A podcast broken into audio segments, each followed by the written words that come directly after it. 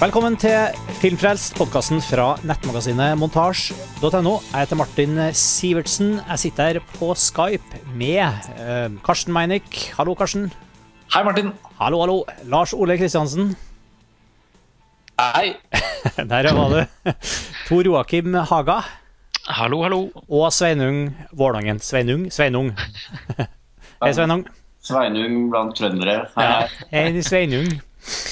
Ja, eh, det er et stort, vi er et stort panel og det er også en stor eh, begivenhet for oss. Vi skal gjøre noe av det vi liker å gjøre aller mest på Filmfest. eh, Topplista og fil... Jeg skulle til å si gamle filmer, men vi skal grave i arkivene. Og, vi skal, og det er ikke bare hvilken som helst toppliste vi skal ta for oss nå. Vi skal gyve løs på 90-tallet og den store topp 100-lista vår for 90-tallet. Um, de som kjenner oss uh, og har fulgt med på Filmfest en stund, vet jo at vi uh, hadde jo en uh, maraton av en Filmfrelst-session for et par år siden, da vi gjorde 2000-tallets topp 100 og spilte inn 11 timers Ja, 11 timer med Filmfrelst. Hvor vi gikk gjennom alle filmene på, på 2000-tallet uh, som vi har satt på topp 100-lista. Og vi skal gjøre nå det samme her for 90-tallet. Eh, og eh, da sammen med selvfølgelig at vi har, et, eh, har en stor liste presentert på montasj.no, som, som det her blir et slags lydakkompagnement til. Det her er en liste som vi har jobba med lenge i montasje. Og det her å sette sammen sånne lister er jo noe av det aller morsomste vi gjør. Det er også noe av det aller vanskeligste vi gjør. Og, og kanskje et godt sted å begynne da. altså, hva, hva er en sånn liste? 100 beste filmer-liste. eh, Og, og hva, er, hva slags arbeid er det som går inn i å sette sammen en sånn liste? Hva, hvordan er problemstillingene som oppstår? Hva er diskusjonene som oppstår eh, rundt, eh, rundt bordet her, og hvor vanskelig har det vært? Karsten? Ja, jeg bare sier ja. jeg. altså, Faste filmbrevslyttere vet jo at vi gjorde dette med 00-tallets 100 beste filmer for tre og et halvt år siden cirka, i begynnelsen av 2010. Eh, og det var jo da var jo ikke montasje mer enn et knapt år gammelt selv. Og vi hadde jo aldri gjort en sånn stor kåring eh, altså redaksjonelt sett, hva slags type arbeid det er. Men også selvfølgelig først og fremst fordi vi alle er så glad i film. At det å stokke sammen og prøve å lage en slags liten kanon, da. eh, Det er jo det er ikke bare bare, på en måte. Både fordi det er så fantastisk spennende, og fordi man fort skjønner at 100 filmer er altfor lite. Samtidig som det er jo selve utvalget som gjør at det er spennende å forholde seg til og diskutere, både med oss internt og med leserne. Så hele det redaksjonelle prosjektet pågikk jo over flere måneder, og Filmfrelst-episodene om 00-tallets 100 beste filmer ble jo også episke fordi de er både blant våre mest populære, men også ekstremt lang. ble jo den episoden. Eller de. Det var vel to deler, var det ikke det? Det var to til sammen elleve timer. Den lengste episoden var på sju timer sammenhengende. Ja, Det tror jeg må være, være norgesrekord, om ikke verdensrekord, i podkasting. Så alle dere som hører på dette Ja. Dette er starten på en veldig lang uh, Filmfrelst-episode. For nå gjør vi det igjen, rett og slett. Vi aner ikke helt hvordan det skal gå, om vi kommer i mål, men vi, vi, vi tar fatt på oppgaven med, med Ja, optimisme kommer- og mot. Vi kommer Men- men- til slutt, men eh, det er uvisst hvor mange episoder den kommer til å bestå av. Det er vel det du mener? Ja. Men redaksjonelt sett, da, apropos det med liste som du spurte om, Martin, så, så begynte vel, eh, var vel Lars Ole og jeg som, som begynte litt å småsnakke om at uh, det var jo veldig gøy å lage den 00-tallslisten. Og da er det jo bare å gå et tiår ned, og så har vi jo, har vi jo en ny utfordring der med 90-tallet.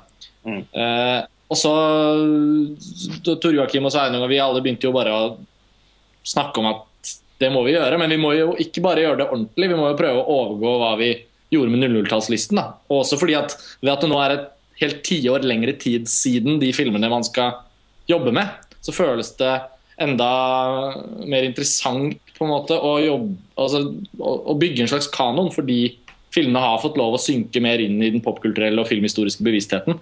Så liksom arbeidet har vært eh, både mer utfordrende, men kanskje enda mer eh, Kanskje enda litt mer morsomt. Jeg vet ikke, Hva syns du, Lars Ole? Jo, jeg, jeg syns dette har vært mye morsommere. Fordi vi har eh, brukt mye lengre tid på det, og vi har vært eh, grundige på en helt annen måte enn det vi var sist. Man kan jo også si Det er mye som har skjedd på montasje i løpet av disse nesten fire årene òg. Og eh, den gangen så hadde vi vel bare en litt mer sånn impulsiv innfallsvinkel til hva vi gjorde. Så det vi gjorde den gang, var jo at vi sendte ut eh, Vi lot eh, folk som var tilknyttet montasje, stemme. Og så telte vi opp de stemmene, og de, det ble på en måte listen. Mot de siste 25 plassene ble holdt av til noen sånne personlige favoritter eh, blant eh, oss eh, i redaksjonen. Men ellers så var det liksom en demokratisk framstemt liste. Og det var vi jo Den listen er jo eh, Den er jo fortsatt Jeg syns jo fortsatt den er veldig morsom å se på. Jeg syns vi kan være stolte av den, fordi den er eh, Som du nevnte i stad, Karsten, så var den jo Både podkastene og liksom listen i seg selv er jo noe av det mer populære vi har gjort. Eh, samtidig så er det jo også med litt sånn kløe at jeg ser på den listen i dag, fordi eh, den bærer preg av eh, å være Den bærer dels preg av å være litt for lite gjennomtenkt, fordi at veldig mange av filmene som er der, var, nest, var nesten helt nye. Det er jo uproporsjonelt mange 2009-filmer på den listen, som er fra det året hvor listen ble laget. Vi var jo ikke idioter den gangen heller. Vi, vi, skrev jo da også at dette er et problem, og vi er innforstått med det. Men vi ville lage listen da fordi man skulle bytte tiår, og det var litt tidsånd og sånn. Altså, vi, vi måtte jo Sorry, men det står jo i den artikkelen at på et senere tidspunkt så er det mulig at Montasj velger å komme med en revidert utgave. Nettopp Ja. fordi pga. det poenget. da. Og det har vi ikke laget den reviderte utgaven, men det kan vi jo røpe med en gang at det har vi snakket mye om mens vi jobbet med 90-tallslisten. Ja, altså, Jo mer man- vi jobbet med 90-tallslisten, jo mer fristende blir det faktisk å gå tilbake og lage en revidert utgave av 2000-tallslisten. Fordi Fordi den fremstår jo i hvert fall eh, Den er veldig et produkt av den metoden man hadde for å lage den, som stort sett da var liksom en, en avstemningsmetode. Eh, så, og, og prosessen tok liksom par måneder. Nå har vi faktisk jobbet med denne 90-tallslisten i et år. Ja, Det klinger jo litt flott. Altså, vi, vi kaller det 90-tallets 100 beste filmer, men altså, det er jo veldig eh, Man kan jo problematisere og stille veldig spørsmål til hva det egentlig betyr.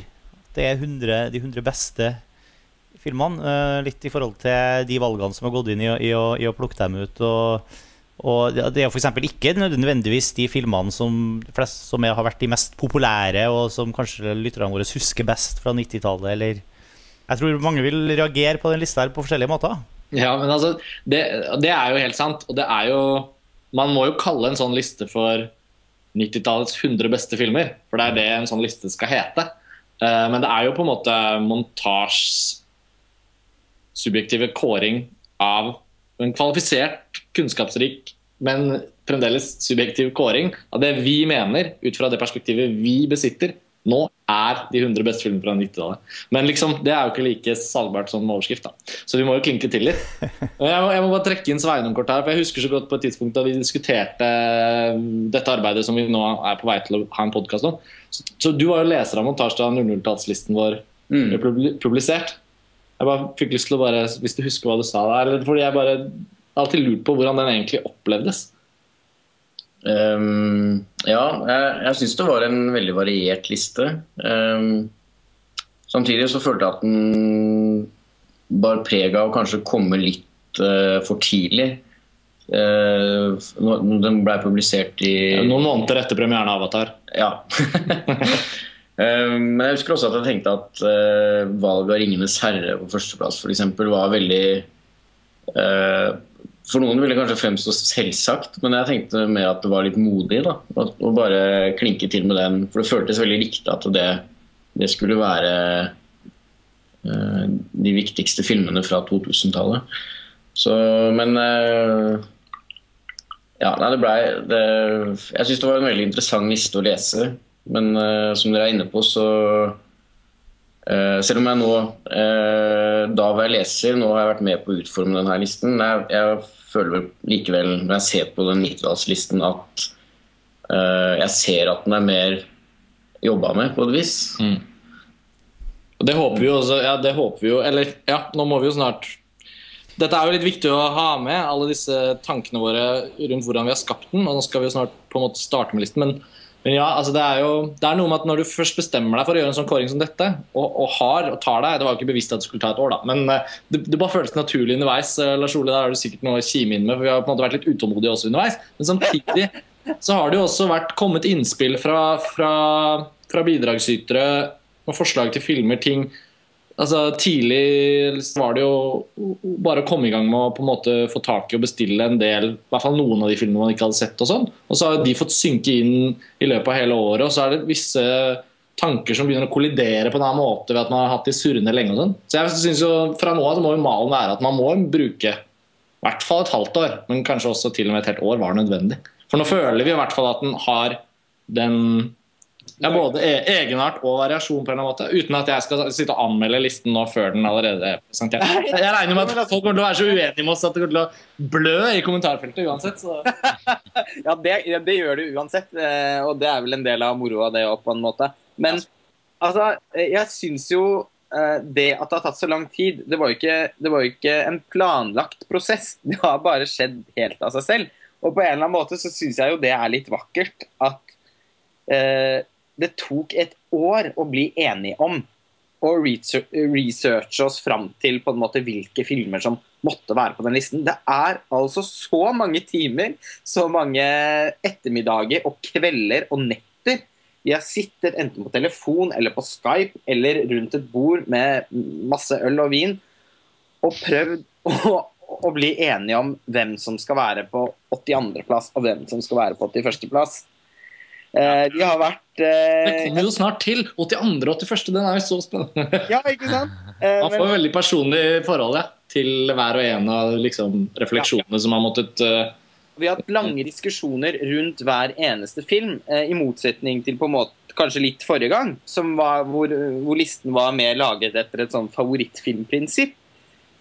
Så har vi jo nå også liksom diskutert mange elementer med hver av filmene. Det er mange ting som teller inn. da.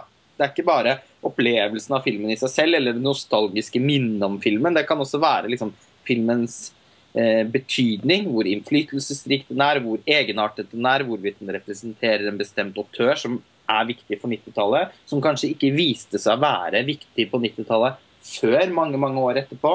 Mm. Eh, eller som var veldig viktig den gang, men som kanskje er litt glemt nå, og derfor trekkes, løftes fram igjen, Og Så, videre, og så, videre. så vi har liksom forsøkt Og så er det selvfølgelig masse filmer, og til og med også filmskapere eh, av stor betydning, som ikke er på listen. Og det er akkurat like frustrerende for oss som det er for eh, leserne og lytterne våre. Fordi eh, dere Altså, man kan jo bare tenke seg hvor mange filmer som er på 101.-plass her. Ja, det er nesten, det er nesten en egen liksom parallellutgivelse som er 101.-plass med masse filmer på. altså Vi kunne laget en topp 250-liste, faktisk, som hadde vært utelukkende også bestått av veldig interessante filmer. Jeg, jeg, jeg, tror problemet hadde vært akkurat det samme. Ja, det hadde på en måte vært det samme, og da spiller også det faktum inn at 250 er ikke like mye et utvalg. 100 er liksom både uh, mye nok og lite nok, syns jeg, da. Det balanserer det fint. Ja, for det må, eh, det må jo være et valg òg. Eh, men, men Tor Joakim, nå får vi snakket veldig mye her. Jeg føler jeg må trekke inn deg også.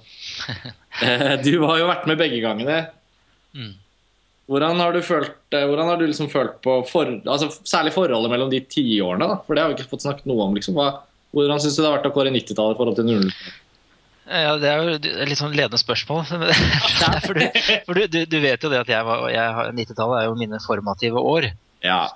Og man, det er mine òg, selv om du er litt Det er dine, det er din også, eh, selvfølgelig. Men det, det, var da jeg liksom var tenåring og, og, begynte å oppdage film. Så, så det da som skulle plukke sine favoritter og kutte ut andre og forhandle seg frem til posisjoner og sånne ting, det var en eh, mye mer omfattende oppgave, syns jeg, enn første gang.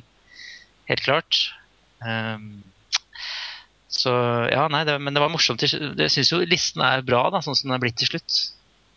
Jeg kan ikke si noe annet. Jeg tror veldig mange også som uh, vil lese og høre uh, lese lista her på podkasten her også, vi sitter med, i hvert fall de som har runda 30, vi sitter litt med det samme forholdet til at kanskje, og jeg ser jo det også, at den lista her er på mange måter mer følelsesladet. Det, det er filmer som uh, nødvendigvis stikker dypere og betyr mer da, enn de filmene som kom for bare noen år siden, da vi hadde som nettopp på en måte nettopp bare hadde kommet. Eh, og som eh, da vi lagde den forrige lista eh, Nettopp fordi, som du sier, at det her er de jo Det er ikke noe som er viktigere for deg enn det du likte da du var tenåring. Det, og det sånn, tror jeg Sånn vil nok mange av de som, som var tenåring på 90-tallet, oppleve den, de filmene og de titlene som dukker opp her òg. Og det gjør det kanskje også litt vanskelig å ha en slags sånn eh, ja, distanse til, da. Ja, og så er det jo sånn at man da skal kanskje igjen besøke filmer på nytt som man ikke har sett på 20-25 år, ikke Mhm. sant? Eh, Som du var veldig opptatt av da, men som du kanskje ikke har sett siden. Med nye vært- kritiske øyne, på en måte. Det blir også litt feil, ikke sant? Ja, ikke sant. Du er kanskje ikke så eh, hva heter det, forgiving, altså tilgivende i forhold til en del ting lenger som du var den gangen. Så det har jo vært en sånn eh, fantastisk reise også i å gjenoppdage gamle filmer fra liksom mitt tiår, da. Det, det må jeg si. Al- Altså, vi må vel nesten da, Ettersom vi har vært så grundige å snakke om eh, prosessen med å lage listen, og sånn, så bør vi vel kanskje også da rett og slett eh, legge fram konkret hvordan vi har jobbet. fordi det, er jo, det har jo vært avstemninger her også. Ja. ja, men vi må gjennom det, så vi kan vi ta nå. Ja. Du kan gjerne ta det, du. Ja, Øh, vi har gjort det på denne måten at eh, vi har rett og slett forsøkt å samle så mange titler fra 90-tallet som overhodet mulig. Og på det tidspunktet da vi satte i gang med avstemningen, så tok vi kontakt med rundt regnet 15 bidragsytere til montasje. Altså oss i redaksjonen og podkastredaksjonen, og, og bidragsytere som skriver artikler for montasje, og også til og med fra bloggsamfunnet vårt. Eh, noen hadde ikke anledning til å være med å stemme, eller følte ikke at de hadde like god oversikt som de følte at de trengte. Andre var veldig glad for å kunne bidra, etc. etc., etc. Og det var ikke noen plikt, selvfølgelig. Det er lystbetont som det meste med montasje. Da fikk vi inn i første omgang nominasjoner til avstemningslisten. Så da fyltes det på fra fjernt og nær med filmer fra 90-tallet som eh, med utgangspunkt i en ganske omfangsrik eh, nominasjonsliste som vi satte sammen basert på databaser vi har tilgang på. Og så kom nominasjonene inn, og så sakte, men sikkert så fikk vi anmasset en liste. Det var vel godt over 400 filmer der, tror jeg. Um, jeg husker ikke helt, men da fikk alle i hvert fall mulighet til å nominere filmer, slik at filmer som kanskje var viktige for dem, men som i verste fall de var de eneste som hadde sett, uh, skulle få mulighet til å bli stemt på. Men da var det også viktig at alle som ikke hadde sett den filmen, skulle kunne identifisere den på den nominasjonslisten før avstemmingen, for da å eventuelt kunne se den i tilfelle det var viktig for deres avstemning. Så da ble det gjennomført avstemning, eh, og alle fikk da muligheten til å sende inn sine 50 favoritter. Eh, Og da fikk vi inn 50 favorittfilmer fra ja, alle disse som valgte å være med. Eh, Jeg tror ikke jeg skal nevne alle navnene, for jeg farer med å ikke huske det presist. Men det kommer til å være oppført for dere som nå lytter på den. Så kan dere bare gå inn på montasje, gå inn på artikkelen. Første artikkel med, med den første delen av listen. Så vil dere se hvem som var med i den avstemningen, for de som er interessert i det. Og da kom det jo da dette demokratiske resultatet, som Lars Ole, du var jo inne på det. At på 00-tallslisten så ble det demokratiske resultatet som da kom inn, ble ganske én til én det listen var frem til nummer 75. Så hadde vi disse vetoplassene. Eh, Og det vi ettertid innså, var jo at 25 vetoplasser side om side blir en veldig sånn eklektisk samling film. Så fra 100 til 76, for de som har lyst til å gå og sjekke ut 00-tallslisten nå, så er det jo en ganske sånn fascinerende blanding av filmer. Filmer som kommer liksom helt inn fra venstre. Og så fra liksom 75 til 50 så er det en sånn ganske sånn gemen hop. Uh, noen perler der òg, men liksom sånn det ble, det ble litt uheldig da at filmer som liksom var på 29.-plass på ti stykkers liste, kom kanskje proporsjonalt sett litt, høyere, litt høyere enn det de egentlig skulle. da. Så denne gangen på 90-tallslisten så har vi nå jobbet på en måte både med å bevare demokratiets røst, egentlig nesten mer seriøst enn ved å bare la den bli kopiert. For stemmene mener jo ikke nødvendigvis at det resultatet skal være den rekkefølgen. For det er bare teknisk, eh, statistisk rekkefølge. Mm. Vil du fylle inn noe, Lars Ole? Nei, jeg er bare veldig enig i det du sier. Ja, så da har vi rett og slett eh, Lars Ole og jeg har på en måte ledet denne diskusjonen, kan man si. Og så har Sveinung og Tor Joakim vært veldig delaktige og over tid kommet med sine innspill. Og vi har laget varianter av listen og diskutert dem. Flyttet om på ting, flyttet om på regissører, balansert ut regissører. Forsøkt å liksom sånn, Samtidig som man skal alltid liksom la hver film få lov å stå for seg selv. Det skal ikke alltid være sånn eller sånn. Så hele listen er jo da resultatet av et slags redaksjonelt kuraterings- og skulptureringsarbeid som forsøksvis både har blitt formet av redaksjonens sterkeste personlige subjektive meninger, samtidig som jeg føler virkelig at det demokratiet fortalte oss, har vært så veiledende for alle som var med å stemme på listen, føler at de kan stå bak den, de òg, da. Det har jo ikke minst vært Det- det veiledende på den måten. Ja. Eh, Det har ikke minst vært veiledende på den måten at listen har jo en del titler som Det vil man jo ikke minst merke under podkasten, da. At eh, det er ikke filmer som kanskje noen av oss som sitter og snakker her nå, har et ekstremt nært forhold til.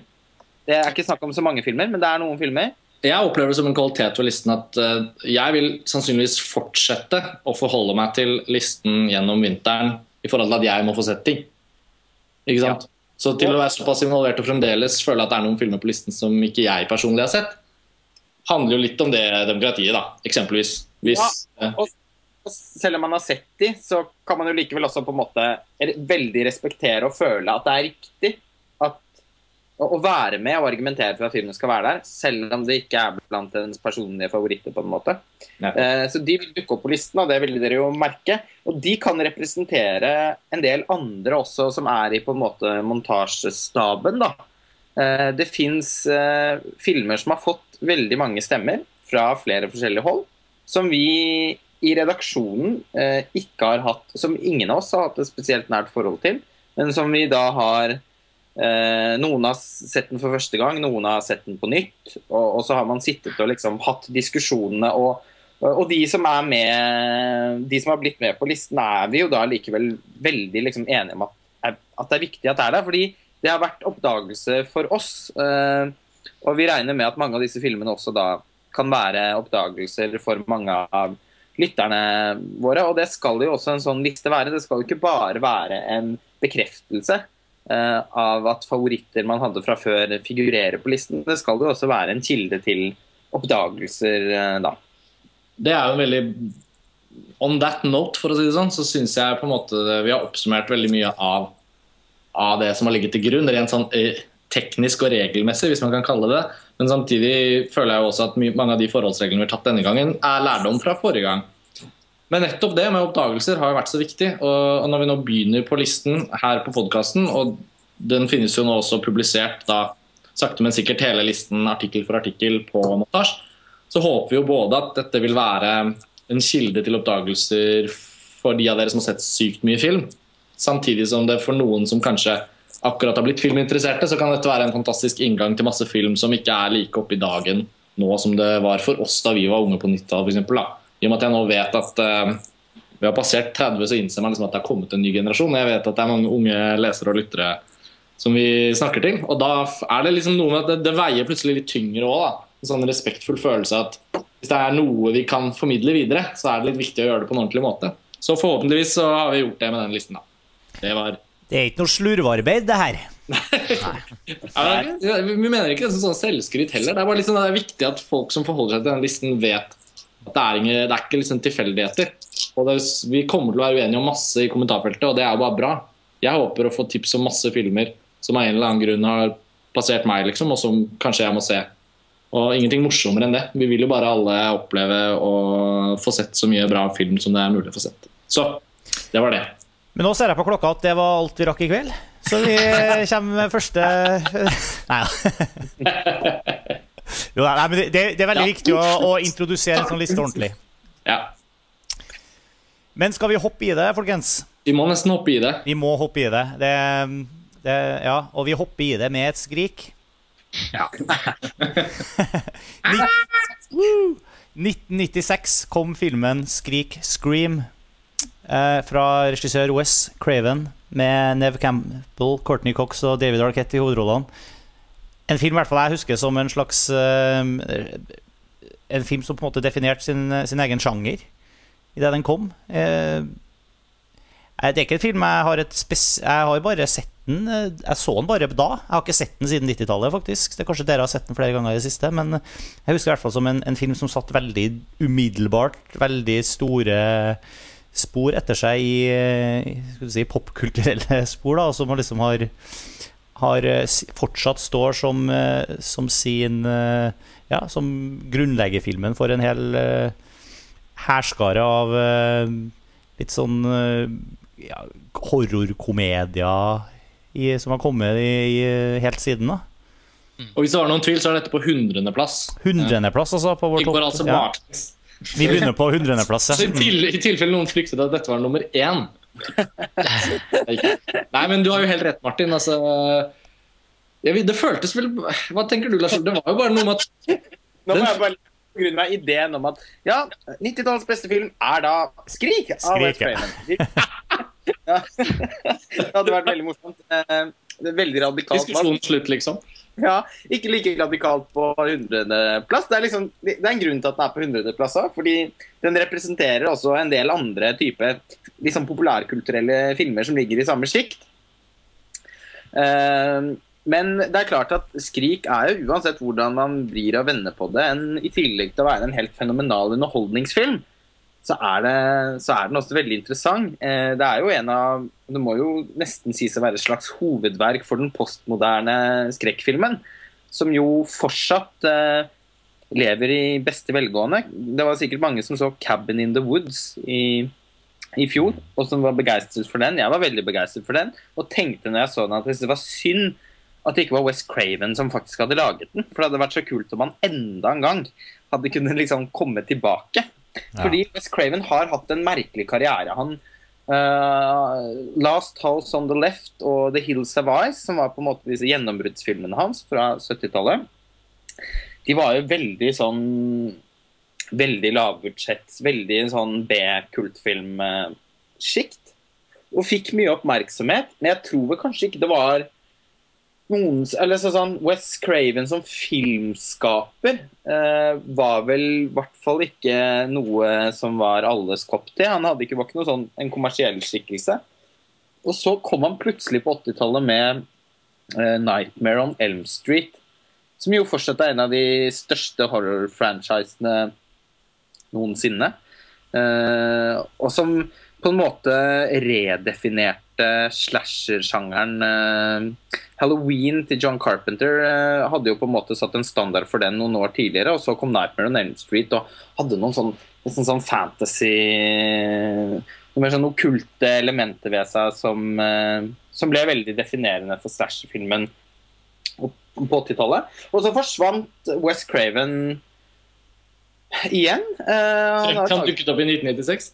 ja, og da dukket han virkelig bare, bare opp. Nå sitter jeg og snakker om dette som om det var noe jeg opplevde den gangen. Det var det jo ikke, fordi da var jeg var vel ti år når den filmen kom.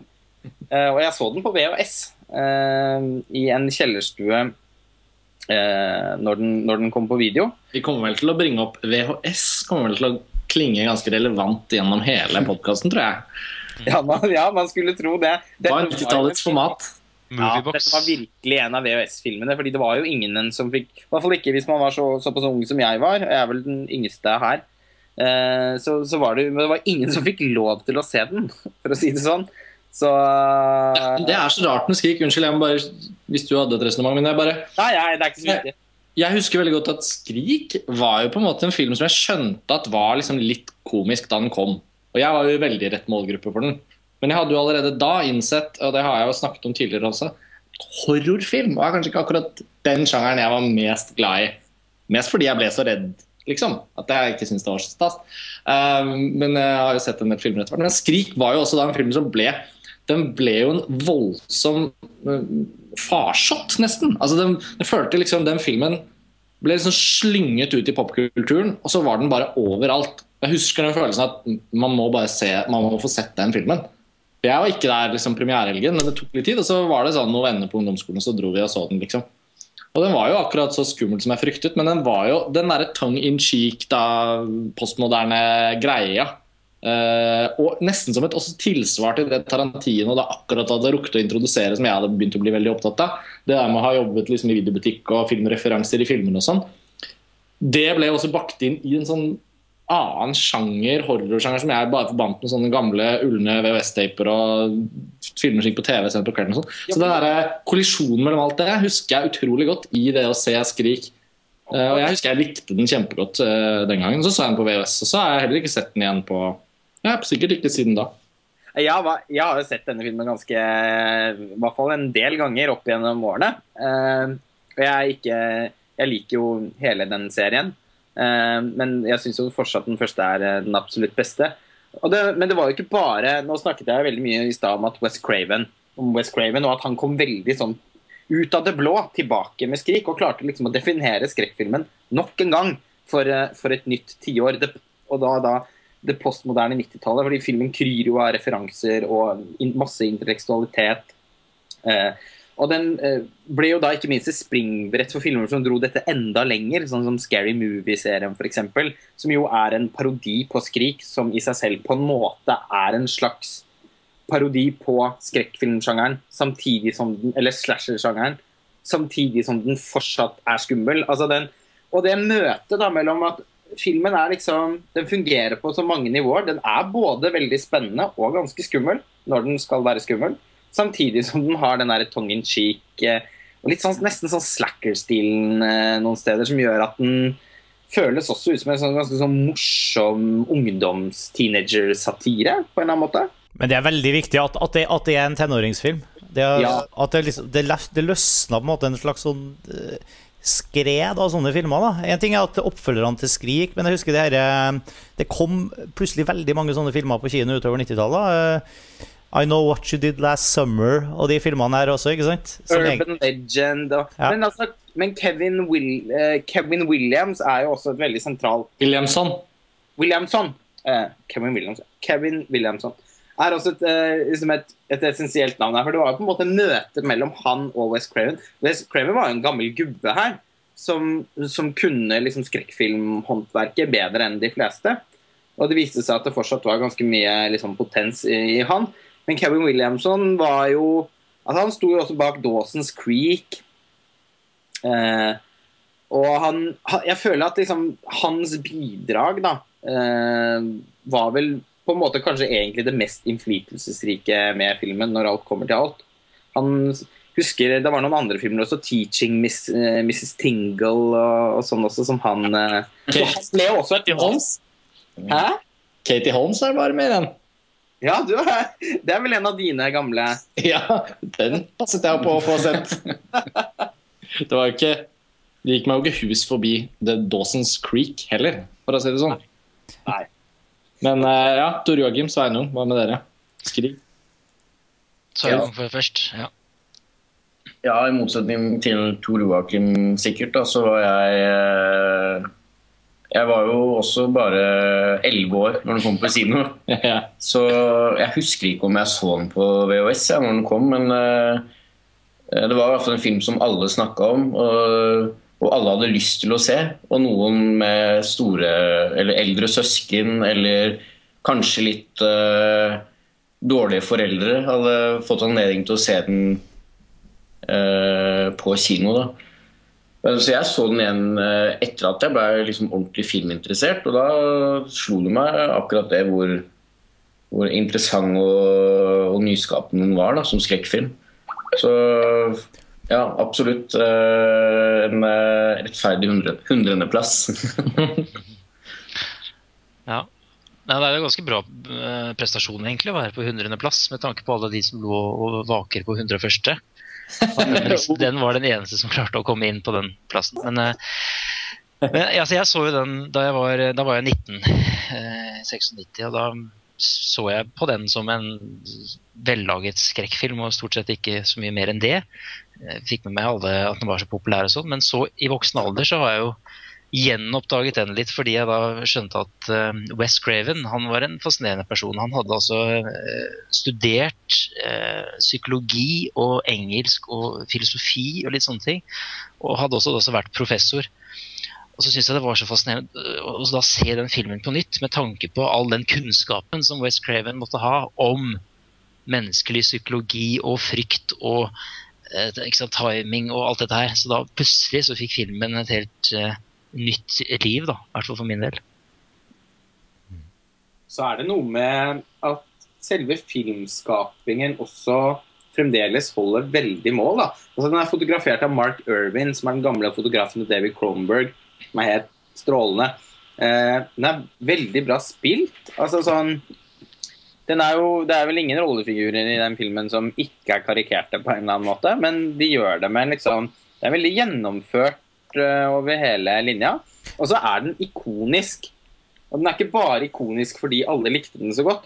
Den har liksom Den har noen motiver, og den har noen scener som Altså, bare ta denne skrikmaska, da. Eh, Ganske oppfinnsomt på en måte. Du mener er det- V V for Vandetta-maska? ja, men det er liksom, da er det jo selvsagt for oss, fordi nå er jo den nå er jo Maska nesten like kjent som filmserien, på en måte. ja, Det er nesten like, selvsagt det, ja. Er vel nesten like kjent som 'Skrik' av Edvard Munch òg. Ja, Kanskje mer? Inspirert- Jeg vet ikke hvor inspirert den var av det maleriet. Men den var, Direkte var, Direkte inspirert av det. Ja, var det. Mm. Ja. Så det burde være noen royalties for uh, Munchs etterkommere der, egentlig. Hadde Skrik vunnet Oscar i dag, så hadde det sikkert stått på forsiden av Dagbladet at Norge har vunnet Oscar. Ja. Kunne kanskje den filmen finansiert et nytt Munch-museum? Jeg vet ikke. De viste premiere, Førpremieren i Norge på Franchise- Skrik 4 den De, ble de prøvde å vekke franchisen til live igjen, så kanskje det er Ja, Skrik 4 er jo helt glimrende. Eh, jeg liker i og for seg Skrik 2 og 3 også, men 4-eren er jo eh, Det syns jeg var eh, en veldig positiv overraskelse. Den har jeg sett flere ganger. Men den skulle Den, den hadde førpremiere i Norge på en sånn utendørsvisning utenfor Munch-museet. Så da prøvde de å spille litt på det. 14 år senere. Så. I forhold til skuespillere, altså det, Nå er jo selvfølgelig Drew Carrymore også med, men altså de Barrymore. Du Barrymore. Men, men altså de Neve Campbell og Courtney Cox var jo liksom husker, De var jo store De spilte jo hovedrollene i Party de mest populære TV-seriene på den tida her, ikke sant? Som tror jeg var veldig viktig for at den filmen her ble så så, så mye sett da. At, ja, Party of Five spilte og, og Friends, ikke minst. Som- Det var jo veldig smart casting. rett og ja, kjempe, kjempe Jeg tror det var også Det bidro veldig tror jeg, til at, at det, var liksom, det var den filmen her du skulle se det året. eh, Hvis du skulle ut sammen med vennegjengen. Og hvis du, I likhet med et par andre filmer som kommer ganske snart, så er det jo da også et sånt Det blir jo veldig sånn eh, Jeg vil ikke si et generasjonsportrett, men liksom et eh, Det er en sånn film som liksom Som er så genuint 90-tallet, også fordi at alle de ansiktene man tenker på som sånn 90-tallsskikkelser, bare dukker opp én etter én etter én. Ja. Som du sier, alle disse litt sånn TV-serieskuespillerne som fikk liksom sin eh, ble litt udødeliggjort, da, rett og slett, i den filmen. Men det var, ja, også for å bare oppsummere det med hundreplassen, da. I og med at, eh, i og med at vi har 99 filmer til å snakke om, så, så, så, jo, men så føler jeg jo liksom at også da vi snakket om det, den, hadde jo fått, den fikk jo ganske mange stemmer, så det var ikke noen tvil om at Skrik skulle på denne listen. på sett og vis. Den var jo på en måte Den la liksom inn den søknaden veldig godt tidlig i arbeidet. Mm. Men etter hvert som vi begynte å jobbe med listen, så var det litt sånn Skrik kan på en måte ikke være foran noen på listen. Ja, det var veldig sånn. Eh, fordi den også er det den er. Men det, det er jo ikke for å slå den i hjel eller noen ting. Jeg bare føler Den var jo så veldig en hundreplass. Men du har helt rett, Tor Joakim, og det var litt smertelig at du trakk det inn så tidlig. Dette 101.-plass-kortet Ja. det kommer vi, kommer vi vel til å trekke jevnt og trutt gjennom. Men, det det var jo også, bare- ja. Men 'Skrik' var jo en av de første filmene som fikk en plassering. Vi ble jo ganske tidlig enige om at det var hundredeplass. Ja, for jeg personlig kunne ikke se for meg en liste uten å ha med en så betydningsfull på en måte uh, Hva man kalle det? Nesten sånn derre Den hadde liksom slått en påle i bakken allerede da den kom, og den er så betydningsfull for 90-tallet. Og alt tilsier, selv om jeg personlig ikke har sett den da på noen år, både minnet mitt om den og dens arv for øvrig tilsier jo at den har en ganske viktig rolle i hvordan man både oppsummerer 90-tallet, men også hvis man skulle kalt listen for 100 viktigste filmene fra 90-tallet, så ville den kanskje vært enda høyere. Sånn at Ja, den er jo Sparum, så ble det veldig logisk å ha Skrik på 100.-plass. Og, det var et, og bare liksom soundtracket var noe som folk hørte på. Altså, Uh, Red Right Hand til Nick Cave and The Bad Seed, som ja, som jo allerede var en, en som, som jo er en helt fantastisk sang, eh, ble brukt på en veldig kul måte. Det, var sånn, det er så mange sånne Det er så mye popkultur i den filmen som føles eh, genuint for 90-tallet. Og eh, som eh, Jeg tenker også at det hadde vært utenkelig på en eller annen måte å ikke ha med, med den filmen. Og så er den så utrolig underholdende og morsom å se. det er jo både en film det er gøy å snakke om, og gøy å oppleve eh, flere ganger. Men vi raser videre, vi, folkens. Det, Vi spytter ut i vi, det. i, vi, er, vi er jo bare 40 minutter inne i podkasten her, og vi har allerede kommet helt ned til 99.-plass. Jeg hadde et slags ordspill med at vannet var kaldt. Det var noen som tok Vannet er kaldt. Syns det er fint. L'eau froide, det kalde vannet. Cold water. Eh, fransk film. Olivier Assayas. En kompis av deg, Karsten? Om ikke en kompis, så for å snakke om disse faste filmfrelselytterne som Ja. jeg refererer til i hver eneste episode, så kan vel noen huske at vi har en episode hvor vi har et intervju med Olivier Assayas, som besøkte filmfestivalen i Tromsø for noen år siden. Og Da var det undertegnede og Kalle Løken og Olivier Assayas som eh, satt og snakket litt om hans filmografi. Men øh, øh, nå er det jo ingen av de filmene det er snakk om. Nå er det jo rett og slett en av hans aller første. L'eau Fouad. Denne har du vært en stor, sterk forkjemper for, Sveinung. Ja, det har jeg. Eh, Jeg så den jo faktisk for første og eneste gang under filmfestivalen i Tromsø, når det var et eh, retrospektiv med Asias sine filmer der. Um, og Da fikk jeg anledning til å se den på 35 mm. Uh, og det gjorde et veldig sterkt inntrykk. Det er derfor jeg selvfølgelig har vært så pådriver for å få den på listen. Uh, grunnen til at jeg ikke har sett den igjen, er rett og slett fordi at den er litt vanskelig å få tak i. Men uh, det er mulig. Uansett så var den opplevelsen veldig sterk. Og det er jo nok en oppvekstskildring da, på, på denne listen. Men selvfølgelig noe helt øh, Og hvis man skal snakke om et generasjonsportrett, så er det noe helt annet enn 'Skrik'. Eh, også fordi at den eh, skildrer noen ungdommer på 70-tallet i utkanten av Paris. Og det er, et veldig, det er et veldig stemningsfullt portrett av særlig eh, en jente og en gutt da, som eh, eh, har et slags forhold. Um, og for de som har sett Asias siste film etter revolusjonen, så er det den er på en måte en slags oppfølger til Cold Water. Der eh, ja, det er en lignende oppvekstskildring. Det, det er de samme navnene på, på disse to karakterene som går igjen.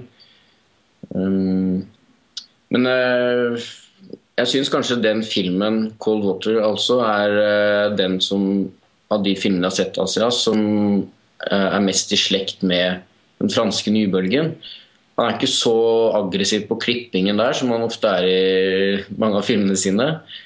Um, og så er det også det er en sånn voldsom nostalgi da, for det, den tida som eh, filmen finner sted i. Og noen helt fantastiske enkeltsekvenser her, bl.a. en eh, sekvens fra en eh, fest som også minner ganske mye om den man ser i etterrevolusjonen. da. Så eh, Ja, det, det føler jeg at den sekvensen i, etter revolusjonen, den blir jo nesten sånn Det er nesten en slags eh, Den oppleves jo som en, i hvert fall en tematisk oppfølger, da.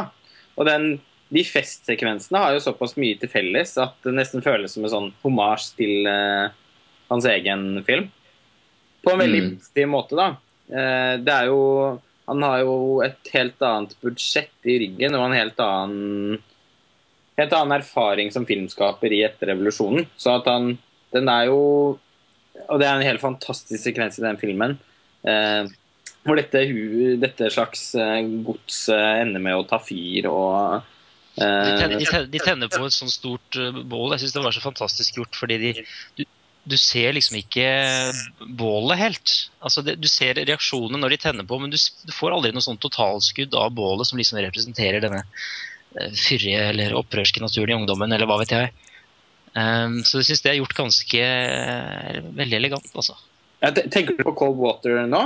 Ja, ja. ja. Eller, ja, ja jeg snakket om etter revolusjon, men det er veldig overlappende uansett. Oh, ja. Fordi, okay, ja. jo, nei, men altså de, Det er to veldig lange sånne ja, La oss kalle det festsekvenser, da, på en måte, i, i begge filmene, som, eh, som føles veldig Det føles veldig sterkt at det er liksom et slektskap mellom de, da. Og det eh, Og det er vanskelig å si, trekke den ene foran den andre. På, på en eller annen måte så syns jeg nok da at eh, eh, Jeg likte jo etter revolusjonen veldig godt. Men jeg syns nok Cold Water har en mer sånn umiddelbar eh, nerve i seg. Eh, kanskje nettopp fordi den er, det er en veldig tidlig film av seg. Altså, det er vel hans andre film, tror jeg. Mm. Mm. Jeg syns det var litt rart at uh, Sveinung nevnte at han hadde mye til felles med, med bølgefilm, for, fransk bølgefilm. For jeg følte mer at det var et sånt veldig poetisk sosialrealisme da, som, som var veldig eh, flott. Uh, men jeg vet ikke hva du- Sveinung du tenkte på i forhold til uh, bølgefilm. Nei, da tenker jeg spesielt på eh, Kanskje først og fremst på Truffaut, da.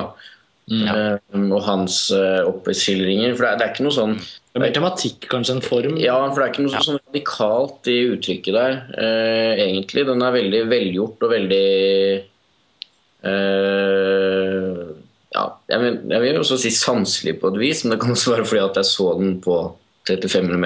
Men den- den er veldig eh, Han har en veldig kontakt med, med bildet, da, for å si det sånn, men, men eh, det er ikke noe sånn radikalt ved uttrykket, så det er først og fremst tematikken, ja. og Mm. Eh, eh, ja, jeg, jeg syns liksom Karakterskildringen og sånn. Mm. Ja, Det men er litt sånn Bonnie and Clyde-aktige elementet er jo veldig nybølge, da. mm, Med, med to rømlinger, eh, uten å røpe for mye om filmen. For de som Mm. ikke har sett ja, veldig løsrevet fra alt som skjer rundt dem. Det er på en måte ikke interessant. Det er bare Man følger disse to og uh, Ja, det er, det er et veldig sånn konsentrert portrett, da. Der står den jo i motsetning til etter revolusjonen, som favner om veldig mye. Mm, Den skal jo på en måte handle nesten om alt. Uh, som, og den klarer i og for seg å handle om veldig mye. Eh, men eh, den, den gaper over veldig mye, da. Og den her, mens den her er, som du sier, da, er totalt motsatt. Det er, det er jo bare disse to, to karakterene som, eh, som, som står i sentrum i hele filmen. Man, den, men den er ganske spesielt fortalt. altså Han begynner liksom med å følge de litt De møter de sammen først i en butikk. Eh, hvor det skjer eh, Hvor de gjør et eh, De stjeler noen sånn vinyler. Eller noen LP-plater, da. Eh, Så blir de tatt, og så er det hun som blir tatt av politiet, mens han gutten kommer seg unna. Og etter det så følger vi dem veldig hver for seg. Eh, vi blir liksom kjent med De har sånn dysfunksjonelle familier på hver sin måte, begge to. mm, Og så følger vi de veldig sånn hver for seg, før de plutselig liksom møtes igjen idet hun blir eh, presset til å legge seg inn på en, eh, en psykiatrisk institusjon. Et litt sånn element som er litt underfortalt, men som funker egentlig veldig bra, fordi når det, det, det føles veldig brutalt, da, på en måte. Den ene scenen som vi har der inne, eh, føler jeg liksom reflekterer det sånn som jeg kan tenke meg at hun opplever det. da. mm. Hvis man snakker om henne som et ordentlig menneske. Men det kan man jo gjøre når man lever seg. Hun er jo fantastisk, syns jeg, hun som spiller eh, ho- der. Den kvinnelige hovedrollen. Virginie Ledoyen. Virgin eh, Ledoyen, Ledoyer Ja, noe sånt. Jeg liker at begge prøvde seg. Skal jeg også. Virginie Ledoyen. Hun ble jo gjort veldig kjent da hun var med i The Beach eh, fem år senere. For de som husker Ja, Det er liksom litt sånn Frankrikes svar på Natalie Portman, eh, opplever jeg. Ja, absolutt. de er jo litt sånn utseendemessig like. Og, eh, men hun har liksom ja, ja, ja, ja, nei, fortsett. ja. Jeg er forelska i Natalie Portman, det har jeg vært i alle år. Så det, var kanskje noe med det. Altså, det kan vi bare avsløre med en gang at 90-tallets 100 beste filmer Vinneren er faktisk Natalie Portman. Uh, så det, da er den er. Nei, men Det er faktisk nesten det felles multiplum for redaksjonen at alle er forelsket i Natalie Portman. Ja. Så vi, nok en gang avslørt med at det bare er eh, heterofile gutter her i denne episoden. Men, eh, men eh, sikkert noen eh, lesbiske jenter som er veldig glad i Natalie Portman. Hun er jo høyt elsket uansett hvordan man vrir og vender på det. Men hun Virginie Ledoyen, så får jeg sagt det også, hun, hun utstråler jo noe veldig spesielt. Jeg må kime inn at Cold Water er jo da på en eller annen måte litt uh, spesiell for meg, for det er en av de jeg ikke har sett på listen. Men jeg har jo sett mye Asayas, og jeg syns det var veldig viktig å bringe Asias på banen i samtalen om 90-tallet. Han har også gjort en film som heter Irma Vep, som jeg personlig ikke nødvendigvis ville foreslått for en topp 100, men jeg syns det er en veldig interessant og fascinerende film fra Frankrike fra den perioden. Og Frankrike som filmland er også relevant å trekke inn litt. Uh, og derfor Da Cold Water kom på banen, syns jeg det var en veldig virket i argumentasjonen dere andre har lagt fram. Sånn, at det er, det er på en måte en veldig relevant og fin representant for en type film som kanskje ikke 90-tallet nødvendigvis er så mye kjent for. Ja, Mm. og, så, og fordi at Asayas brøt vel også Nå er ikke jeg noen stor Asayas-kjenner, men han eh, han var jo filmkritiker i Carrière de Cinema, og jeg har jo også følelsen at han brøt litt med en del av den, av den franske filmen på 90-tallet. da. Eh, nå var han nok ikke alene om det, men han er jo også veldig han er jo, befinner seg jo veldig langt fra på en måte Claire Denise og Philippe Grandrieux og de som holdt på med noe Leos Carax, f.eks. Leos Carax, liksom, som holdt på med mer sånn avantgarde eh, kunst eh, eh, sånn Assosiasjonsbaserte fortellinger osv. Eh, han lager jo veldig sånn litt sånn konkrete eh, Enkle filmer ofte. Eh, Irma Vepp er jo også det. Den ser eh, veldig sammensatt og, og, og spesiell ut eh, når man leser om den eller ser, ser coveret eller plakaten. Men den er jo egentlig en veldig sånn tett på skildring av, eh, mm, av livet på et filmsett. Ja. Med en liten kjærlighetshistorie inni der. Han har ofte eh, Filmene hans er ofte veldig enkle, men det er kanskje nett, nettopp derfor noen av de når såpass sterkt inn også. Jeg syns jo ikke på noen som helst måte at han alltid lykkes med det, men uh, i både Cold Water og ikke minst en film som Summer Hours, da, så blir det den litt sånn askesen hans uh, i formspråk og sånn veldig uh, Fungerer det veldig, veldig bra, syns jeg. Og så er det også en tråd Sorry. Ja, nei, bare, jeg, jeg er enig, men jeg må, jeg må understreke at jeg syns ikke at formspråket hans eller fortellermåten hans på noen som helst måte er kjedelig. Eh, og det er noe med flyten i filmene hans, som det også er i Cold Water, da, som, som gjør det veldig interessante. Og Du nevnte det at eh, deler av den var underfortalt i stad. Og jeg syns egentlig hele den filmen er litt underfortalt, men, men det er liksom noe av styrken. At Ja. man, eh, den, ja, den er veldig renskåren som et uh, ja, et nostalgisk generasjonsportrett. Da. Og bare, han, han er veldig opptatt av, av stemninger og atmosfære og sånn, og det syns han lykkes spesielt godt med i den. da. Mm. Og så er han det Og så er han liksom det i, i egentlig alle de filmene jeg har sett han, så er han det på en sånn han er ikke det på en sånn veldig sånn insisterende måte. Han har ikke masse sånne stemningsskapende virkemidler, egentlig. Bortsett fra at han bruker veldig mye musikk. Han har en, eh, og veldig mye 70-tallsmusikk. Eh, i, ikke bare i to eh, 70-tallsfilmene, altså etter revolusjonen og Cold Water, men også Gir meg vepp òg, var det en del jeg, jeg tror jeg, Det virker jo som han er Det har jo vært skrevet en artikkel på montasje også om Olivier Asias sin musikkbruk. Og det er han veldig utrolig god på å, å ha som et stemningsskapende virkemiddel. Eh, fordi han gjør ikke så mye annet. Han lar oss ofte bare, i hvert fall i Cold Water, da, så lar han oss liksom bare være der sammen med dem. Han, eh, jeg er også helt enig i det du sier, Sveining, om at egentlig så er jo hele filmen litt underfortalt. Eh, men den trenger, trengs heller ikke å fortelles. Det holder å vise fram, på en måte. Eh, det at vi bare kan være der med de. Vi følger de da Vi ser de først sammen, så følger vi de litt hver for seg. Og så på en måte krysses veiene deres eh, eh, igjen, også på en måte som helt binder dem sammen. Og da Det er jo en, en lang passasje i filmen som bare foregår ute på dette forlatte huset ute på landet, hvor det er denne festen. Og det er en helt fantastisk sekvens. Eh, hvor han liksom Og der, der blir jo også Olivera Seas ganske spesiell, fordi at han tar seg så tid til å liksom bare eh, være til stede i, i den stemningen som oppstår der. Og som virkelig også liksom oppstår. Den er ikke eh, insisterende konstruert, da. Mm. Nei, så jeg synes uh, nok en gang, da, uten å ha sett akkurat Cold som jeg nå gleder meg bare gradvis mer og mer til å se, så er det jo veldig flott og ganske viktig, syns jeg, å, å plassere Olivier Sayas uh, som en del av det som skjedde på 90-tallet, som betyr mye for utviklingen av en visse type film. Og, og det er veldig lett særlig når vi snakker om 90-tallet, det vil jo vise seg etter hvert, eh, så er det jo veldig lett å holde, holde høyt de filmene som gjør veldig sterkt inntrykk. Og det er jo ofte mange amerikanske filmer med sterke virkemidler som hamrer løs. Og som blir på en måte uforglemmelige også fordi de er litt sånn bokstavelig talt uforglemmelige. Mens en filmskaper som Asayas, ved å bruke de formgrepene han har funnet som passer han, så kan han også være litt sånn selvutslettende i sin stil, som på ingen måte gjør han noe mindre viktig eller mindre god, men som kan være vanskeligere å få øye på. Så det ansvaret med å på en måte løfte noe frem og gi det skinne litt lys på det, det syns jeg er en betydningsfull del av det å lage listen. Da. Og Olivier Assayas selv har jo vært veldig god til å løfte fram filmskapere som han syns det er viktig at verden ser.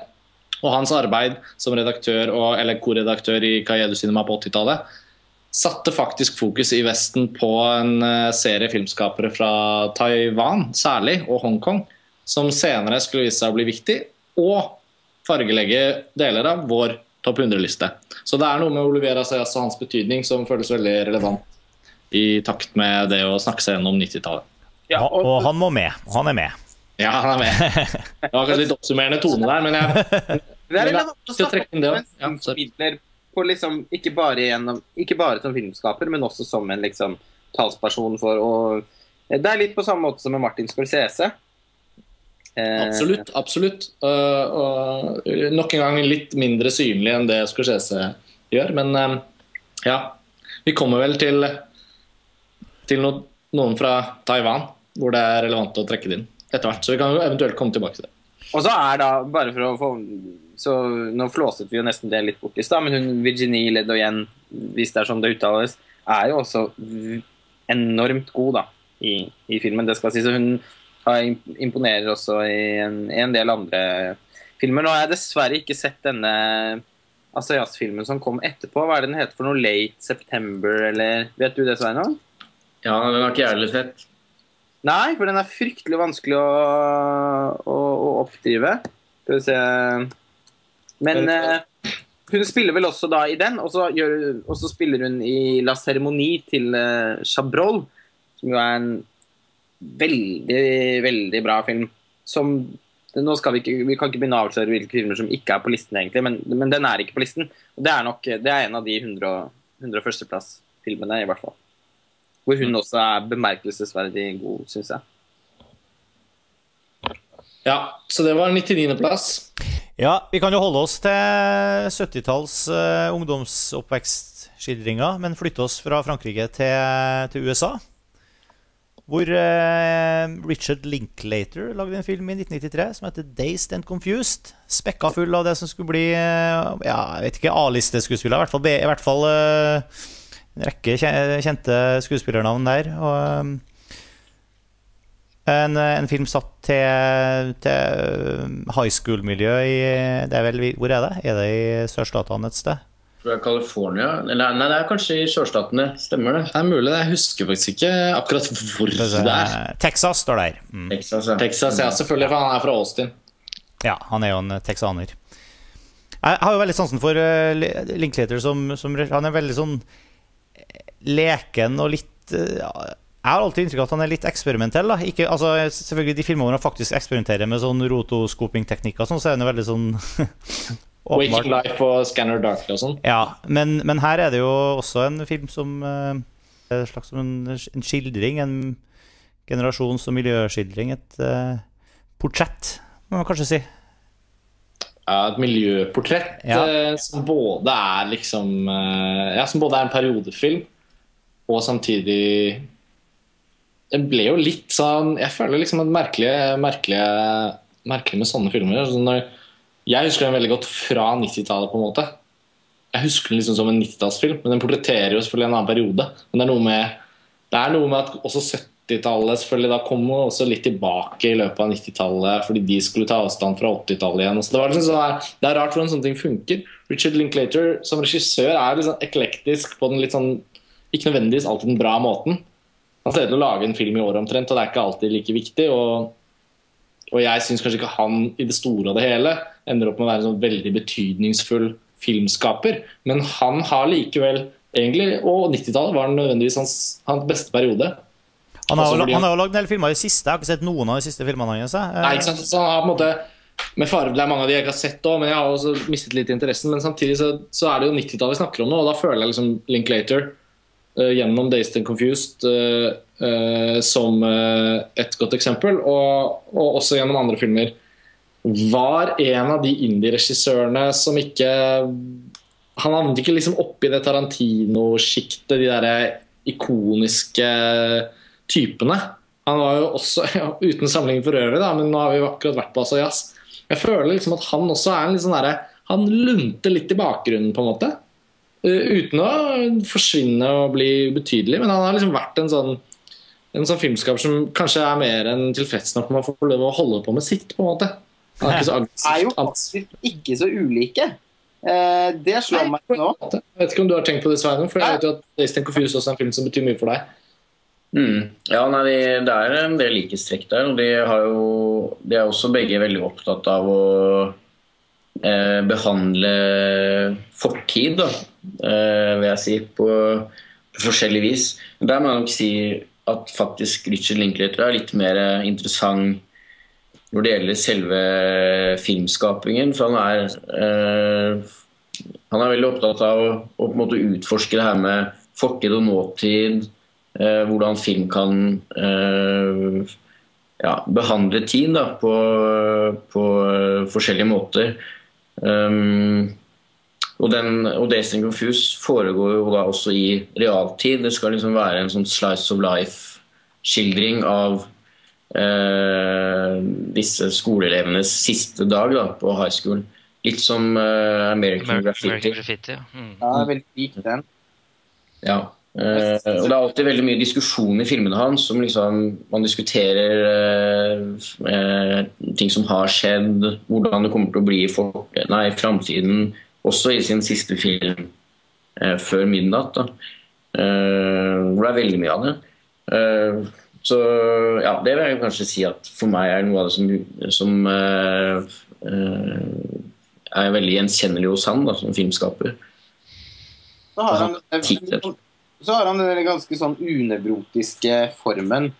Da sett bort fra 'Waking Life' og 'Scanner Darkly', eh, som jeg ikke orker å se på engang. Eh, fordi jeg syns det er så slitsomt. Men, eh, men, ofte så har han et veldig sånn avmålt, tankefullt, men også skal sies ganske uspektakulært eh, kunstnerisk eh, av, i hvert fall eh, Stilen hans, da, i hvert fall, er eh, den er, den er, uspektakulær, men ganske tankefull. Og i de beste filmene så, så er den veldig Som i 'Days and Confused', eh, som er helt strålende. Eh, så, så, klarer han å han, eh, Det er veldig morsomt at sammenligningen mellom han og Asayas dukket opp, for den hadde jeg ikke tenkt på i det hele tatt, men den blir liksom plutselig så veldig tydelig for meg. Uten å dra det altfor langt. Men det er noe med det samme som jeg sa i stad, å ha den derre tålmodigheten til å på en måte sitte litt og vente på øyeblikket, istedenfor å veldig aktivt skape det. Eh, som bl.a. gjør at Before Sunrise, som jo også på en måte kunne vært på listen, eh, er så fin. Og som også gjør at Days and Confusion har et sånn avmålt tempo som, som, jeg falt veldig for, i hvert fall. Og det er veldig mange likheter med, med, med American Graffiti. Men eh, syns nok uh, Linklater er mer i kontakt med menneskene han skildrer, enn det George Lucas uh, var. Ja, andre referanser også. Altså, jeg, jeg unngikk den filmen da den kom, i 93, for jeg, jeg var veldig sånn motstrøms i forhold til mine kontemporære. Eh, så jeg trodde dette var en sånn eh, film om hasjrøykende grunge-heads. Eh, det er det jo. Som... Sorry, jeg glemte å holde Det er utrolig morsomt. jeg, jeg, tenkte at det, må, det var i hvert fall overhodet ikke noe for meg. da Så, jeg, så, så, det gikk noen år, og så så jeg den. Og så fant jeg ut at uh, det var ikke det. Det var en 70-tallsskildring. Og den hadde litt elementer fra den high school-filmen fra 80-tallet. Og så var det også blanda inn litt Jeg er mulig gjerne eneste som, som, ser, som, ser, den parallellen, men jeg fikk også litt sånne Goonies-vibber uh, av noen av uh, Eh, rollefigurene og forholdet mellom noen eh, rollefigurer også. Disse her eh, slemme pøblene som går i altså et par trinn over noen av de unge, ikke sant. Mm. Så jeg fikk litt sånn vibber til den, den type film òg. Så, så det, det, var veldig positivt overraskende for meg. Husker jeg når jeg så den da noen år senere, selvfølgelig, enn eh, da den kom. Det er noen veldig stereotypier der. Og det har jo veldig med det å gjøre at filmen nærmest er som et filmatisk minne, da, syns jeg. Eh, om eh, ja, sikkert Linklaters egen eh, oppvekst. Eh, men jeg, jeg, har noe, jeg, har ikke noen store akademiske begrunnelser for hvorfor jeg er så glad i den filmen. Det er en av de filmene på lista som jeg har sett flest ganger. Og det handler bare om det ja, den, nok en gang da, den stemningen som, uh, som filmen frambringer. Uh, og at man kommer så tett på, på de rollefigurene som nevnt. Da. Det er jo en sånn utrolig sånn kosefilm, og da på den beste måten. Fordi den er kjempefint skrevet og smart, og de snakker om ting man føler at det er verdt å lytte til. Og man blir i løpet av den skarve halvannen timen som filmen varer, så blir man jo veldig glad i, i menneskene i filmen òg. Og, og, på samme måte som vi snakket om at 'Skrik i stad' var en sånn film hvor man så mange kjente Ja, der er hovedsakelig TV-fjes fra 90-tallet, så er det jo veldig morsomt å se det som Confused hvor mange skuespillere som ble veldig store i ettertid. Mm. Som, eller, det var ikke alle som ble like store, i og for seg, men eh, som bare dukker opp. Det, det er liksom ikke grenser for hvor mange kjente skuespillere det er. Er Ben Affleck, og det er Mila Jovovic. Matthew McConney gjør jo en ganske minneverdig figur. Ja, ja absolutt. Og også noen sånne favoritter som på en måte ble værende litt igjen på 90-tallet, men som spilte veldig mange kule filmer. F.eks. Parker Posey, som Ja. jeg er veldig glad i. Adam Goldberg. Ja, Adam Goldberg er der. Eh, Ja, nei, men det er jo, og, og jeg tenker, Dette er et av de tilfellene hvor jeg har lyst til å si at for de av dere som hører på som ikke har sett Dating and Confused, det er- liksom en sånn Det er litt en no-brainer, fordi den er liksom så Det er så mye å like der. Jeg har aldri, Nå ikke det den filmen jeg har snakket mest med folk om opp gjennom livet mitt, men jeg har heller aldri hørt om noen som ikke likte den litt. Det er vanskelig å være veldig anti. liksom. Ja, den er, liksom- det er noe sånn veldig sånn Og det er kanskje litt Linklaters greie òg. Han er litt den hyggelige bamsen som bare får med seg folk og har, lager en hyggelig kveld. Du var jo inne på at han, han er kanskje ingen Tarantino, men eh, jeg ser jo at Quentin Tarantino selv har jo Dazed Confuse Confused på sin eh, tiende, som sin tiende beste film eh, noensinne på Sight and Sound-lista si. Ja, altså. Og Det er jo fascinerende. Tarantino har alltid vært en veldig forkjemper for Linklater. De selvfølgelig breaka jo på samme tid, så de møtte hverandre på filmfestivaler og bygde et vennskap ut av det. Men det er jo ikke en ueffent film for Tarantino å elske, hvis man først liksom begynner å tenke litt over det. Nei, det, det, det er ikke det. Og så tror jeg nok sikkert også han og Linklater har uh, igjen uh, snakket om Masayas og filmformidling, og der er jo Quentin Tarantino selvfølgelig også i særklasse. På, på sin ganske eksentriske måte. Richard Linklater, når man ser han, så tenker man litt at han kunne jobbet i den der leather-shoppen på Svinesund. På en måte. jo, men at han har bare Det har jo selvfølgelig ingenting Altså, det er bare en eh, merkelig detalj å trekke fram, men jeg må bare si det fordi jeg alltid har tenkt det. At liksom, Han ser ikke ut som en stor kunstner. Uh, det er selvfølgelig helt idiotisk. Heldigvis betyr ikke utseendet noe. Men, du skjø- men er det noen av dere som skjønner hva jeg mener, eller er jeg helt på vidden nå? Ja, han, han, han virker som veldig ålreit kis å ta null med, liksom. Jeg har nesten aldri vært på Svinesund, så jeg skjønner ikke den referansen. Men jeg ville kanskje tenkt at han, han er en sånn veldig hyggelig fyr som jobber på Kaffebrenneriet nede på Bislett. Ja, ja, jo, men altså, ja, men han har liksom Det er noe med den hårsveisen og disse shortsene og, og liksom sånn og, han, og kanskje nettopp fordi at filmene hans han, Det er jo unektelig noe ganske eklektisk over den filmografien òg, som gjør at han kanskje blir litt sånn Som figur, i hvert fall. Litt lett å undervurdere sammenlignet med mange andre Ja, ta en, ta en type som Quentin Tarantino, da. Han gjør jo inntrykk på en annen måte.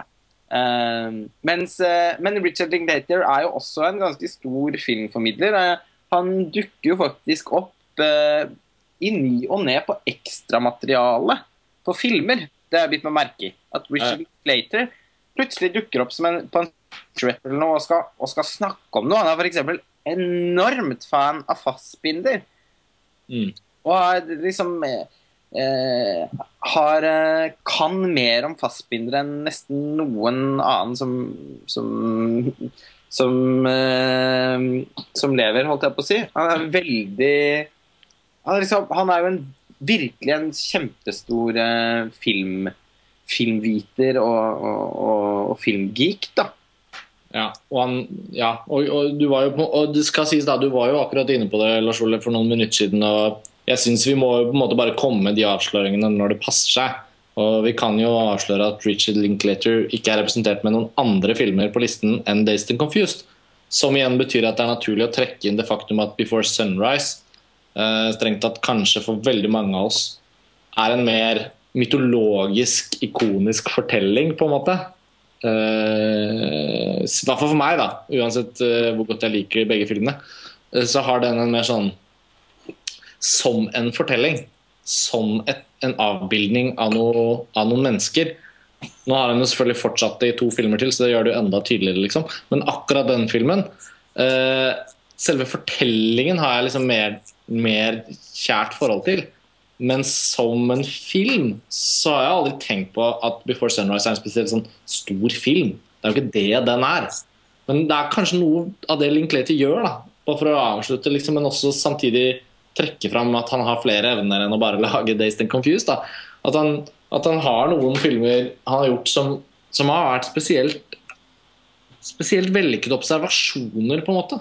Og kanskje til og med vi kan uh, hypotetisk trekke inn det faktum at hans uh, noe uspektakulære fremtreden rent personlig har gjort han godt egnet til å gli inn og gjøre gode observasjoner, og så trekke dem ut og destillere de i filmer. Altså, Man skal ikke undervurdere heller den betydningen når filmspråket og sammenlignet med altså Asp jo litt relevant, ikke kanskje er så flashy, og ikke personligheten er så flashy, så føler jeg likevel at, at både Daisy Confused og Before Sunrise uh, representerer noen sånne helt ikoniske observasjoner som kanskje bare han kunne gjøre. Da. Og det hever dem ganske mange hakk opp for meg. Kan også legge til at Daisy Confused faktisk også eh, er en del av en slags trilogi. da, En sånn Slacker-trilogi som han gjorde på starten av 90-tallet, med da Slacker, som er nevnt.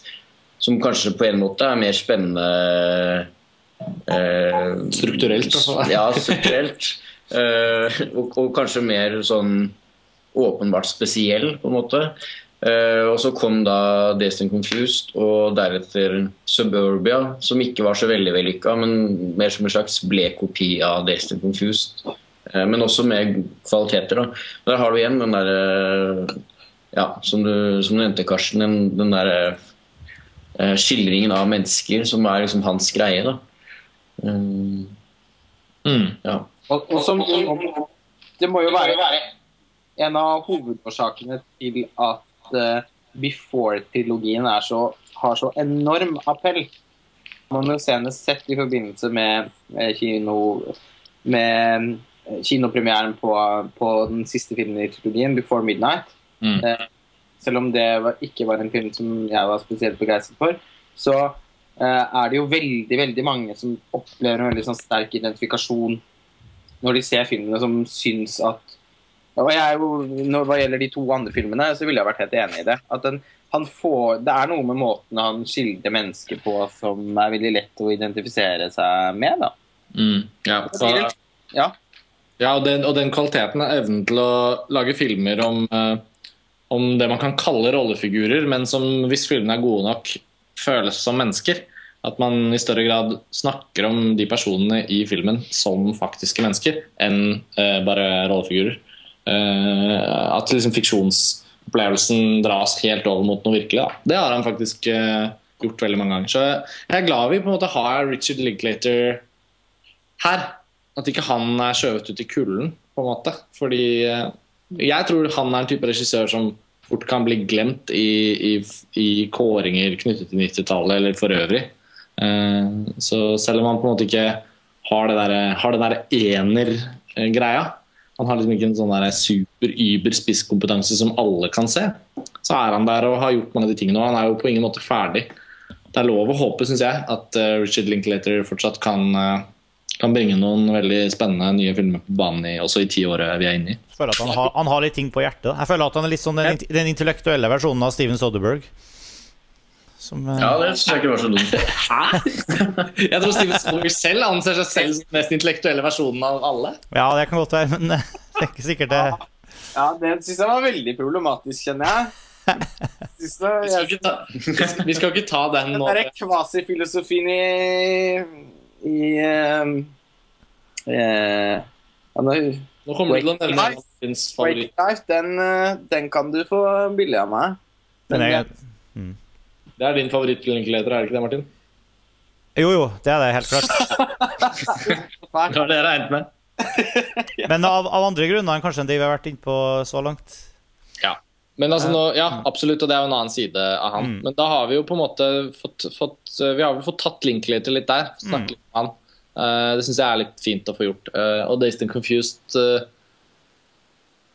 Den har jo selvfølgelig Den er jo på 98.-plass. Så, så den måtte jo kjempes for, eh, som Sveinung kan ikke erkjenne til. Men den er samtidig det, det er ikke en film det er så veldig mye uenighet om heller. Samtidig, Det er litt rart med det. Så det. 98.-plass. Er, altså, og for alle som elsker eh, coming of age-filmer og filmer som handler om eh, ja, high school college-filmer osv., så, videre, så er jo den, er den jo bare helt fantastisk. Det må jo også sies, det er jo kanskje en av de beste filmene i den sjangeren. Men det er også mange i den sjangeren på listen, kan vi kanskje avsløre, da. Ja. Ja.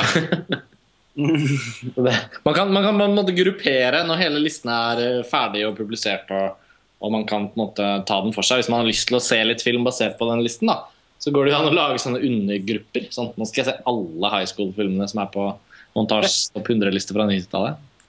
Ja, det, det er vel også en slags eh, rød tråd redaksjonelt rød tråd at eh, det er mange av oss som er ganske svake for i hvert fall coming of age-filmer. da.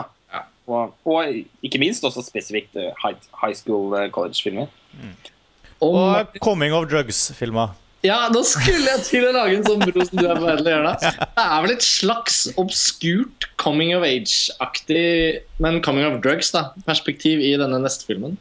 Ja, da skal vi til Skottland, Storbritannia. Eh, Danny Boyles eh, klassiske Trainspotting fra 1996. Basert på Er det et skuespill av Vereen Welsh? Eller Nei, en, eh, en roman, er det vel. Mm. Det er vel en roman, ja. Jeg husker ikke engang at det var en roman. Jeg. Men, Ja, ja. Ja, den er veldig, det, det har blitt laget eh, en, en filmatisering av en annen av hennes romaner nå nettopp. Hans. Ja. Eller hans. eh, eh, som eh, med Hva var det den het for noe igjen? Filth er det. Filth, ja. Med Ja. James McAvoy i hovedrollen. Har fått veldig bra kritikker. Ja. Har jeg registrert. Den prøvde jeg å lese en gang, husker jeg. Men Trainspotting var jo en, et destillat av utrolig mange Bare for å starte et sted. Det var jo en film som tok opp i seg veldig mange både kunst- og popkulturelle strømninger i Storbritannia på 90-tallet.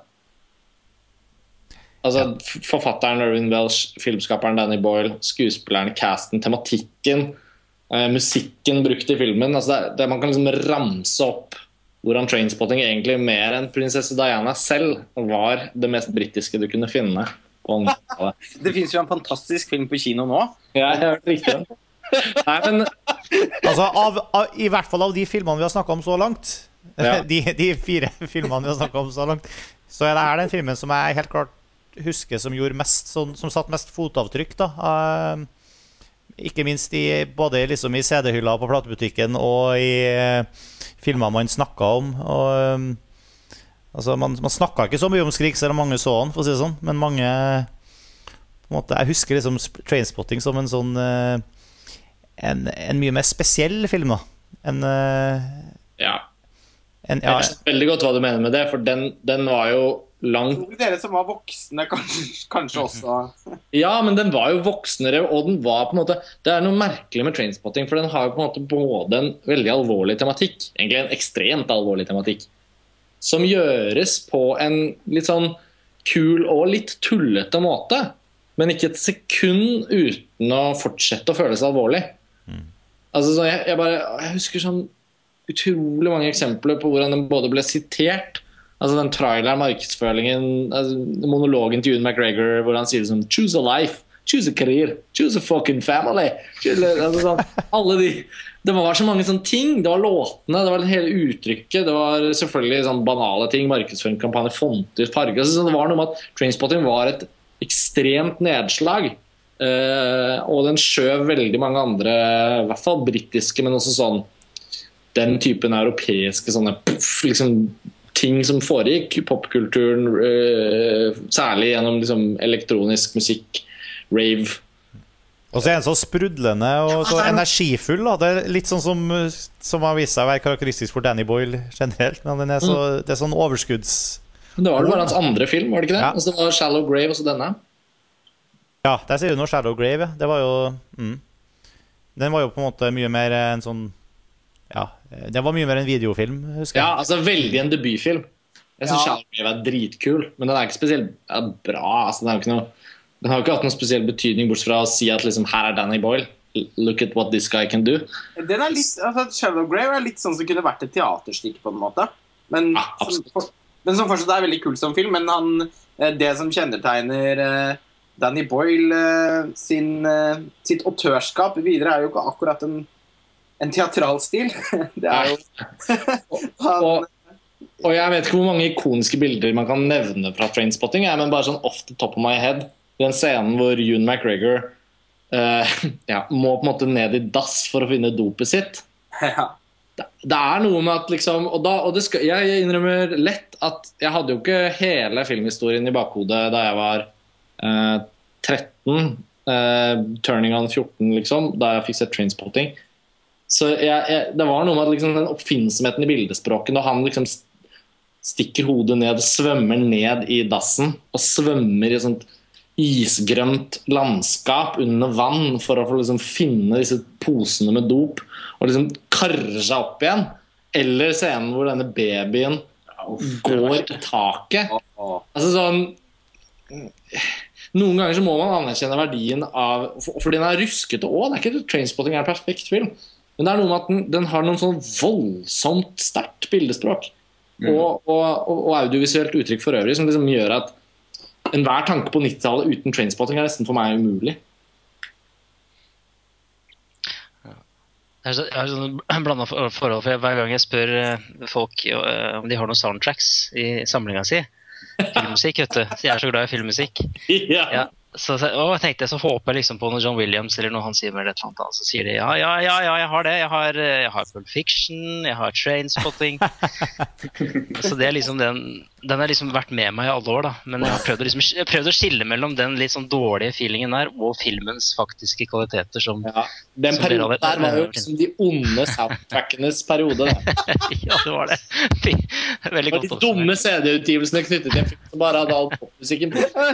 Alltid det ser på liksom dette innstendige håp om John Williams på Nashville, men så, så ble det Underworld. Du er Det ikke er noe sånn, du er ikke noe sånn rockeband-kar, du? tror jeg. Nei, ikke så veldig. Men det er jo noe bra musikk på den der Underworld og sånn som jeg er veldig glad i, så det er jo ikke helt ute å kjøre, da. Men eh, det var bare den derre der behovet for eh, Hva heter det for? For anerkjennelse. Som bare falt igjen og igjen og igjen hver gang jeg skulle spørre. Når man kjenner deg litt, Tor Joakim, så er det jo veldig naturlig at du trekker det fram. Og derfor er det jo Men jeg håper jo på en måte Trainspotting eksempel, har klart å karre seg opp gjennom de lagene av negativ oppmerksomhet. Ja, det er det, det, er det den har. Og spesielt de scenene som du nevner med, med babyen spesielt, eh, sitter jo i- sterkt i, og en, en del andre ting. Så. Ja, liksom, eh, og, det er, og så er det noe med liksom dette veldig sånn anmassende, energiske filmspråket til Danny Boyle, som jeg elsker. Eh, jeg er jo nesten Han er faktisk virkelig en av de regissørene som, regissørene som Samtidig regissørene, da. Han lager jo liksom kontinuerlig film. Jeg syns jo 2000-tallet er hans tiår, på en måte. Ikke 90-tallet. Uh, jeg men, men han et, uh, og, og jeg kan altså, jeg kan nesten ikke forestille meg å ikke like en Danny Boy-film. på en måte. Jeg har ikke sett Trans enda, som jeg vet at enkelte rundt dette bordet hadde en veldig negativ opplevelse rundt. Men nå, nå ligger den her på Blu-ray, så en av dagene så skal jeg nok finne ut at jeg liker den nå. Da ønsker jeg deg lykke til med det. Ja, Det flotte med at Sveinung virkelig ikke likte Trans, da, og det er den, denne ferskeste filmen til Danny Boyle fra 2013, for de som hører på denne podkasten i 2016, eller hvor vi trekker den. Det at du ikke likte den så godt, Sveinung, jeg tror det kommer til å være en rakett i rumpa på Lars Ole. For, for nå skal vi nok se at Trans får en gjenfødelse. Det er bestemt, det. Er det ikke det? Da ønsker jeg deg lykke til med det. ja, ja, nei, jeg gleder meg stort. For å snu det litt, Lars Ole. Ja. det skal jo også sies at jeg føler jeg endte vel litt opp med å være den virkelig bekjemperen for Danny Boyle på denne listen? Er, er ikke det visse sannhetstrekk i det? Jeg føler liksom at Jo, det er, det er store sannhetstrekk i det. fordi Det neste jeg skulle komme inn på, er jo at Trainspotting paradoksalt nok da ikke er eh, en av mine Danny Boyle-favoritter. Jeg syns at han etablerer veldig mange av de tingene som jeg eh, elsker med Danny Boyle i den filmen. Og jeg syns han gjør det veldig bra, det er ikke det. Men eh, eh, jeg syns det er andre filmer hvor han eh, kommer enda liksom Men jeg vet ikke, det er vel noe med settingen, da. Eh, det, Jeg er jo en veldig stor fan av nedslitte britiske omgivelser. Nei. Det har vi jo snakket om så mange ganger, og det er jo en veldig sånn døll sannhet. Eh, Det er noe med den settingen som ikke appellerer så voldsomt til meg. Jeg eh, er jo også for at, absolutt for at den da skal være på listen. Det, det føler jeg at uh, det har vært også med å argumentere for. For jeg syns at Boyle skal få være der, og filmen er uh, altså, Den er så innflytelsesrik uh, og er et såpass liksom, popkulturelt objekt på en måte at den, at den, at den må være der. Og jeg syns også den er, at den er veldig god, men det er nettopp noe med settingen som Ja. Den vil vel aldri slå Sunshine Nei. Men altså, så, det, det morsomme er at liksom Boyle senere, mer kinet, enda mer kinetiske stil, har på en måte hatt tilbakevirkende negativ effekt liksom, på trainspotting for deg. Men, men, det, men jeg må også følge opp den tråden du da er inne på, fordi det er veldig relevant. Det er jo at britisk film fra 90-tallet, Yes. Som en litt sånn større enhet, har jo vært en av de tingene som har vært ganske morsomt å diskutere. fordi der er det ganske mange filmer som var veldig populære i sin tid, og som virkelig ikke har tålt tidens tann. Og jeg syns jo en av de fineste tingene nesten jeg kan si om Trainspotting, etter å ha sagt de mest relevante tingene om den som film isolert sett, det er jo det at den har jeg sett uh, for ikke mange år siden, og jeg så den jo ganske mange ganger i sin tid. Jeg føler jeg er en film jeg kjenner veldig godt. Og jeg, jeg opplever sterkt at den bærer sin litt sånn både ubehjelpelige popkulturelle tilhørighet. For hvis du bruker noe musikk i din tid og opplever ti år senere at det er helt ræva, så er du liksom fanget av det som filmskaper. Eh, Og det er det jo et utallige eksempler på. Filmer som liksom har vært jævla kule akkurat da, og så bare holdt det ikke.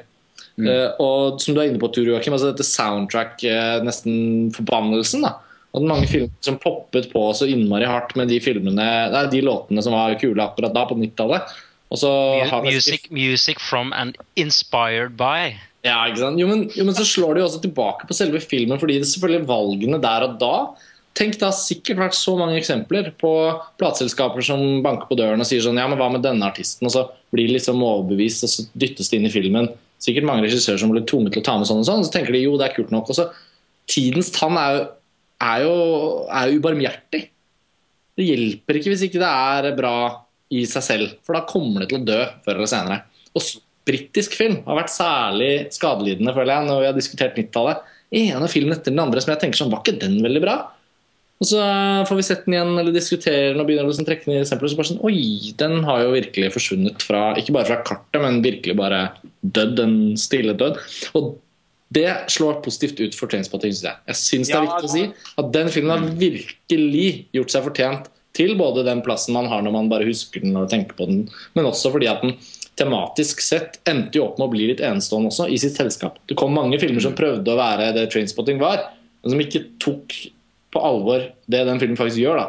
Altså, Man sier liksom 'coming of drugs', men den portretterer jo også en forferdelig sørgelig skjebne for, for på en måte arbeiderklassen, men uten å bli helt Ken Loach. Altså, de gjør det jo liksom på litt kulere måte.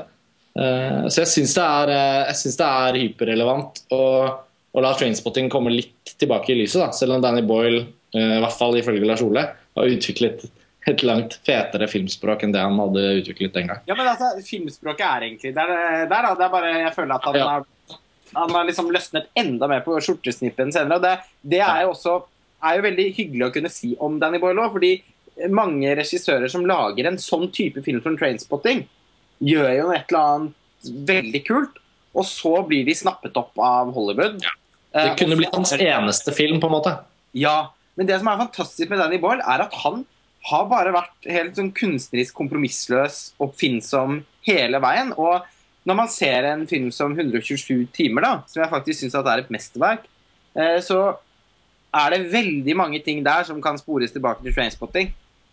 Eh, og man kan si at eh, Og, og jeg syns også det er utrolig det holder Mange av de tingene som er i Trainspotting, eh, som handler om film, den, liksom filmskaping i seg selv, filmskapingen i seg selv, det holder så voldsomt mål fortsatt, da.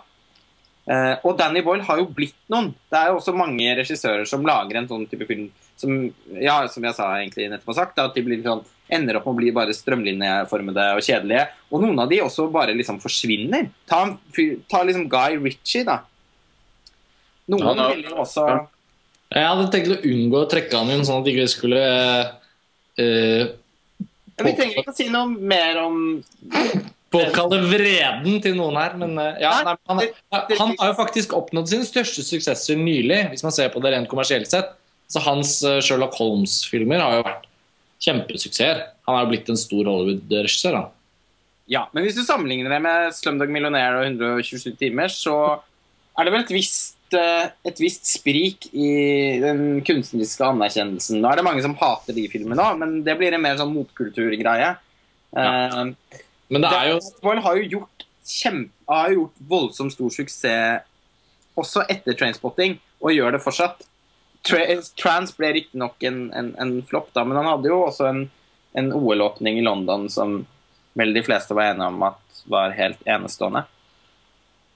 Og så ble vel Danny Boyle eh, kjæreste med Rosario Dawson i løpet av innspillingen av Trans, så han har vel eh, begått en slags win der. Ja, men det ble vel slutt, tror jeg. Ok. Dette var Se og Hør-delen av podkasten. Jeg følger ikke godt nok med. Men Danny Boyle er jo den intellektuelle versjonen av Steven Soderberg.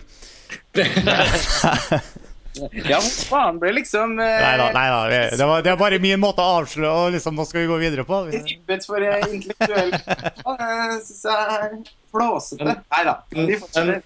Men da går vi videre til neste film, som er Den sjette sansen fra M. Night Shyamalan. Det er vel den store gjennombruddsfilmen til Shyamalan. Ja. Ja. 96. plass.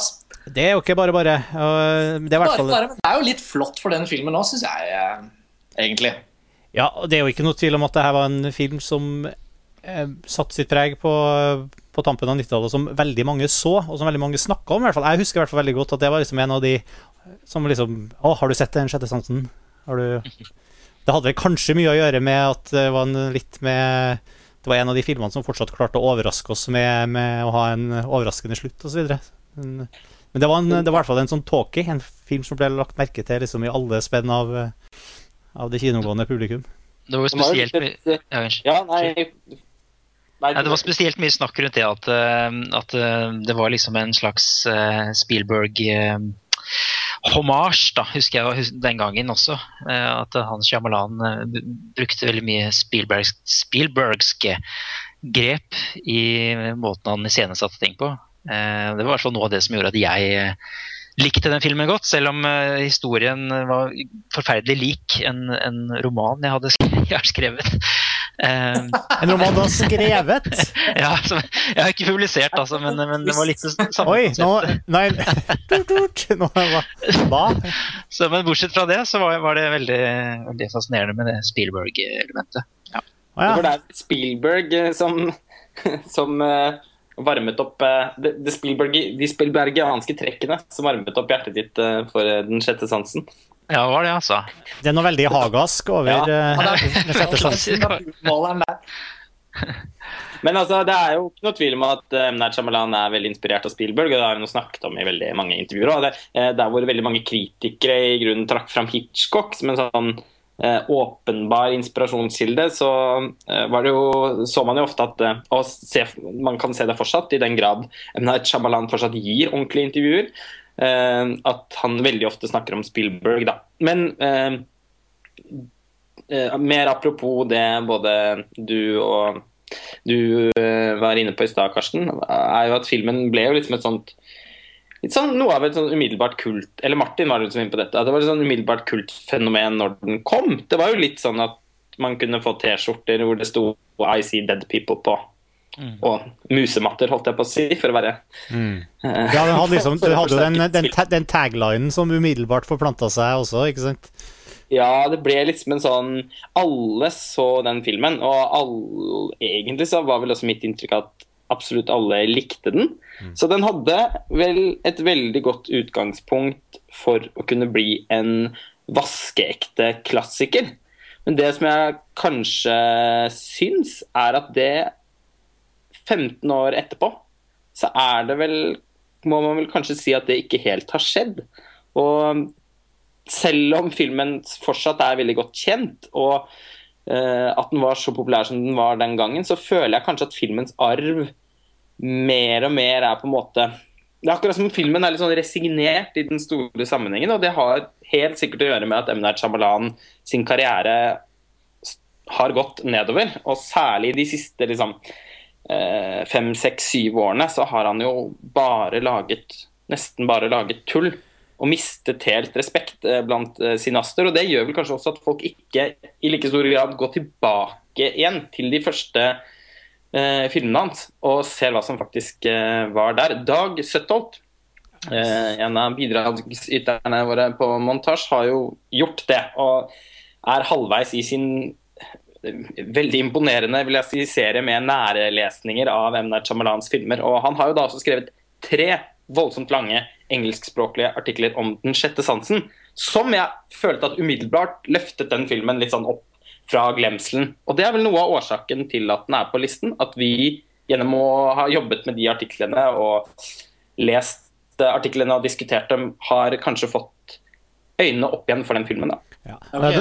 Nå, nå, nå er det selvfølgelig dumt å um, gå inn på detaljene i det som eh, eh, Dag skriver om, uten å ha med Dag her på Filmfrest, men jeg tenker også at eh, ikke bare har du løfta opp den filmen, men det har også på en måte på, Jeg føler liksom at de er bare en Hva heter det? En kusjorisk kursorisk lesning av Dags artikler får man jo får man en sånn følelse av at Shyamalan er det reneste Han er en perfeksjonist av ja, Han er ikke bare en god manusforfatter og en, eh, si, en eh, produktiv filmskaper og, og en eh, og er i stand til å skape publikumstreffere. Liksom, han, er, han er også en, en utrolig dyktig stilist og utrolig nøye detaljfokusert, gjennomtenkt.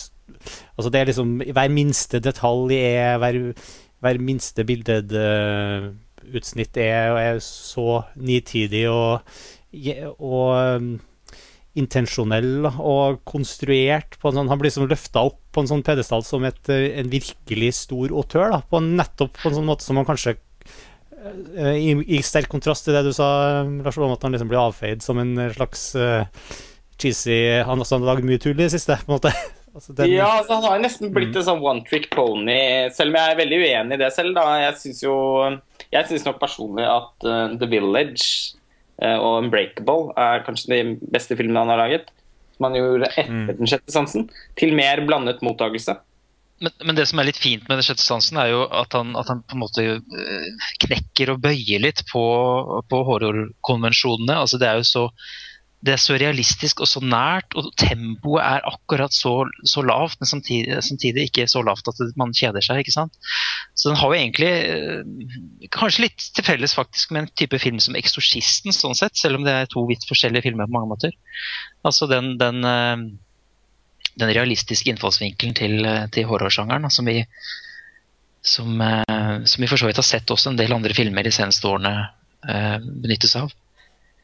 Jeg tror i hvert fall det er en av grunnene til at den, den, den står så sterkt blant, uh, blant cineaster i dag, da, den, uh, i hans filmografi.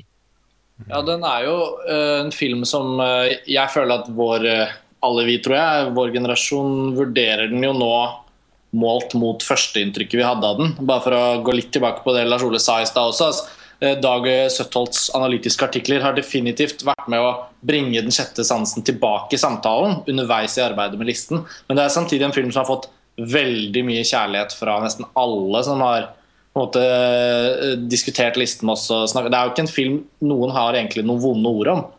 Alle nesten jeg husker fra den tid, likte filmen da de så den. Men det interessante aspektet er jo dette du er inne på, Lars Ole, med at den aldri ble helt en klassiker. Men jeg tror du har rett i at det har noe med at Shyamalan på en måte Han har jo mista det litt. Jeg er jo enig i at de første fire-fem første filmene hans er veldig bra og veldig interessante. Men det han lager nå, eh, er jo ikke misforstått. Det er jo Nei, du har vel direkte svakt. Filmen er blitt skånet for å se Luft, Siste Mester og After Earth. Ja. Det har ikke jeg. Men, men den sjette sansen, når vi, når vi liksom har hentet den opp igjen nå, så føles den Jeg er veldig glad vi har den med på listen, for den har ligget og vaket en del. Eh, og det har eh, Jeg syns det er gøy eh, som et eksempel på hvor viktig det er å innimellom våge seg ut på å gjøre en sånn kanon. Det er at noen sånne filmer som, som liksom har liksom Jeg vet ikke Vurderingen av dem har landet på såpass trygt sted at man liksom aldri tar dem opp igjen. Og det fikk jo meg til slutt nå til å endelig se Den sjette sansen om igjen, bare for noen dager siden. Eh, og jeg må innrømme at det var et veldig, veldig bra gjensyn. Og det er det Tore Joakim er litt inne på som, som slo meg mest. Jeg husker den som en ganske skummel film, og den var fremdeles ubehagelig. Og nå visste jeg jo når det kom, og jeg gruet meg ganske mye til det. Jeg er kjent for å ha et litt sånn eh, Aspeløv-aktig hjerte når det kommer til horrorfilmer. Jeg, jeg skvetter fort. Jeg syns ikke det er så gøy når det er skummelt. Men det er jo faktisk den emosjonelle kjernen i Den sjette sansen som gjør den så bra. Han Haley Joel Offman spiller jo så bra. Det er nesten Jeg kan ikke huske lignende type barnerolle som er spilt med så mye med følelser. da. Uh, og jeg, og jeg syns det speiles veldig godt av hun Tony Collette som spiller moren. Den scenen på slutten i bilen gjorde meg virkelig Jeg fikk skikkelig mye tårer i øynene da nå for noen dager siden jeg så den. Jeg reagerte annerledes på den enn da jeg så den for 15 år siden. Og da fikk jeg en veldig sånn trygg og god følelse da, på at den hører hjemme på en liste som dette. Og at M. Night Shyamalan definitivt beviste at han, at han lagde film langt bedre enn de fleste andre på det Jeg bare jeg har jo akkurat det samme som du gjorde med sjette sansen nå. Men gikk og Ja. gjenså uh, Unbreakable. Som, Ja. eh, som jeg også på en måte hadde Som jeg huska mye dårligere enn jeg huska sjette sansen. Eh, Men etter å ha måtte lest eh, og fått eh, blitt pusha litt av Dags artikkel til å liksom se det igjen Og den, Det er jo en lignende sånn Altså, for en eh, For en eh, det er en stil over det. Det er, det er, en, annen, det er en kvalitet over de tidligere filmene her som er helt sånn ubestridelig. Altså, som, og en originalitet noe, Hvis du ser bort ifra Tore Joachims eh, romaner, så er det en originalitet og en slags sånn måte å, um, Altså, Unbreakable er jo en helt usedvanlig spesiell eh, sånn origin eh, superheltfilm. Av, eh, som er bare helt ulikt alt annet jeg har sett. Og det, det er gjennomført med, sånn, med et sånt driv og en sånn emosjonell tyngde som, og en så flott uh, filmatisert. Og jeg, ble bare helt imponert over hvor god den filmen var. Og hvor, eh, det er jo mange mange år siden jeg har sett den nå. Jeg har ikke sett den heller siden den kom. ikke sant? Men eh, nei, jeg bare kudos til Shyamalan. Altså, veldig bra at vi får sjansen til å trekke fram han i den eh, lista her. Det føles riktig, fordi nå er det dessverre ganske lenge siden jeg har sett, sett akkurat Den sjette sansen, eh, selv om jeg alltid har likt filmen eh, veldig godt. Eh, men den Det er noe med at han virkelig er filmskaper. Da. Han er jo i to, sånn total, har total kontroll over filmspråket sitt, og alle virkemidlene er veldig sånn Som du var inne på i stad, eh, Martin. og hemmeligheter, og alt er veldig sånn Det er en eleganse der som eh, Det er trist at eh, Det er trist at noe sånt som grunn av ja, At After Earth blir som den blir, eksempel. Nå har jeg ikke sett The Last Airbender. Men liksom, vet, hva har skjedd, på en måte? Men Ja, det er jo en tragedie, rett og slett. Det skal sies at han fikk jo veldig mye slakt for The Lady in the Water òg, som også Dag har eh, skrevet eh, en lang analyse av. Og den tok jo mm, både jeg og Karsten så den opp igjen i, an, i den anledning. Jeg følte jeg kunne korrigere den saken hans uten å ha sett filmen om igjen. Fordi jeg, jeg må innrømme at jeg avfeide 'Lady in the Water' back in the day. Men det var jo Ja, det gjorde jeg også, men jeg syns det var et uh, veldig besnærende gjensyn, egentlig. ja, det var mye mer ved 'Lady in the Water' enn uh, det viste seg da man så den uh, den gang. Og da var det også en hype rundt at Shyamalan hadde fått så mye suksess at det nesten var dømt til å bli en filmskaper man måtte hakke ned. da, Eller i hvert fall sånn kollektivt sett, hvis man tenker på kritikere og sånn. Uh, og det, og det, alt dette har jeg liksom også tenkt på mens vi har liksom skulle forberede oss til å snakke om Sjette sansen, så er det så gøy å tenke på at nå, nå er det en film som litt tilhører en annen tid. da. Det gjelder jo for alt vi snakker om nå fra 90-tallet, men den er jo også såpass nærme Men fordi filmspråket og den er litt sånn klassisistiske, men veldig gjennomførte visualiteten og alt det som, som Dag er veldig opptatt av, og som, som sikkert er noe av det vi legger bedre merke til når vi ser den filmen igjen, det er jo også et filmspråk som har liksom gått litt ut av tiden. Mm. Desto hyggeligere å løfte den filmen frem igjen. Jeg sjekket med lillesøsteren min, og hun, hun var sånn Den sjette sansen, hvilken er det igjen?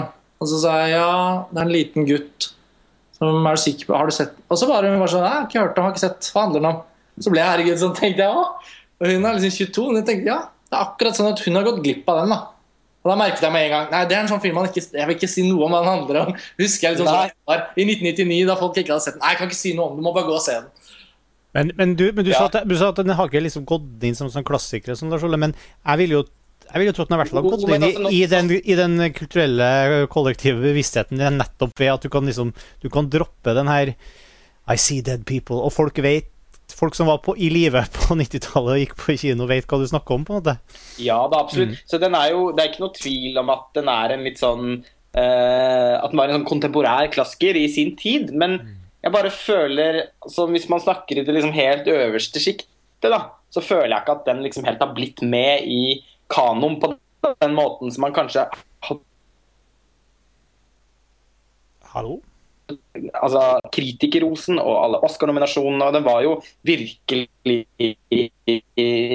Den var jo noe helt spesielt. Eh, Og den kom jo ikke minst i 1999, eh, som eh, vi har laget en egen podkast om tidligere, og som er et sånn legendarisk bra filmår. Ja. Altså, det, er- det er jo andre filmer som har året, på en måte, overlevd mer. Ja. Nå kan jeg ikke bokstavelig referere til Ja, ikke sant? Og hvor mye vi snakker om eh, Den sjette sansen i 1999-podkasten, men jeg frykter at vi ikke ga den like mye oppmerksomhet da som den egentlig fortjener. Ikke sant. Nei, så den, eh, den har liksom Men, men la nå det, dette bli en anledning for eh, også eventuelt nye nye generasjoner, holdt jeg på å si, som eventuelt hører på. Litt yngre folk som kanskje ikke har sett filmen. Så må jo bare alle ta med seg dette her som en rett og slett en skikkelig god gammeldags anbefaling. Og jeg syns det var en veldig fint poeng du hadde i stad, Tor hvor du sammenlignet den litt med 'Eksorsisten'. Fordi en- filmen har faktisk veldig mange av de samme kvalitetene. Dypest sett så er det jo en fortelling om, et, om en mor og hennes sønn. Eh, og at hun ønsker alt det beste for barnet sitt, men og ikke klarer å skjønne hva som er i veien. Og prøver å få all mulig hjelp til at de skal få et godt liv. Og det er jo nesten det samme Det er nesten samme plott, egentlig. Eller akkurat den linjen av plottet da er jo veldig likt uh, Ellen Burstyn og Linda Blair i, i 'Eksorsisten'. Som jo faktisk også er liksom en mor eh, En fortelling om en mor og en datter eh, som har en syk datter, rett og slett. Og som vel også er noe av årsaken til at den filmen kammet hjem sånn åtte Oscar-nominasjoner i sin tid, på tross av uh, på, på tross av krusifiks i vagina og uh, spying, av, spying ut, utover veggene, holdt jeg på å si. Alle sånne type ting som Horrorsjangeren generelt da, har jo hatt, ofte hatt veldig vanskelig for å nå fram til, til kritikerne og til uh, Oscar-akademiet osv. Men uh, 'Eksorsisten' og 'Den sjette sansen' forenes jo litt i at de faktisk har vært blant de ytterst, ytterst få som har klart det. da. Nei. Skal vi si oss ferdig med den? Yes. Uh, den neste filmen på lista eh, Jeg vet Det er regissert av en dame som heter Amy Heckerling. Jeg, hun har lagd en av de filmene som betydde veldig mye for meg, husker jeg, på, på 80-tallet. Jeg husker veldig godt 'Se han snakker'. Jeg også. Som jeg, som jeg husker liksom jeg hadde veldig varmt forhold til, med den lille babyen med John Travolta sin stemme og så videre. Men- trodde du skulle si 'Fast Times at Ridgemont High', men Nei. Den har jeg også et var- nært forhold til. Ja. Men altså, hun lagde en film i 1995 som heter Clueless, som nå står på 95.-plass på lista vår. Med Alicia Silverstone i, i hovedrollen. Den filmen husker jeg veldig lite fra. Hvem er det som har sett den nylig? Jeg er helt clueless i forhold til Martin, filmen. Martin setter dagsorden med en utfordring. Ja. Nei, men Clueless, der er det jo Det er jo et hav å snakke om der. Ja, altså sånn, ja, ja, jeg har ikke sett den nylig, men jeg har jo sett den eh, et par ganger i voksen alder. Ja, det, er, det er en film jeg alltid har benyttet muligheten til å se hvis muligheten har bydd seg. Og Det har gjerne vært på TV3, da, men det er en flott kanal. Ja. Nei, altså samme forhold. Hvis den har gått på TV og jeg har eh, eh, slumpet innom, så har jeg endt opp med å sitte og se den ferdig. Eh, men jeg har også selvfølgelig sett den fra start mange ganger. Uh, Pastellfargene, hvordan den Er det mulig å ikke bli tiltrukket? Ja, jeg, syns, jeg, syns, eh, liksom, jeg husker alltid den var, det tok veldig lang tid før jeg helt tatt gadd å se den, fordi den ser så det, Jeg blir ikke tiltrukket av det jeg ser på plakaten eller noe sånt. Jeg skjønner ikke hva du mener. Dette er veldig vanskelig å forstå, syns jeg. Jeg er veldig lik som deg, eh, Martin. Altså, jeg har unngikk den i mange mange år. Det var ikke noe film for meg. Altså. Så så jeg den da til slutt, og så det er, det, er ikke, det er, vel ikke, min favoritt av, av, Amy Heckling. Jeg er veldig glad i Fast Times at Regent High, som jeg syns er en av de kanskje, ja, ikke bare en av de, men kanskje den beste high school-filmen som noen gang er laget. Um, og så har jeg et nostalgisk forhold til scenen han snakker. Men, men, her så var det kanskje ikke helt min gate. Med, med, jeg vet ikke helt hvor jeg skal starte. Men det her er en Jane, Jane Austen-roman som er Ja da. Ja, og jeg er veldig glad i Jane Austen. Ja. Jeg er glad i eh, Bronte og alt det der. Så jeg liker jo å prøve å oppdatere det. Men uh, jeg vet liksom ikke helt hvor jeg skal starte. Jeg ser jo helt klart kvalitetene med den, og den litt sånn syrlige komedien. Eh, men eh, det er noe med det litt sånn jeg, Det blir litt anmasende for meg, rett og slett, med, med mye sånne high school-intriger som er gjort på en litt sånn quirky måte. Jeg er ikke så glad i quirk, vet du. Generelt, bortsett fra Tim Burton, så er jeg ikke så glad i quirk. Jeg syns det var litt mye quirk i den uh, filmen her. Men kanskje jeg, var, jeg tror nok jeg er the, odd man out akkurat på denne filmen. Nei, altså, ikke helt sånn, sånn altså, Jeg forbinder quirk mer med liksom sånn bla, bla, bla, Terry Gilliam. Liksom. Uh,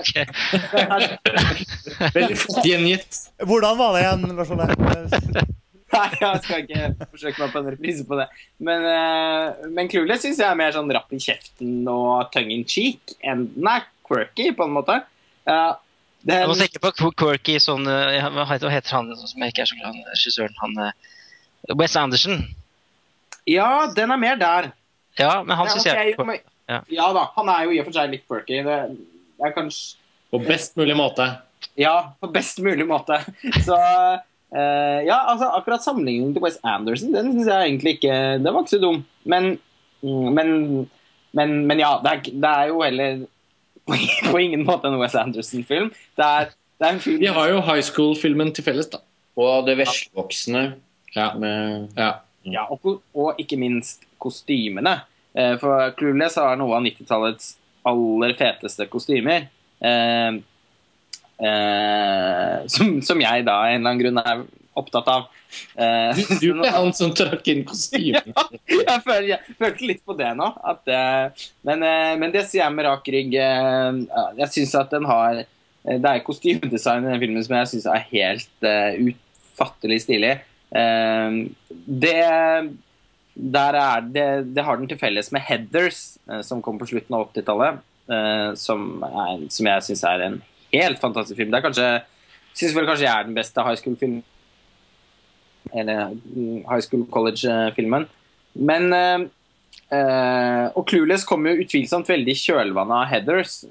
Den øh, sånn sardoniske, giftige tonen som, som, som er i, i, Heathers, er også veldig til stede i Clueless. Men Clueless er da på en helt annen måte også veldig sånn et 90-tallsbarn. 90 uh, den amerikanske liksom, populærkulturen igjen. Det er et tema vi har snakket om så mange ganger nå. at uh, at det snart blir på tide at vi vender tilbake til Europa igjen. Det gjør vi ganske snart, ser jeg på listen her. Men uh, den her eh, veldig sånn overflatiske eh, teenagerkulturen, da, er jo den filmen en satire på. Den bruker da den John Emma, er det vel av Jane Austen, som den har som, som, eh, som, utgangspunkt for å spinne en, på en, måte, en, en moderne versjon av den. da. Men den er jo Clueless er jo i likhet med Skrik eh, også en veldig sånn ikonisk film. altså Bare oppsynet til Alicia Silverstone i den filmen den klesgarderoben hennes som alle jenter jeg kjenner, eh, eller kjente den gangen, eh, drømte om. Eh, og syntes var det kuleste de hadde sett av all film, tror jeg. Og den sjargongen mellom de jentene og den, den er Jeg syns rett og slett den er veldig vittig, da. Ja, altså, jeg, jeg syns jo parallellen til Skrik er litt sånn fin. Fordi de, de hører jo litt sammen. Men eh, men altså, Clueless var jo Jeg syns jo nesten Clueless, sånn som jeg tenker på det nå, var mer Nesten mer ikonisk for sin tid enn Skrik. Fordi det Clueless eh, Skrik var jo ikke en film som folk drev og siterte. Og som liksom, det var en film folk så, og den var jo for så vidt kul og bra. og alt det der Men, eh, men vi snakker jo nå om filmen som er på 95.-plass, så det må jo, den må jo skille seg litt fra 100.-plassen. så jeg, syns det må trekke sånn her at Clueless var jo en av de virke... Den, den gled jo inn i dagligtalen, i hvert fall blant de jeg vokste opp med. Whatever. Ja, altså, er, ja, ikke sant? Altså, hvor, hvor skal man starte? Uh, og jeg, jeg vet jo at det er veldig mange av uh, mine venninner uh, som er veldig glad i den filmen. Jeg tror ikke nødvendigvis det bare var jenter som er glad i den, men, men det er noe med at den brakte jo også på banen noen ganske tydelige kvinnelige ikoner, da. Eller jenter. Altså kvinnelige Jo, men liksom sånn Ja ja, i det sjiktet der, oppvekstsjiktet, hvor Alicia Silverstones Cher eh, befinner seg. Det var på en måte Det var en rollemodell, faktisk, på et sett og vis. Men altså, da jeg var Da jeg var i 1995, så, så var så, Det her var en jentefilm. Det var f.eks. ikke Skrik på samme måte, følte jeg. da. Nei, nei jeg ser den. Og det var kanskje en av grunnene til at jeg på en måte ikke oppsøkte den filmen her før, før mye senere, sånn som Tor Joakim Tullius gjorde. dere på at jeg og Karsten også hadde en del jentevenner? Eh, Det er nok mulig vi har noe felles der, ja. eh, så, så jeg fikk den filmen ganske naturlig inn og likte det kjempegodt. da. Jeg Jeg, jeg gikk alltid i klasser hvor det var to tredjedel jenter eh, og en tredjedel gutter. Og da følte jeg liksom at eh, den nødvendige liksom, samtalebalansen ble som regel skjøvet i ganske mange forskjellige retninger. da. Eh, og det er jeg jo bare dritglad for, så det har jo ingenting å si sånn, i store bildet. Men det gjorde jo at enkelte filmer, og, og Clueless er jo et klasseeksempel, den så jeg jo Jeg mener å huske at jeg, jeg mener å huske, jeg er ikke 100 sikker, men jeg har minne om at jeg så den i en sånn bursdag. At det var en sånn Den skal vi se i bursdag. Ja. Eh, Og vi var jo ungdommer, så det var ikke sånn helt barnebursdag, men det var definitivt Clueless som sto på planen. Um, Hos meg var det mer sånn Waterworld og sånt. Ja, det så. Altså, jeg og Martin er jo, var jo 18 Ja. år, så det var litt, sånn der, litt skummelt å skulle sitte og se på high school jentefilmer da. Altså. Det var ikke helt skummelt. Hadde liker hvordan generasjonskløften blir helt sånn akutt når man snakker Ja. om Ja, ja, det er jo så- seg ikke i det hele tatt. Jeg sier, hadde dere gått så så, så hadde det ikke vært helt sånn. Det var, fantes ikke musikk, dans og drama på den tiden. Vi hadde ikke det. Det er så stort. Ja, der måtte man, eh, måtte man eh, ta på seg strømpebuksene og danse til Vivaldi i i speilsalen uansett, så da var, det, så var det ikke så farlig med Clueless. Men for å bli litt alvorlig om Clueless, da, det er ikke en film som fortjener å bli tullet bort, egentlig. Altså, den, den har jo Ja, men seriøst, da! Jeg er helt enig. helt enig. Jeg Ja. synes det var veldig morsomt at du sa det på den måten. Ja, men den hører jo til i en sjanger som Den har jo en Den er jo omkranset av en sånn underforstått humor og en sånn selvbevissthet. Og på alle mulige måter en evne til å liksom pinpointe den generasjonen ungdommer på den måten som den gjør det. Og, og det er det så utrolig mange filmer som prøver på på 90-tallet, men også nå i vår tid, men på en helt annen måte. da den, den, den, den får til å portrettere noe med en sånn spissfindighet og, og innsikt i oppførsel. Som selvfølgelig er mye mer karikert, og til og med ta Days and Confused. Altså, de er også veldig forskjellige, men vi har vært inne på dette med at det er en del high school-filmer her. og Vi kommer jo tilbake til Wes Anderson, men ja, altså jeg syns Clueless, uh, Clueless er uh, usedvanlig vellykket på det den prøver på. Mm. Og, og man, må, man må jo tross alt, og det skal vi også ende opp med å gjøre, for det kommer noen utrolig sære filmer også etter hvert, som fortjener å bli forstått på de premissene de legger for seg selv. Mens Clueless er mye mer mainstream, men også jævlig sær. da. Mm. Den er jo ikke en sånn Jeg vet ikke hva du tenker om det, Svein, men den er jo ikke liksom Ja, jeg føler liksom at jeg husker den som mer og mer sær, desto mer jeg tenker på den.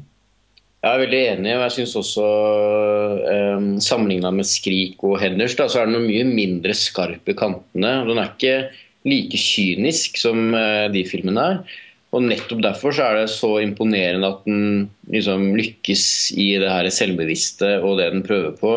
og har så utrolig mange morsomme Den, den har så sitatvennlig dialog. Da, og det er så det er liksom bare en, en, glede å sitte og følge med på, på de ungdommene. Hvordan de, de opplever verden. Um, ja, nei, og, det, og, den fikk jo også en, en TV-serie uh, Det kom en TV-serie i kjølvannet av filmen. Uh, og jeg også husker flere jenter som var uh, bemerkelsesverdig like de karakterene fra filmen. Men da var det kanskje TV-serien som hadde eller jeg vet at det var TV-serien som, som, gjorde mest Eller som liksom satte mest merke på dem, da. Men det var jo uh, Ja, nei, det, var, det var liksom noe med den filmen jeg tror kanskje det er lett å undervurdere den innflytelsen den hadde på et vis. I hvert fall det portrettet den hadde av ja, spesielt jenter da, på den tida. Ja. Jeg, husker, jeg, jeg, husker, jo W-tegnet med hendene, selvfølgelig. Liksom.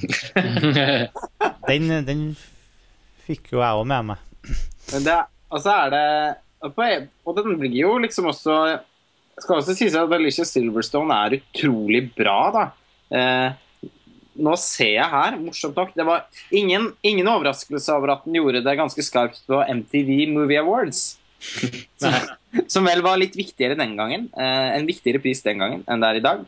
Men eh, eh hun vant faktisk også prisen for Best Breakthrough Performer fra National Board of Review. Ja. Eh, og, sier, og, og, filmen var eh, nominert eh, til Writers Guild of America for beste manus. Og den er liksom, det er også en film som, eh, som har ganske mye kred. Eh, det er ikke bare en sånn nostalgifavoritt eh, som, som, har fått en eller annen sånn following. Fordi Det er ikke noe tvil om at det er, i dag er jo rett og slett en, en, en kultfilm. Men den ble den ble møtt med veldig respekt uh, når den kom. Og jeg tror nok også, også, det handler litt om at den blir Den er ganske rørende òg, er den ikke det? Mm. Jo, selvfølgelig. Jeg synes den er, det er jo en kjærlighetshistorie der. Ja, med han stebroren og henne. Mm. Som uh, husker, Sånn Rom og Julie-aktig Ja, som er veldig engasjerende. Mm. Jeg, husker, jeg, husker, ikke noe av det. og, og igjen, da, kostymer Hele liksom, produksjonsdesignet, kostymet sånn, er virkelig helt utrolig stilig, da. Mm. Ja, nei, jeg syns Clueless er helt super. Og, og jeg, jeg ville følt at listen vår ville vært langt fattigere uten en sånn type film. Fordi det er jo Å kåre de filmene vi driver på med nå, det er jo en sånn utro, utrolig vanskelig balanse med å liksom støte på den der følelsen hele tiden at ting skal være en sånn velutdannet uh, smaksøvelse.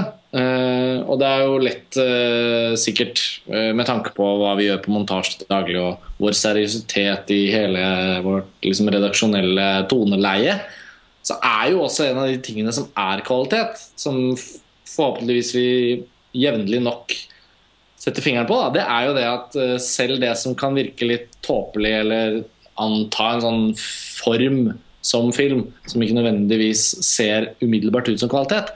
Bak det så bor det jo utrolig mye interessant som man lett kan bli blind for hvis man tror man skal ha nesen høyt hevet og bare se etter det som er ja, flott og fjongt og skrevet tykke bøker om. Da er det selvfølgelig skrevet bøker om Clueless også, det er jo ikke det. Men ja, jeg syns Clueless er, sånn, det er en sånn type film jeg ville vært veldig lei meg for å miste fra en liste som dette. da.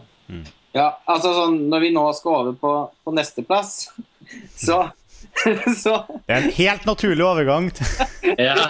Er det jo. Nei, men jeg er bare jeg er veldig enig i det du sier, da. Det har vi jo snakket mye om når vi jobber med listen òg. Um, man, man, kan ikke liksom Man kan ikke skjemmes for å ha med noen av de popkulturelle uh, favorittene heller. Uh, så fremt man kan faktisk argumentere for at de fortjener en plass uh, og har en innflytelse. Og det syns jeg ikke det er noe tvil om at Clueless har. Um, og det blir jo selvfølgelig fryktelig kjedelig hvis man bare skal ha Carriere Cinema-titler på, på, på, listen. Og nå sier jeg Carriere Cinema-titler. Det er nesten ingen som, er så, som mesker seg så mye å ha med popkulturelle filmer på topp 10-listene sine for året som Carriere Cinema. Så nå motsier jeg Du mente i en slags overført betydning? En slags misforstått forståelse av hva som egentlig er filmintellektualitet? Ja, ja. Og som vel er en, en, misforstått oppfattelse av montasje. For det er vel få som kan være så tvers igjennom uforbeholdent uh, vulgære uh, som oss hva gjelder liksom, amerikansk popkulturell film heller. Det vet vel alle, noen av de aller mest illsinte i kommentarfeltene opp igjennom ganske godt om. Så denne overgangen vi er på vei til å snakke gjennom nå Du, er la, ja. la meg få lese beskrivelsen av den neste filmen på, som IMDb har å komme med. Vær så snill. Ja. Det er altså en russisk film. 97. Mor og sønn, mother and son. Mat i synd. Regissert av Aleksandr Sokurov. Og IMDb skriver følgende en, en seig og gripende historie om kjærlighet og tålmodighet. Fortalt via en døende mor som er nursed av hennes eh, kjære sønn. Med et enkelt narrativ som er sydd sammen av dypt spirituelle bilder fra landsbygda. Her har vi på en måte i, i skarp kontrast til, til Clueless. Der er altså vår, eh, vår film nummer 94. 'Mor og sønn'. Ja. Eh, kanskje den filmen av de vi har vært innom foreløpig som jeg tipper færrest har sett. Nei, Jeg tror det er flere som har sett den enn som har sett uh, Cold Water til Asayas. Ja, ok. Mm. Ja, det tror jeg. Den Cold Water er jo så vanskelig å få tak i. Så dens eh, spredning har vel begrenset seg selv. Eh, Mor og sønn er jo litt en sånn Arthouse-favoritt. Eh, så det er, det er ganske mange som har sett den, tror jeg, av Ja, det er kanskje. Mm. Ja, jo, det er, nå, nå vet Dette er ikke vitenskap, men jeg, det er mitt inntrykk, i hvert fall. Altså jeg er enig, jeg tenker liksom at altså Jazz er nesten såpass forskjøvet til en sånn mellomting mellom kommers og kunst. Og litt fransk. og Det er sånn mange ting som gjør at han har litt vanskelig for å komme fram. Og i hvert fall en film som Cold Water. Mens Sokkerov har på en måte, han har alltid vært en sånn uttalt uh, Arthouse-favoritt. Mm. Og filmene hans er gitt ut, mange av de, fleste av de egentlig. Jeg synes jo faktisk det er det kan, Et kort søk synliggjør jo at det kan virke lettere å få tak i en Sokurov-film enn en Asayas-film på DVD. for å si det sånn. Av de tidligere, da. Så det kan man jo skyte inn. Men ja, nei, men eh, alt spøk til side. Eh, Her er vi inne i et eh, spennende liksom, felt av filmene fra 90-tallet og listen for øvrig. Jeg må skyte inn at dette er en av de andre filmene jeg ikke har sett. da. Så det er jo et morsomt paradoks. Men, du har eh, sett andre filmer av Sukkerov. Eh, ja, absolutt. Og dette var, eh, dette var rett og slett bare et resultat av at timingen ikke gikk opp i det store bildet. Den er jo tilgjengelig på DVD, så jeg vet jo at jeg kommer til å få sett den. Kanskje til og med jeg har sett den før hele listen er publisert. hvem vet. Men la oss høre litt. Fordi det, Beskrivelsen bekrefter jo på en måte klisjeen om kunstnerisk ambisiøs russisk film. Martin. Ja. Martin? Ja. men jeg, jeg kan i hvert fall si at jeg syns eh, Jeg er veldig glad i den ideologien da, som på en måte ligger under denne filmen. At det er det her eh, langsomme, bildesentrerte, eh, kunstneriske greiene. greiene. Så er det jo dialog. Dialogen er poetisk, stort sett. Blanda med litt sånn hverdagsdialog. Eh, og så er det selvfølgelig noen elementer som jeg synes ikke, ikke er sånn kjempefantastisk visuelt, syns jeg. For det Sukkerov har en tendens til, og det vet jeg at han gjør i andre filmer, å trekke ut bildet i kantene. Litt sånn fiskeøyeaktig eh, sak.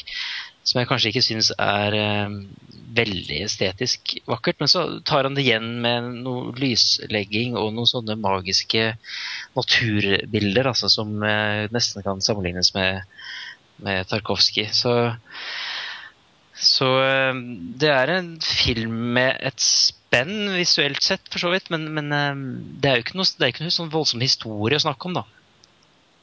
Det er det jo sjelden i filmene til Sukkerov. Altså han tar den russiske arken, da, som, som først og fremst på en måte er enestående fordi den er skutt i én tagning.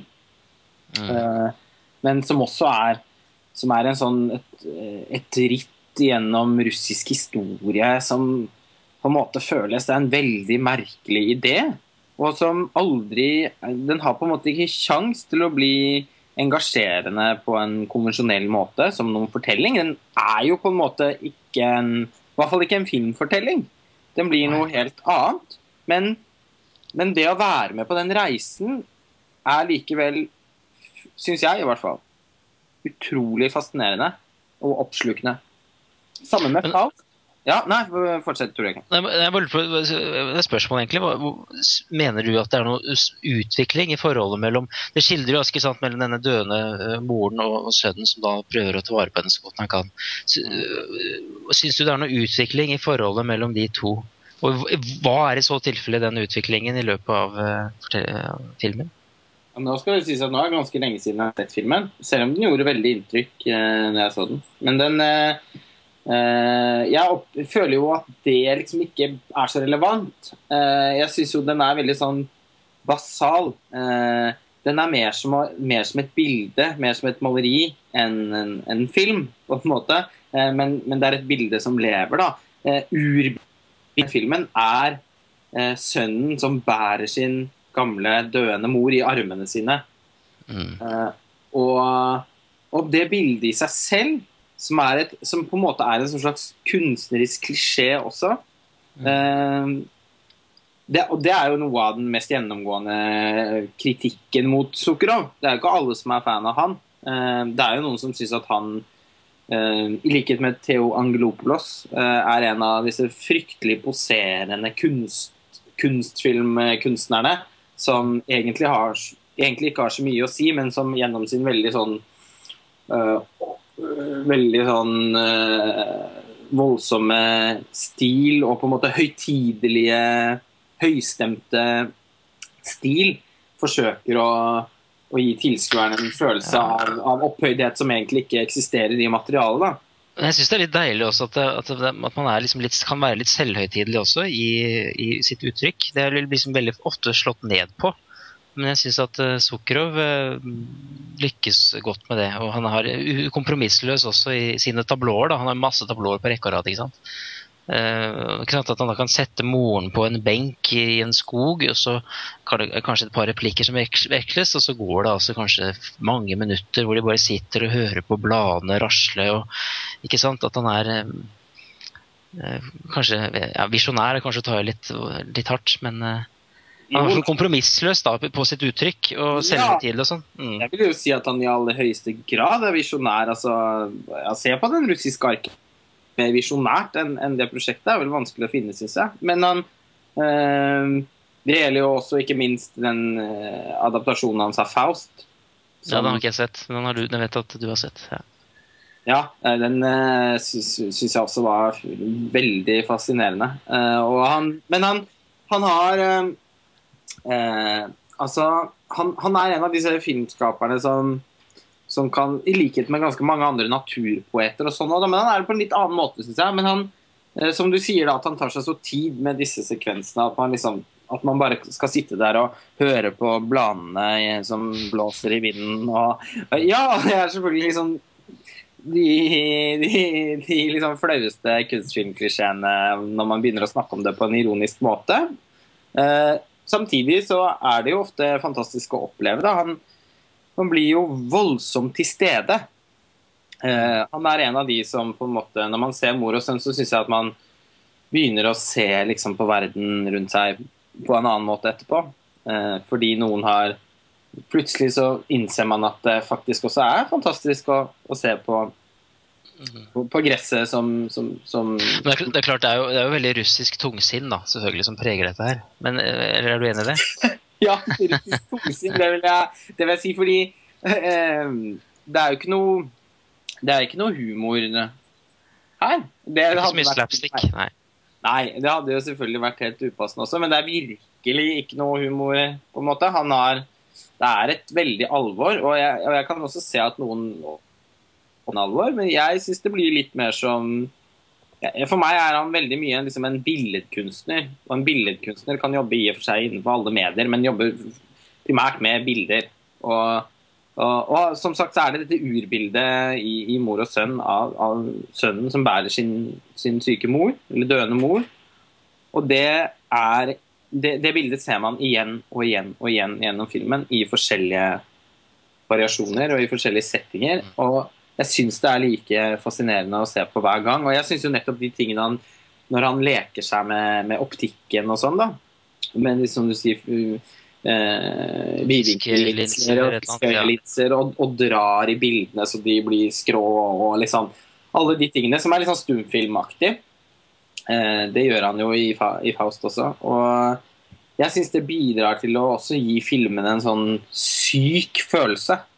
Eh, en følelse av, eh, av et eh, På samme måte som, som mange av bildene til Edvard Munch, på en måte, da. Som som jo denne som, som, som ikke er en helt Som ikke er en relevant referanse i forhold til spesifikt denne filmen. Så gir også en sånn følelse av, av sykdom og død og eh, Jeg syns at det er en intens uh, sanseopplevelse å se den filmen. Det er vanskelig å sitte og snakke om uh, Og den er gripende òg, syns jeg, i sin liksom I sin en, nesten for sånn forstummende enkelhet. Uh, dette er jo en av Nick Cave sine favorittfilmer. Vanskelig å se hvorfor, tenker jeg. Men, men det jeg syns er fascinerende Nå har jeg bare sett, nå har jeg bare sett noen scener fra mor og sønn, og, og, og jeg kjenner til et nok av såpeprøve til å skjønne hvor, hvor filmen ligger i landskapet. Alltid hatt veldig lyst til å få sett den, så liksom, ja. I og med at jeg ikke helt rakk det nå, så føler jeg jo likevel at, at den er veldig aktuell. Samtidig så, så har vi jo nå vært gjennom et knippe filmer som er veldig veldig langt unna det Aleksandr Sukhurov holder på med til nå på listen. Men uh, gjennom alt vi har snakket om, alle filmene vi har snakket om, listen som helhet, så føyer jo Sokurov seg inn i en tradisjon som er veldig viktig å representere når man eh, liksom ja, hopper fra, hopper fra tieren og sier at og sier at vi liksom skal ha 90-tallets 100 beste filmer. Da det, det krever jo noe å svare til. da. Og det fins jo disse filmkunstnerne som Sokurov, som et knippe andre regissører som vi kommer til å komme inn på, som jobber med helt andre rammer for hva de er ute etter å uttrykke, enn det, enn det som nødvendigvis er eh, vanlig da, i hermetegn på kino, som selvfølgelig er definert av amerikanerne i hovedsak, eller franskmennene, for å snakke om noe europeisk. Og Derfor syns jeg jo Sokurov Faust er jo et annet godt eksempel. Det er en langt nye, ferskere film som vant Gulløven for, for noen år siden. Men, men, eh, men også det at han både svarer til sin egen russiske tradisjon, samtidig som han ser ut til å se etter noe annet, da, hjelper jo den rammen han eksisterer innenfor, hjelper jo liksom også tøyle den. Selv når man snakker om liksom at, at film kan være sånn veldig kunstnerisk og veldig alvorlig, og da russisk alvorlig kunstnerisk film høres ut som bare ett eneste begrep på all russisk film. Men innenfor nyansen av det så ser man jo også hvordan Sokurov tar visse steg i en retning som ikke de andre gjør.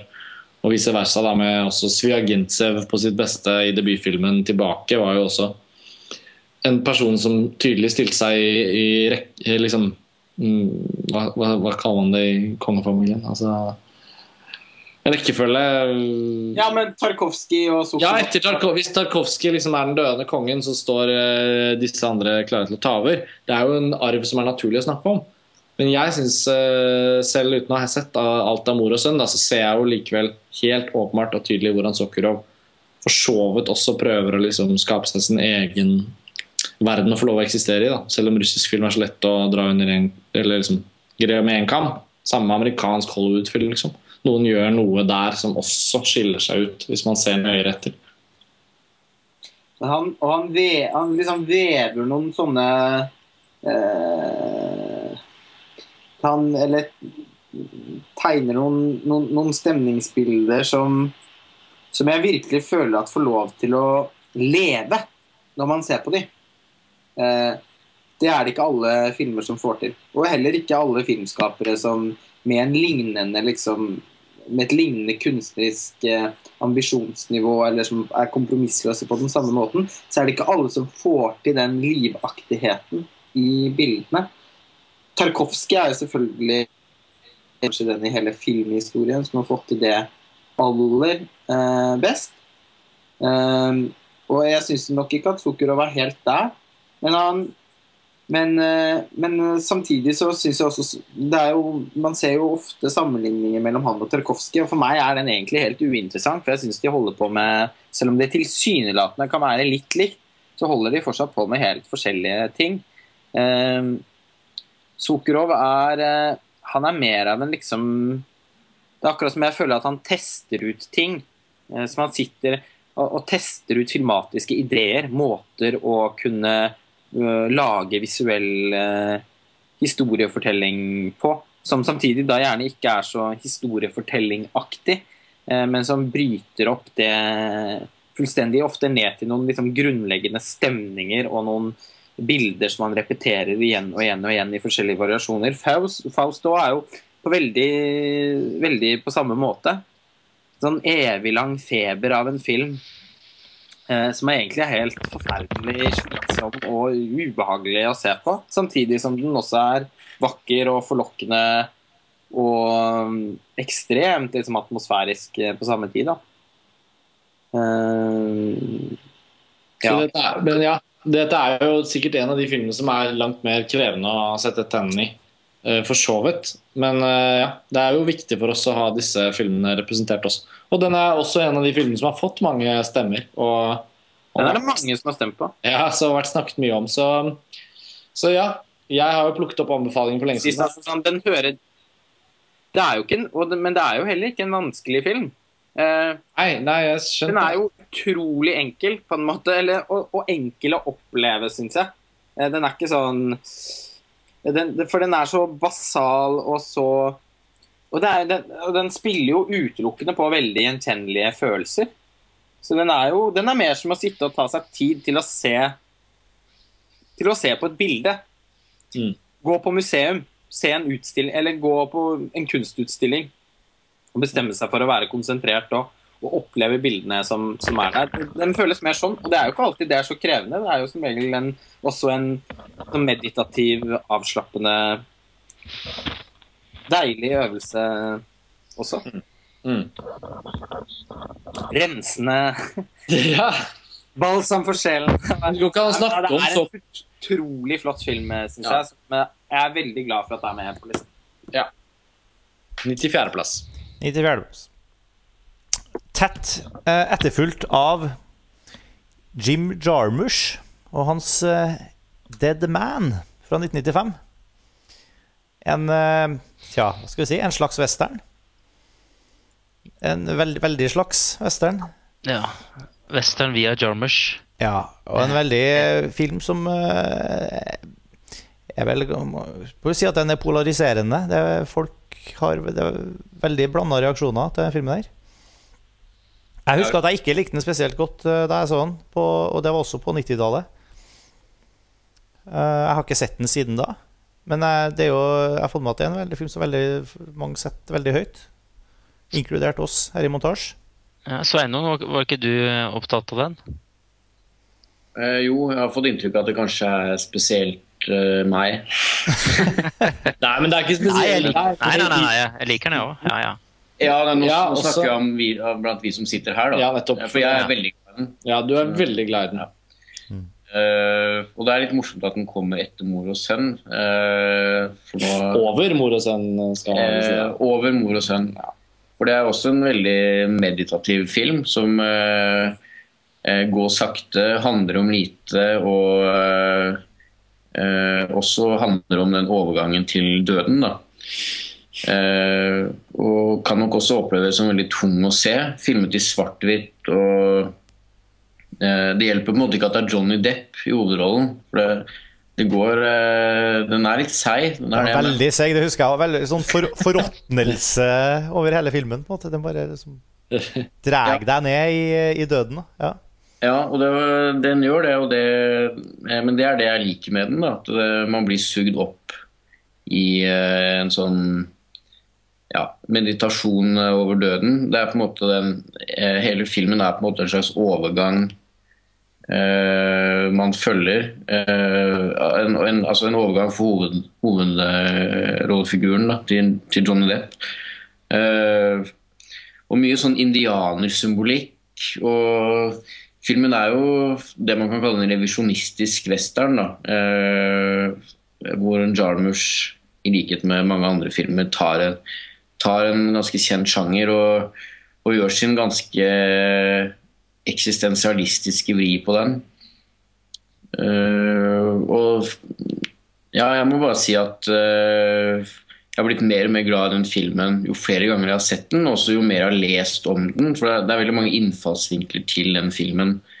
Uh, faktisk. Som eh, alt fra hvordan, hvordan den forholder seg til uh, indianernes historie, uh, til mer sånne referanser som Jarmusch uh, bruker. hovedrollefiguren heter jo også William, William Blake. Eh, og det er mye sånn poesireferanser der som ikke, er påklistra på noen som helst måte, men mer som en, en veldig sånn integrert uh, Mer som integrerte referanser, da. Som, uh, som jeg syns styrker filmen veldig. Uh, med musikk av Neil Young som er veldig suggerende. Veldig man, man blir liksom dratt inn i filmen på veldig mange plan, syns jeg. Så Ja, det er, det er, det er Så noe har, har en litt sånn realistisk eh, vold på en måte inni liksom dette rare universet. Det, la jeg, det husker jeg la merke til. Ja, realistisk, men samtidig litt malplassert. eh, og litt eh, Det er også noen ganske sånn urealistiske voldsscener der. Annet et hode som blir tråkka på. Ja, stemmer. Den, ja, ja, den scenen husker jeg godt. Ja.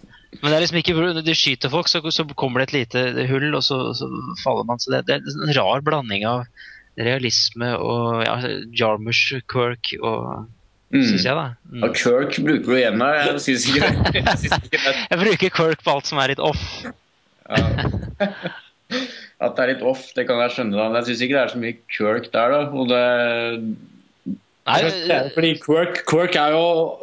Det kan jo det er lett å bruke det ordet når det er Johnny Depp i hovedrollen, men han, han spiller jo faktisk en av sine mer, eh, mer eh, Neddempte roller, eller hva? neddempte roller, ja. Mm. jeg skulle si det. At liksom det er jo, det er jo, der syns jeg kanskje Jarmusch, selv om hans universer og rolletype, altså typegalleriene og sånn i mye av det Jarmusch har gjort, kan vel sies å være noe på den særere siden sett på sett og vis. Jeg syns jo ofte skuespillinstruksjonen, toneleie, måten replikker blir avlevert på, er ikke nødvendigvis så quirky, sånn som jeg leser det begrepet. da, Tor Joakim. Altså, eh, jeg syns heller de ligger veldig sånn lakonisk, nesten sånn Han og Kaurismäki er jo mm. litt i samme verden. Ja. Jeg syns jo Tim Burton og det med litt sånn ja, hva var det- Hvilken lyd var det du lagde, Lars Ole? Altså, Ja, nei, hva er- jeg syns kanskje det er et litt mer sånn uh, Wikipedia-aktig definisjonsmerke da, på Quirk. Eh, Ja, jeg, ikke, jeg, jeg deler ikke helt den definisjonen, men det er greit. Det. Nei, det er greit. nok. Vi trenger ikke løse den floken nå. Han er jo ganske quirky, han indianeren eh, som sitter ute i ørkenen der. Det er vel litt quirky. Da, jeg vil si at han, Ellers så er Han er en sammensatt person. Da. Han er jo snakker Corny. Corny er han indianeren. Han er mer corny, ja. ja, det kan jeg. jeg er Og også ting som er corny i film, det syns jeg ikke er noe særlig. Men uh, Nei, Men det, jeg syns ikke han indianeren ja, Nei, men uh, ja. Kan diskutere han indianeren, men uh, det er ikke mitt favorittelement i filmen. Han, indianeren er også litt Han blir litt han, eh, han blir litt overdreven da, til tider. Med, han snakker, sier vel noen sånne ting som at 'stupid white man' og det, det er en del sånne eh, sitater fra han indianeren som bryter litt med filmens ganske eh, dempa uttrykk ellers. Men, men for meg ødelegger ikke, det, ødelegger ikke det filmen i det hele tatt. Da. Deadman eh, er vel her også som en ganske relevant representant for ikke bare Jim Jarmusch, men det, jo, det ligger jo en sånn kult-vibe i mye av de indie-filmene som ble laget på 90-tallet. Altså det man snakker om som indie-filmer i dag, med litt sånn do it yourself-innfallsvinkel og lett kamerautstyr, og her er det liksom ikke så mange involvert. Men indiefilm på 90-tallet, som er en veldig sentra, altså særlig amerikansk indiefilm på 90-tallet, det kan vi jo bare komme inn på med en gang. Jeg har allerede vært der med Dazed and Confused bl.a. blant annet. Det var jo ikke bare drevet frem av på en måte produksjonstekniske forhold, selv om det også var det. At man nødvendigvis ikke trengte så mye eh, eh, penger for å lage en film. 16 mm-kameraer gjorde det litt enklere, etc., etc., etc. Og senere på 90-tallet så kom jo også DV-kameraene for fullt. Men Jarmusch var vel også en representant for et veldig tydelig skifte i både tematikk, i hvilke mennesker som faktisk ble portrettert på film. at det var sånn gjennom hans filmografi, eh, både da selvfølgelig etter gjennombruddet på 80-tallet, da var det Stranger in Paradise kom, var det 84? Eh, ja, det var vel 84. Mm. Ja, og han eh, Han hadde jo på en måte allerede da startet med det, men jeg syns f.eks. Dead Man som, med Johnny Depp, som allerede da var ganske kjent og ikonisk i seg selv, og gjennom det å ta en så uramerikansk sjanger, og samtidig spille det veldig tilbake til det indie-universet han allerede hadde etablert. Formessig mye sånn, Han skjøt jo mange av filmene sine på svart-hvitt. Og, og, det var flere liksom, tematiske tråder som jeg, som jeg opplevde at i Dead Man var en forlengelse av de tingene han holdt på med. Mm. og, og jeg har jo underveis i våre diskusjoner sagt at Dead Man for meg aldri var den filmen som, eh, som helt uh, ble, ble hengende. Og det gjelder jo mange av Jarmers sine filmer. Men i lys av hvilken betydning han har hatt for et veldig viktig del, en viktig del av filmkulturen på 90-tallet, så syns jeg jo Deadman er en veldig relevant representant. da. Og jeg vet jo at eh, du, Sveinung, du er jo ikke alene om å sette denne filmen veldig høyt. Selv om i vår redaksjonelle gruppe så har det vel vært litt sånn at du har måttet kjempe den filmens sak. Mm. Men eh, nå som vi sitter her med listen, så er jeg på en måte eh, nesten mer enig med deg enn min subjektive oppfatning av det, fordi eh, Jarmers betydning er, er ikke til å komme bort fra. i det hele tatt. Jo, ja, jeg tenker nok, altså Bare at vi sitter og nå snakker om Jim Jarmers på den måten, vil nok noen eh, oppleve som direkte hårreisende. Fordi han er, eh, han er en viktig amerikansk eh, regissør på, på 80- og 90-tallet. Men på sett og vis det jeg også sa nå, at han er det. Uh, Ja, altså, jeg, jeg er jo, som du vet jeg håper, regner med at jeg er ikke alene om altså, Jarmers er jo ikke en sånn samlende figur, selv om han er anerkjent. Nei, men han er en som betyr veldig mye for eh, enkelte. Eh, Ja. Så han, eh, han er liksom en slags indie... Altså, han kan vel Han er litt sånn indie-filmens Tim Burton, på en måte. Han sa jeg nesten for, at du, for å provosere deg. Ja, jeg skjønner, men jeg, jeg vil gjerne bare føye til at jeg er veldig glad i Jarmusch generelt, men jeg syns jo Dead Man er hans kanskje mest modne film, i hvert fall på 90-tallet. Den filmen som eh, også skiller seg fra de andre filmene som er veldig lett å like, fordi han, han gjør liksom sin kule greie, og hvis man først liker det han gjør, så, så liker man alt og alt sånn. Jeg syns Dead Man skiller seg veldig fra, eh, fra det, da. Det er en mye mer eh, voksen film på en måte. En, en, eh, den, ja, som løsrevet fra hele det der kultaspektet. da. Ja. Det kan jeg skjønne litt hva du mener med. fordi og og en sånn, det skal jo sies at jeg er ikke noe eh, I likhet med Karsten, så har jeg jo aldri opplevd Klart å liksom bygge opp den helt store begeistringen eller fascinasjonen, rettere nok rettere sagt, for eh, Jim Jarmers. Han er for meg ikke en spesielt spennende filmskaper. Uh, og jeg kan være glad i andre som ligner en del på Jarmers. Han er jo veldig inspirert av Kaurismäki og vice versa, tror jeg. Så, eh, og Kaurismäki har jeg veldig sansen for. Eh, Men, men det er jeg vet ikke, det er, det er noe med han som aldri liksom har kicket helt inn hos meg. Men når det er sagt, så syns jeg jo noen av filmene hans er veldig fornøyelige. altså 'Stranger Than Paradise' for eksempel, synes jeg jo er en veldig, en veldig skjønn, fin film å se. Eh, som jeg liker veldig godt. Og 'Broken Flowers' uh, syns jeg er kjempe. Jeg har sett flere ganger. eh, og syns jeg liker kjempegodt. Så det er ikke noe sånn Eh, Dead Man er vel faktisk en av de Jabbers-filmene da som jeg ikke er spesielt begeistret for. Men jeg syns det er veldig mange langt viktigere argumenter enn min eh, personlige opplevelse av den filmen eh, som, eh, som veier eh, når man i, i, i forbindelse med hvilke filmer man skal ha, på, ha med på den listen her. Og jeg synes at det er en film som du sier da, Sveinung, som også har liksom snakket og skrevet såpass mye om, som også mange har funnet veldig interessante veier inn i. Eh, som gjør det til på en måte en selvskrevet film på listen. Og så kan jo Jarmers-entusiastene sikkert da spinne videre på diskusjonen rundt hvilken Jarmers-film som Deadman eh, var i hvert fall den eh, som absolutt flest hadde stemt på hos oss, da. Mm. Så det var vel ganske, ganske soleklart at, eh, at det var den som skulle være med. Ja, jeg, jeg, jeg syns jo kontra Kaurismäki at Jarmusch Jeg syns han er en mye mer spennende filmskaper. Jeg, synes, jeg liker Kaurismäki godt, men han har på en måte lagd den samme filmen i alle år, syns jeg. Mens eh, Ja. Jarmusch har eh, fulgt sin oppskrift, men tatt noen omveier.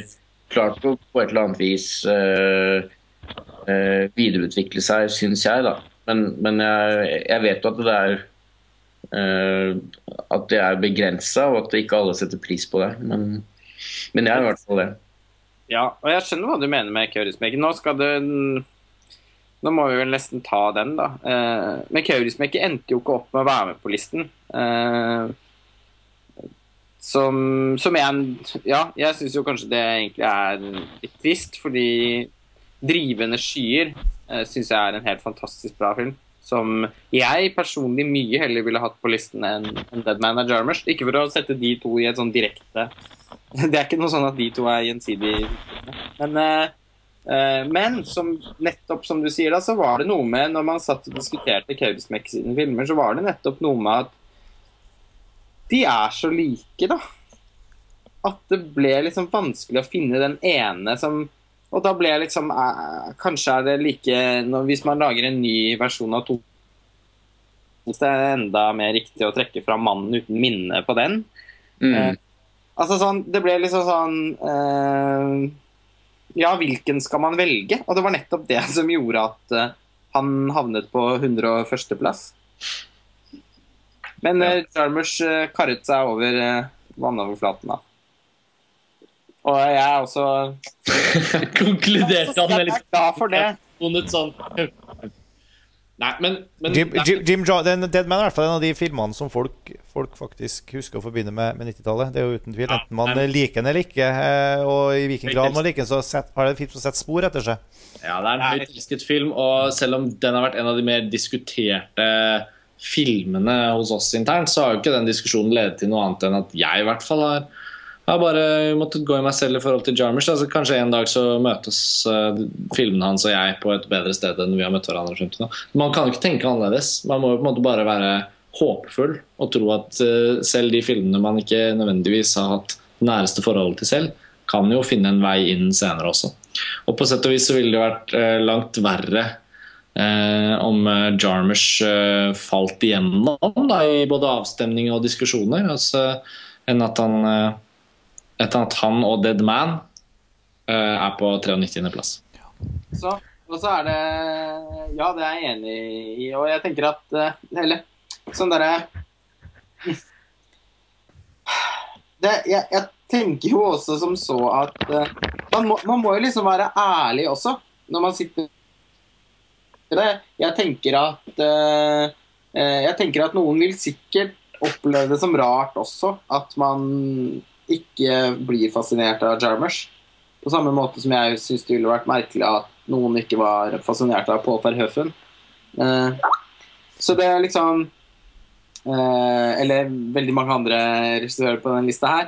Eh, så det, det er jo liksom Man må liksom også ta et steg vekk fra sin egen personlige smak. Da. Jeg ser jo ikke på det som en Jeg ser på det som eh, en uting at jeg aldri har kommet i, i nærkontakt med Jim Jarmusch. Jeg skulle ja, og jeg har fortsatt ikke gitt opp det. Jeg tenker at en dag Spesielt hvis jeg da kanskje velger å ikke se Permanent Vacation eller noen av de aller minst fascinerende Jarmusch-filmene igjen. Så, så, så er jeg veldig åpen for at vi en dag også møtes. Uh, og han er jo Jeg må bare si at jeg tror det er muligheter for det. da. Jeg tror også det er muligheter for det. Og så er det, det er jo noen, det er jeg også, det er derfor jeg sier det. Hæ? det er noen flotte bilder i Permanent Vacation nå, som det går an å ja, Ja. nei, men Den er ikke så stor. Eh, Du får invitere til Jarmusch-kveld, eh, Sveinung. Ja. Yes, Night on Earth, eh, det han gjør der, er ganske supert òg. den, er- liksom. den syns jeg er ganske super. Den er morsom. Ja, så det, det er Ja, jo det er ikke det. Jeg misliker jo det. Permanent Vacation er egentlig den eneste filmen han som jeg virkelig ikke liker. Uh, så er det noen jeg ikke har sett, men eh, eh, jeg fikk aldri sett den Limits of Control, som veldig mange har snakket varmt om etter at den først fikk sånn totalslakt. Ikke Martin. Løfter. Nei, for det er det jeg mener å huske. Og veldig mange andre har trukket fram den som sånn, en av hans beste filmer. Så Ja, jeg, faktisk, jeg, jeg må bare skyte inn at jeg syns faktisk at det er det. Uh, og den har også veldig mye til felles med Dead Man. da. uh, I å være nesten en sånn antifilmfortelling som bare driver framover og er veldig meditativ og bare nærmest bryter ned sjangre. Um, Det høres spennende ut. ja. Er det ikke Christopher Doyle òg på den? Jo, det stemmer. Ja, det er jo ikke en uting. Kanskje dette kan være innfallsvinkelen. Jeg har den på DVD, så jeg, har eh, virkelig, jeg skal virkelig få sett den. Han er i hvert fall en filmskaper som skaper litt motstand i Du må ha litt friksjon i, i seeropplevelsen. Og snakker, om, og snakker om ikoner, og da han som person også er jo ikonisk for eh, ja, da både i og for seg 80- og 90-tallet, men oppsynet av dette hvite, kule håret og solbrillene og røyken Ja, det er jo Han er jo et ikon. Mm. Det er jo ikke det at det er et argument i seg selv for at man skal ha med filmer på denne listen. Men på samme måte som liksom Richard Linklater ikke er et ikon, så på den måten så er Jim Jarmers jo også det. Jeg syns vi skal bevege oss over til et annet ikon, som har lagd eh, 90, eh, 92.-plassen på lista vår. Martin Scorsese. Ja. Og, og Casino. Som er, det er vel ikke en, Jeg går vel ikke liksom store sjanser ved å si at det er en film som er mye mindre eh, Ja, skaper mye mindre motstand. mye lettere å like på mange måter. Jeg tror folk eh, Noen vil si at de ikke liker overhodet Deadman, eller kanskje syns, liksom syns at det er en vanskelig film. Og sånt. Men Casino er på en måte, tror jeg, mer en Det er en så stilfull og på en måte skal du si, forførende film på så mange måter at det er veldig mange som har problemer med i hvert fall å ta helt avstand fra den. da. Men Um, samtidig var mottagelsen av den Den var filmen- lunken, det husker jeg. Ja. Men Ja, tross- nei, selv, om, jo, selv, selv om Casino har, har jo havnet litt i skyggen av andre Scorsese-filmer, så er det jo Mm, Jeg syns jo du har et poeng, Martin. Det er jo definitivt eh, En ting er at Martin Scorsese er så eksepsjonelt dyktig til å lage film, som vi har diskutert veldig mye. eh, eh, Både i andre redaksjonelle prosjekter på montasje og, og i dette. Men eh, det er jo noe med at uh, attraksjonsverdien i hele filmen altså Robert De Niro, Joe Pesci, Sharon Stone, Las Vegas, uh, liksom penger, mafiakorrupsjon altså Det er noe med at alt i filmen har en umiddelbar. Hva? Og, og volden. Ja, Altså, volden, altså Det er noe sånn umiddelbar filmisk attraksjonsverdi. Som, det havner inn i den Det, det, den er nesten litt pulp, da. Det er veldig, jeg, Ja, jeg, er jeg, litt- jeg føler at det er veldig sånn style over substance over en film som Casino. Den er, det er, er style over substance. ja, den er, den er så utrolig severdig, da, selv om jeg egentlig ikke kan eh, finne noen sånne kjerneting og, og Altså Den er på også en måte, på en måte veldig enkel. Da. ja, men Jeg syns den, den er faktisk en av, en av Scorseses best fortalte filmer. Med, spesielt med tanke på at den varer, i, den varer vel i tre timer, eller Ja, nesten. Ja, ikke så langt unna. Nei, den varer omtrent i tre timer. Den er veldig bra. Og den er jo Ja. Den er, den er utrolig godt fortalt selv til en Scorsese-film å være, da, synes jeg. Altså Mange filmer varer jo i 90 minutter, men jeg tror introen i Casino varer vel i ca. 90 minutter. Den gjør det. Men introen er jo også det kanskje den Det er jo helt den, den biten jeg gjerne vil se om igjen. Da. Ja, men de første 90 minuttene av Casino er helt komplett enestående. Jeg er den første til å erkjenne at jeg syns ikke Casino handler om så mye. Og det er jo en grunn til at eh, det føles riktig å ha den på 92.-plass av 90-tallet, på tross av alt. Men den er jo samtidig også en av de topp ti best lagde filmene, kanskje, på 90-tallet. Og så må man liksom veie ting opp mot hverandre, da. Den, den har noen filmskap, det er noen filmskapermuskler som flekses i den filmen, som er noe av det drøyeste jeg har sett. Det er på linje med den timen i midten av Magnolia rundt det quiz-showet. Det er en montasje som varer i 1 time og 10 minutter eller noe. Ja. Eh, det er som du sier, altså det er De 90 første minuttene eller der omkring av Casino er en eneste lang montasje med multiple Voiceovers. Eh, altså, ja, parallelle fortellerstemmer som løper opp. Og er liksom en evigvarende montasje. Kameraet står aldri stille. Hvert eneste klipp er sånn hyperpresist. Og musikkbruken er, og skuespillernes timing Det er sånn helt sinnssykt ekstravagant høyt nivå på det Scorsese gjør der. Han, har, Altså, er- ja. han startet jo litt opp i Goodfellas, og, og, og så bare bang, slynget han det av gårde. Jeg syns jo Cape Fear også er egentlig helt superfet. Eh, Ja, ja, det er helt så, utrolig bra, den òg. Og den er også en av de som, som, som lukter på, på, på Ja. og, så tok, tok Scorsese det litt ned igjen med den kundun. Han ble kanskje ferdig med kasino. Da var det sånn OK, da har jeg gjort det. si at Scorsese har en eh, Casino eh, og Cape Fair og Casino er på en måte litt sånn De Palma-filmene til eh, Scorsese, føler jeg. Mm. Ja, Eh, er relevant. Veldig aggressive. Ja. ja. Ja, og de har den derre vanvittige filmskaperenergien som jeg ikke kan forstå at hvis man Altså, man må jo hate film for å, for å ikke like det, tenker jeg. Eh, de, hvis man ikke sitter med munnen åpen etter ja, Det er ikke sikkert man orker 90 minutter hvis man bare syns det er slitsomt, men at man ikke på en eller annen måte i kroppen sin kjenner en begeistring i løpet av de 20 minutt, første minuttene eller noe, i hvert fall da, av kasino, det er for meg uforståelig. Ja. Nei, altså, det er Det er film. Men så må man jo bare snakke om det faktum at også Ja, OK eh, 90-tallet, paradoksalt nok, står jo liksom ikke igjen som Scorseses mest betydningsfulle tiår.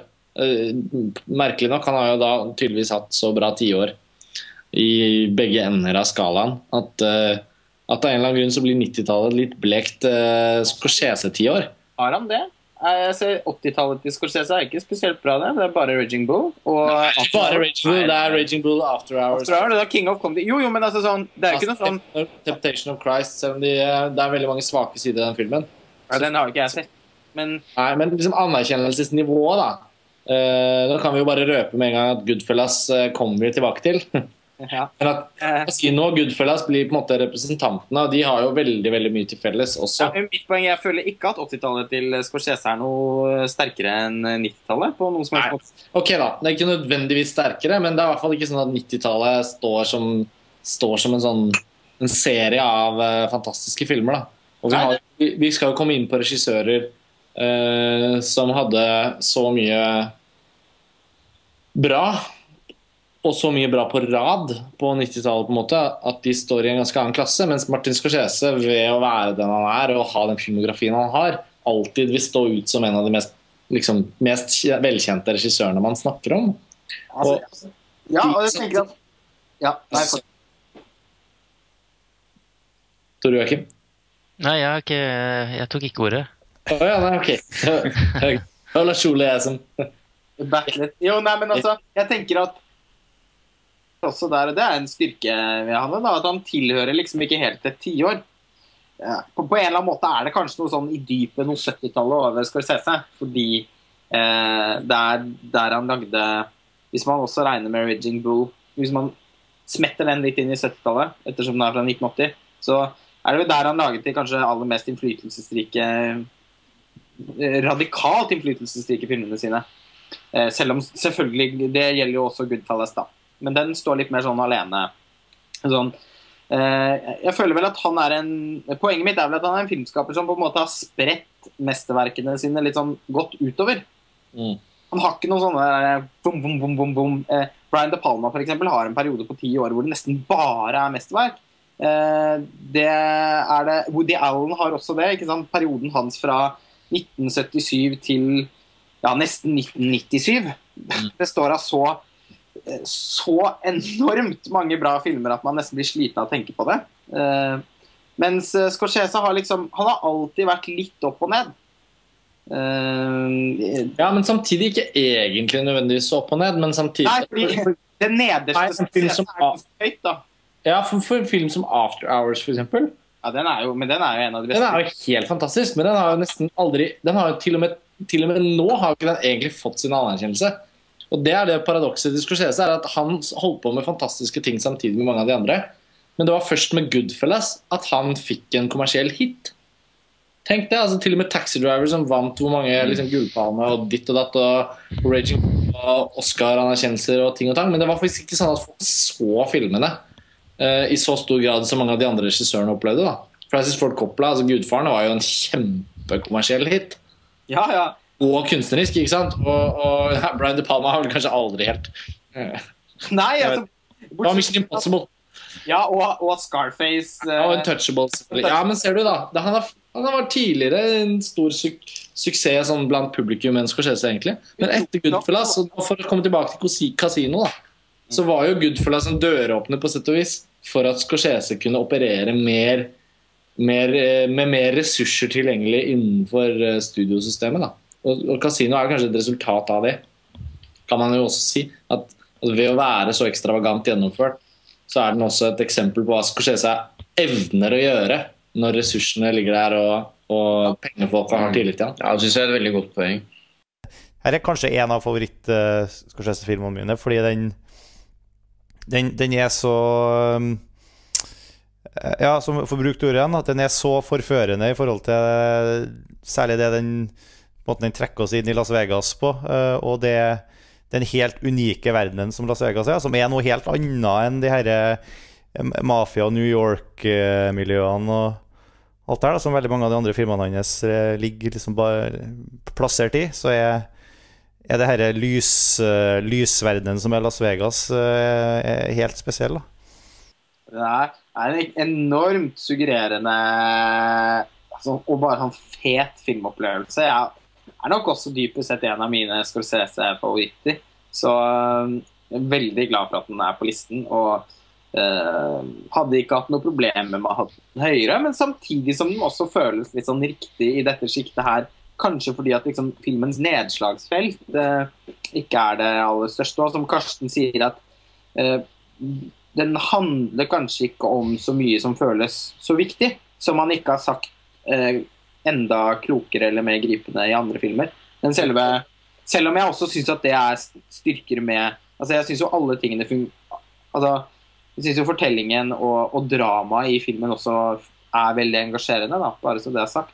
Men, men samtidig så representerer jo også liksom Casino Man kan jo si at eh, Cape Share og Casino representerer liksom også inngangen til Scorseses andre fase som filmskaper.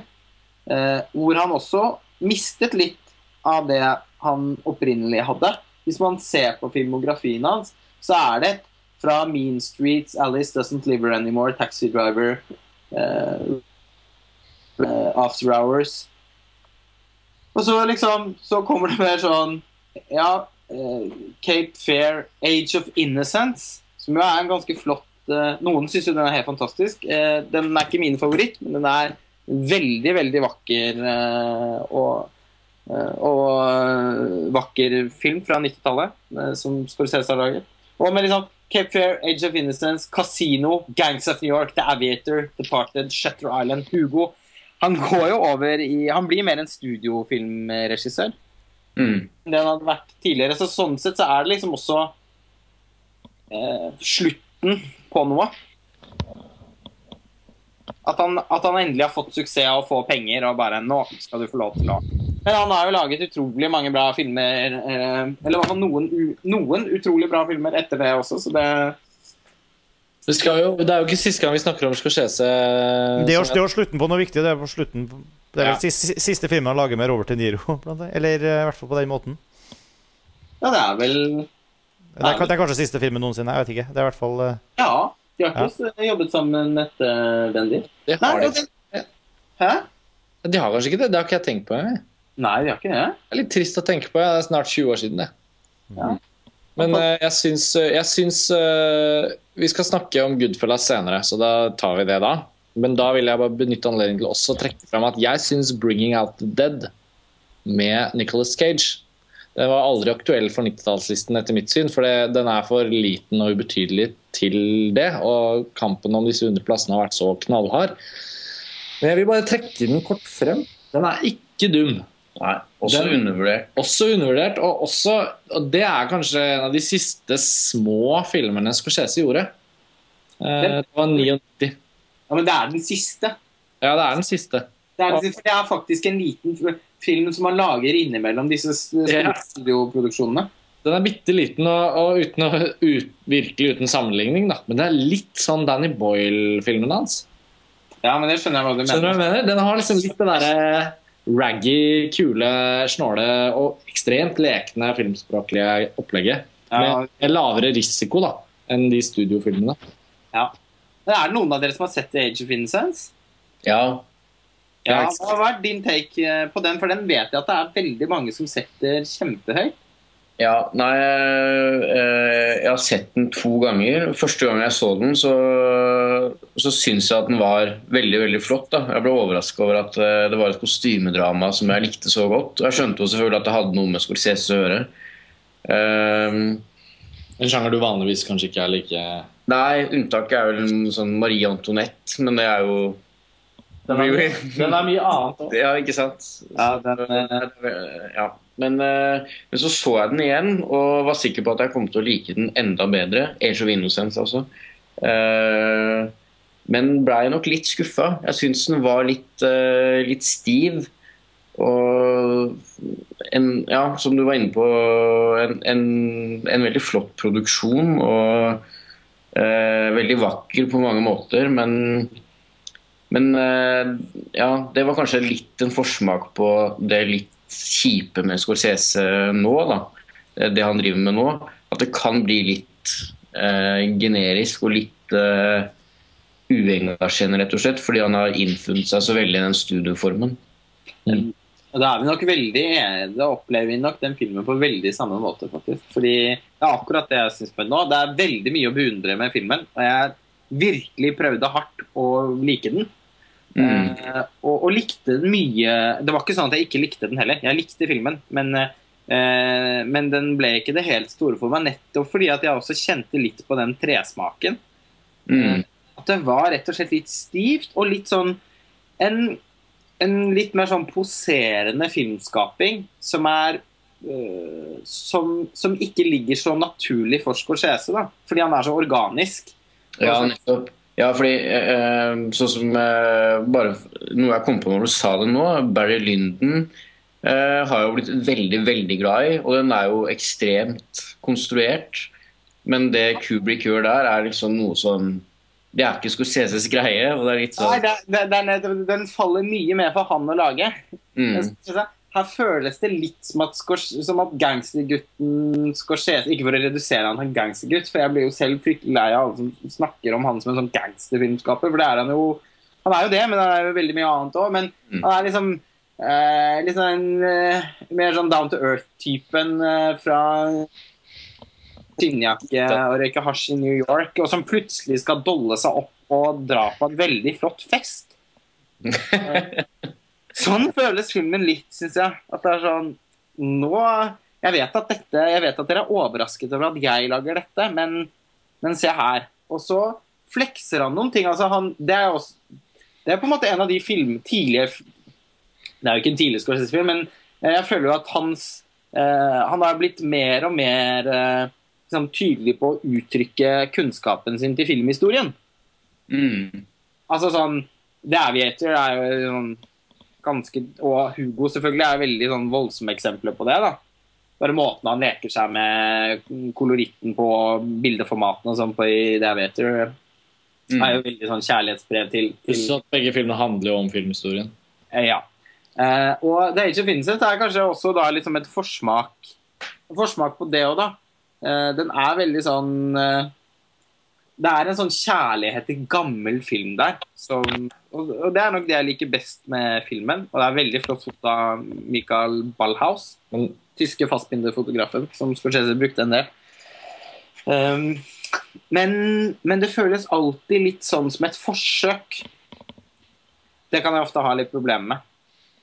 Nå kommer jeg også på at jeg tror jeg har sett en dokumentar en gang hvor eh, Scorsese refererer nettopp til Barry Lyndon eh, i Det er noe med det forholdet der hvor, hvor han skal prøve å eh, det, er, det er veldig tydelig at han er inspirert av Kubrick da, Barry Lyndon, og skal prøve å få fram noe av det samme eh, følelsesmessige i det der kjølige uttrykket. Eh, og da blir det liksom ekstra uh, tydelig at han uh, dessverre ikke er i nærheten av det mesterverket Barry Lyndon er. da. Han Eh, elsker jo, han forguder jo Barry Lyndon. Han snakker mye om den i den uh, a, journey, a Personal Journey Through American Movies, er det vel den heter. Den er Ja. herlig. Det er jo faktisk nesten en film som kunne vært på listen. Men som Ja. vel kanskje blir litt for, lite, for mye historietime og for lite film til å Altså, jeg, jeg er den første til å være glad for at vi dedikerer mye tid her på podkast til filmer som er på 101. og 102. plass, og 103. plass kanskje til og med også. Men, men det, det er kanskje litt sånn at det føles Man må i all ærbødighet stoppe opp et sekund ved Scorsese, da. Eh, fordi han har gjort han har gjort veldig mange gode filmer som ikke er på den listen, selvfølgelig. Og når vi gjør 80-tallet, så, så får vi snakket om Scorsese igjen, garantert. Men, eh, men ja, disse TV-prosjektene hans også er jo virkelig er jo virkelig i en klasse for seg selv. altså Ikke noe Mark Cousins uten eh, Martin Scorsese, for å si det mildt. Nei? Eh, eh, de er utrolig fine, både den og Personal Journey Through Italian. Eller hva, hva kaller han Italien sin da? Nei. Voyage uh... My Voyage to Italy eller noe sånt? Ja, ja. Den har jeg ikke sett. Jeg har kjempelyst til å se, men det har liksom aldri blitt sånn, dessverre. Men Så- eh, når, når, når vi var inne på Scorsese, da, så var jeg jo glad vi tok den runden. Men Age of Innocence fikk jo nå, fikk jo nå kanskje litt mye tid. Men eh, sånn er det. men eh, han Vi, vi, vi unner deg det, Martin.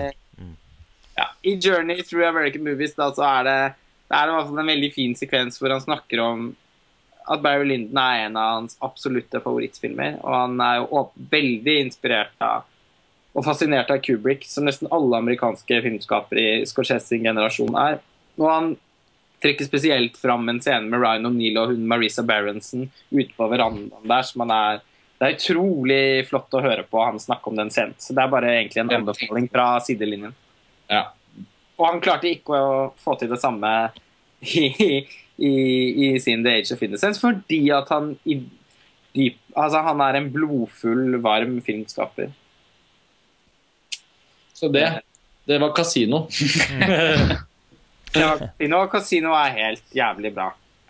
Jeg tror vi fikk eh, naila den ganske godt uh, umiddelbart, egentlig. Det er vel ingen som er i tvil om kasino. Casino. Eh, og det er vel en av de filmene til nå på listen som sikkert flest har sett også. Og nå over til fransk film, faktisk. Eh, nå skal vi eh, snakke om eh, 91.-plassen på lista vår. Det er en film fra Arnaud Desplechin som heter Comment je me suis disputé, eller Ma vie sexuelle. Eh, den har vel også en engelsk tittel.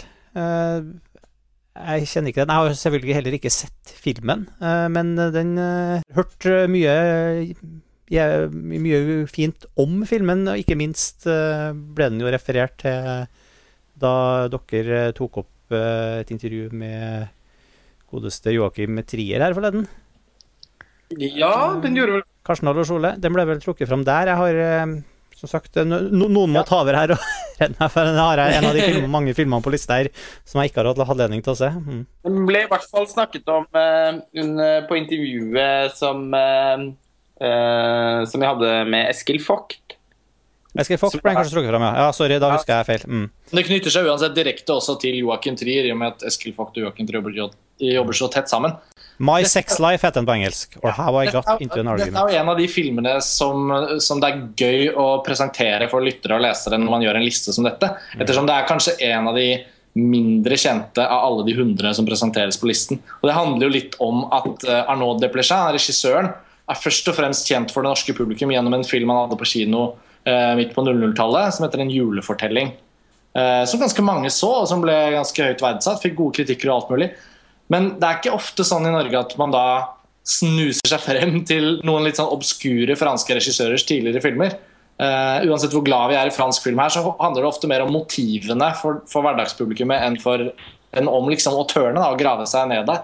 Så det var vel litt via den, uh, at filmen har hatt en uh, betydning for Joakim Trier og Eskil Vogt at vi fikk litt snusen i den, hvis ikke jeg tar helt feil.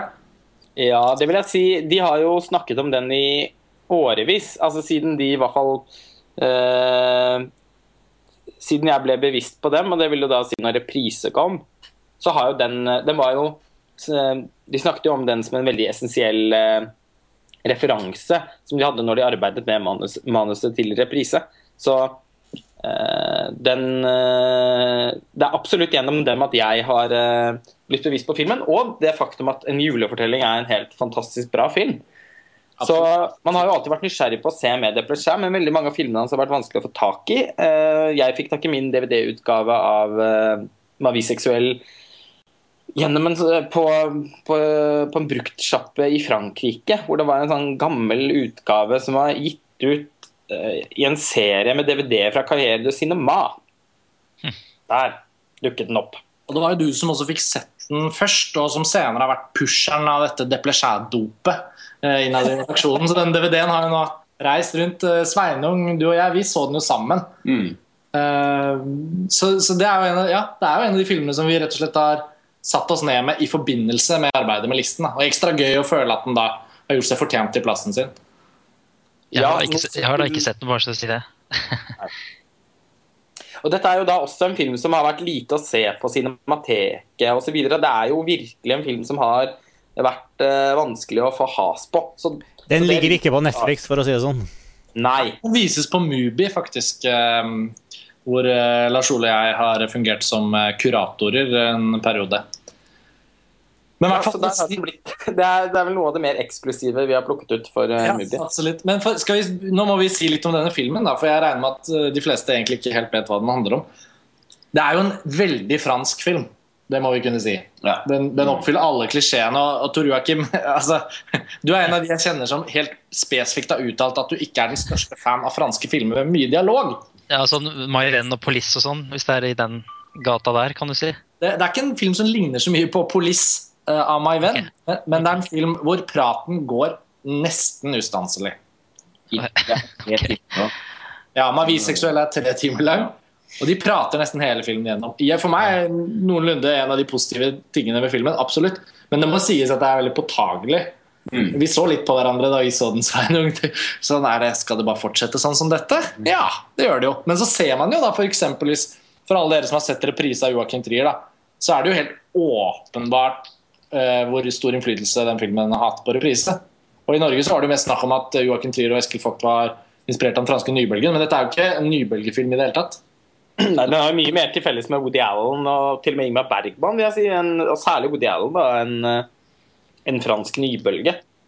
Ja, det Det er ganske vanskelig å hmm? ja, nei, jeg skulle akkurat si det samme. Uh, Woody Allen, også Whit Stillman sine filmer, syns jeg den har en Ja. med. Mm. For å liksom, Hvis man skal prøve å henge den på noen amerikanske knagger, da. Ja, for den, den er, befinner seg jo også i liksom borgerskap, eller sånn. Det er liksom De de, unge intellektuelle. som bor i forskjellige leiligheter, noen litt med foreldrene, noen er kjærester, noen andre er kjærester, så bytter de litt på kjærestene sine, og så har de eksistensielle problemer knyttet til å leve opp til uh, sine ambisjoner og de sosiale kravene. Uh, tematisk så har den også ganske mye til felles med, med reprisa, da, om ikke også formmessig. Jeg syns jo det var veldig påtagelig at filmen også hadde veldig mye formmessig til felles med reprise. Jeg syns jo særlig at foto til Erik Gautier har en litt eh, Jeg syns at den litt sånn derre eh, Slags sånn grågrønne skjæret, på en måte. Og, og den kornetek teksturen i foto minnet meg veldig, veldig mye om begge Joakim Trier sine filmer. Mm. Altså, bruken av kamera også. Veldig sånn kontrollerte, presise kameraføringer. Klippet sammen med en sånn liksom rolig eh, Veldig sånn åpenbart veldig gjennomtenkt rytme. Jeg syns faktisk også det var mye med liksom film, det filmiske uttrykket som, eh, som minnet om Joachim Trier sine filmer. Men det innlysende er vel på en måte miljøs Altså sånn måten å skildre et miljø på, og en sjargong på. Eh, man får jo liksom lov til å ta bolig i en vennegjeng, rett og slett. eh, over ganske lang tid, da. Tre timer. Ja, det er jo da den, der, den evige pågående dialogen er jo på ingen måte uinteressant. og den, har, den bærer med seg sin egen estetikk. Den glir av og til over i en veldig sånn subjektiv tone, et sånt subjektivt Ikke helt subjektivt heller, en sånn tonefall i en sånn voiceover som er veldig veldig spesifikt. Og som er også Nå blir det jo nesten repetitivt, da, men, men det var rett og slett ganske mange fellestrekk som var umulig å ikke tenke på i forhold til reprise når vi er fra Norge og på en måte kjenner den filmen så godt. Men det er også interessant å se at Deplechet har liksom litt sånne vage inspirasjonskilder litt inne på det, Whit Spillman, Woody Allen og sånn, men, men det er jo ikke en film som, som, som uttalt uh, skriver seg inn i en spesifikk tradisjon. Den, den, selv om den ikke er så spektakulært lagd, på en måte, så har den en veldig sånn egen eh, identitet. Den er både ganske narrativ, for det er mange situasjoner som skjer. Det er denne utrolige, eh, merkelige konflikten han har med den andre foreleseren. Hovedpersonen spilles av Mathieu Amalric, som kanskje er mest kjent for eh, rollen som bad guy i den dårlige Bond-filmen eh, til. Daniel Craig. Eh, Ja, men, men mest kjent eh, som det. Jo, men nå er tenker jeg på, nå tenker jeg på for det, det, Lars Ole, nå tenker jeg på hundretusener av publikummere. Hvem kan ha sett han i hvilken film? Da er det jo 'Quantum of Solace', hvor folk vil kunne gjenkjenne ansiktet hans. For oss er det jo 'Dykkerklokken og sommerfuglen' sannsynligvis mest av alt. Det er ikke så lett å kjenne igjen akkurat der, da. Ja. Nei, nettopp. Han sitter og er på en måte ganske grønnsakaktig i ansiktet sitt. Uh, men Mathieu Amalric, da, i hvert fall. Uh, look it up hvis du ikke husker uh, hvilket ansikt han har. Han er hovedpersonen på, i en film som ikke helt kler å definere som at den har én hovedperson, men det er nå engang han som er det. Og han er en slags sånn ung professor. Og denne konflikten hele den generasjonen der, eller mange fra den generasjonen med franske skuespillere. Og hun Emmanuelle DeVos også, som har spilt i masse ja. Ja, hun var senest i en film på kino nå som het Violett. Ja. Eh, Mat Mathieu Amalric og for så vidt nylig kinoaktuell med den nye filmen til Roman Polanski. Og godeste Marion Cotillard dukker, dukker jo barmfagert og ung opp i en scene også. Det, Ja. det var påtagelig. Mhm. Men, eh, nei, men eh, hvis du skulle kokt ned kvalitetene i Mavi seksuell til én spesifikk ting eh, For meg er det i hvert fall egentlig tematikken. Altså hva den klarer å brette opp av en sånn Det er jo ikke den bredeste temaet, men det er nå engang noe mange filmskapere er opptatt av. Da. Eh, Den unge intellektuelle middelklassens eksistensielle angst overfor sine egne ambisjoner. Det føler jeg er det filmen handler om. Eh, og ja, den handler om kjærlighet og sånn, men den handler mye mer om hvordan man oppfører seg innenfor den sosiale verden man er i, heller enn resultatene av eh, en forelskelse eller sånne type ting. Og det syns jeg var veldig interessant, rett og slett. Jeg gikk veldig dypt ned i den tematikken òg. Litt som om å lese en, en god roman. Ikke så fryktelig tykk roman, men en ganske god roman. Ja, Det er også den kvaliteten jeg syns var mest fremtredende ved den filmen. Og jeg syns det er en veldig litterær film. på en måte. Det er akkurat det der romanpreget som jeg syns øh, ja, var gripende på et vis. da. Jeg ble litt overraska over at jeg lot meg rive med av filmen, som var såpass lang, fordi jeg syns Altså, den, den er jo i uttrykk og sånn, den er fint lagd, men det var ikke noe der som liksom gjorde at jeg virkelig liksom eh, blei fascinert. Da. Det var liksom dialogen, miljøskildringen og ja, tematikken som, som gjorde at jeg liksom holdt interessen oppe i tre timer. Og syns, eh, syns at dette var interessant. da.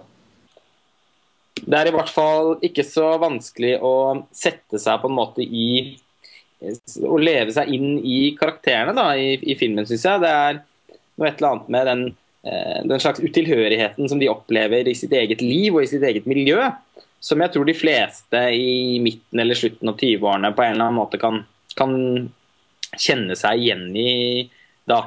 Det er jo noe med at de, det virker som om karakterene i filmen ikke helt vet hva de skal gjøre med livene sine. De er på en måte, de fleste er ganske talentfulle, vet at de har, en, eh, har fått tildelt noen egenskaper som de må liksom disponere på en eller annen måte, men det er akkurat som de ikke helt vet hvordan de skal få gjort det, og hvordan, hvor vekten skal tippe hen. Da. Hvem, hvilke personer de skal velge å tilbringe mye tid sammen med, få oppriktige relasjoner til, både liksom kjærlighetsforhold og vennskapsforhold.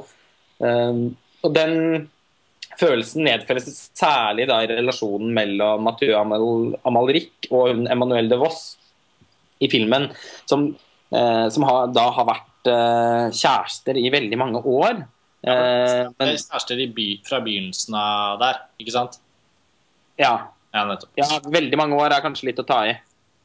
Men, men en ganske god stund, i hvert fall. De kommer i hvert fall inn mens de åpenbart uttrykker at de har hatt det forholdet sitt lenge. Ja, Ja.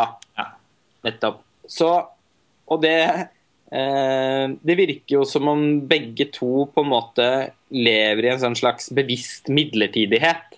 At, at de begge vet liksom Akkurat som de går og venter på, særlig han, går og venter på øyeblikket hvor de skal skille lag.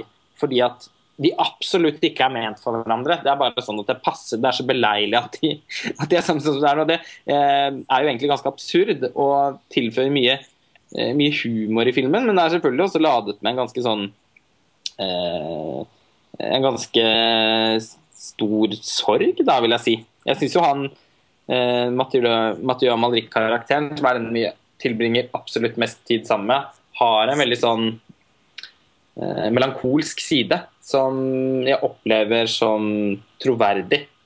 Ja. Jeg er enig i at det stiger mye humor ut av det likevel. Det er Ja, det- en av de der litt sånn lunefulle, fine typene av humor som man kan finne i en viss type film. Hvor du nesten ikke egentlig ler så mye mens du ser filmen. Men du anerkjenner at det fins mye humor i scenene mens du ser dem. Det er mer sånn en nik nikker med type humor. Men det er ikke egentlig noe mindre morsomt. For det er jo sånn humor som ofte er gøy å tenke tilbake på eller referere til. Jeg syns f.eks. det faktum at han vet at, han, at dette forholdet er slutt, i hvert fall i hans hode. Men han er heller ikke liksom innstilt på at det må ta slutt for enhver pris. Han er mer opptatt av å finne det riktige tidspunktet. Sånn at ikke hun opplever det som at det tar slutt på en, altså, han- vil at hun skal være ferdig med visse ting i livet sitt. Sånn at når han gjør det slutt, så får på en måte ikke han skylden for at noe annet også går galt. Nei, for han er jo opptatt av at det ikke skal få noen konsekvenser. Noen Så han, han bryr seg selv hele dette sjakkspillet. Han prater med vennene sine. Og det er noe Selvfølgelig, fordi det er Frankrike, så holder jo alle på med en elskerinne samtidig som de er i forholdet sitt, men det er liksom ikke så ille. Nei, nei. Det er jo ganske stor humor i synes jeg, når han sitter oppe om natten og gjør hennes eh, skoleoppgaver fordi at han ønsker at hun skal komme inn på en skole sånn så at de kan gjøre det slutt. Ja, nettopp. Så Det er veldig betegnende for filmen, egentlig, beskrivelsen av den scenen der. Og jeg, jeg, jeg syns ikke den filmen er vanskelig å anbefale, men den krever jo absolutt eh, Det er liksom som en sånn ganske spesiell matrett også. Det er liksom, Du må være sikker på at folk liker asparges eh, som er kokt på en spesiell måte. Syns jeg, da. Eh, selv om jeg syns Ja, det er jeg, jeg, helt, men jeg kan være enig i det. Jeg tenker at Hvis man generelt er glad i film med mye dialog, og er glad i de som vi har snakket om, altså både Woody Allen og Whit Stillman, som jeg faktisk synes var en veldig presis referanse, fordi han også konsekvent lager filmer om eh, unge intellektuelle som mennesker som går rundt og snakker med hverandre om gjerne litt sånn dekadente problemer. Eh, hvis man har sansen, og det er jo ganske mange som har sans for, for den type film, så tror jeg dette er bare en sånn kjempe En, en veldig fin og ganske stor underholdning. Altså, de tre timene flyr ganske fort unna, syns jeg. Altså, man, I dag sitter man jo titalls timer og ser på TV-serier eh, med mye mindre innhold enn det den filmen klarer å fylle laget på de tre timene som den varer. hvis man- ser på denne filmen som eh, tre episoder av en kritikerros TV-serie, så ville man jo spist den opp på en kveld med en gang. Ja, Nei, men Avslutningsvis da, så syns jeg på en måte det er litt viktig å understreke for at flest mulig av lytterne våre skal, skal plukke opp tipset og faktisk se filmen, så føler jeg det er litt viktig å understreke at det er en sjenerøs og underholdende film.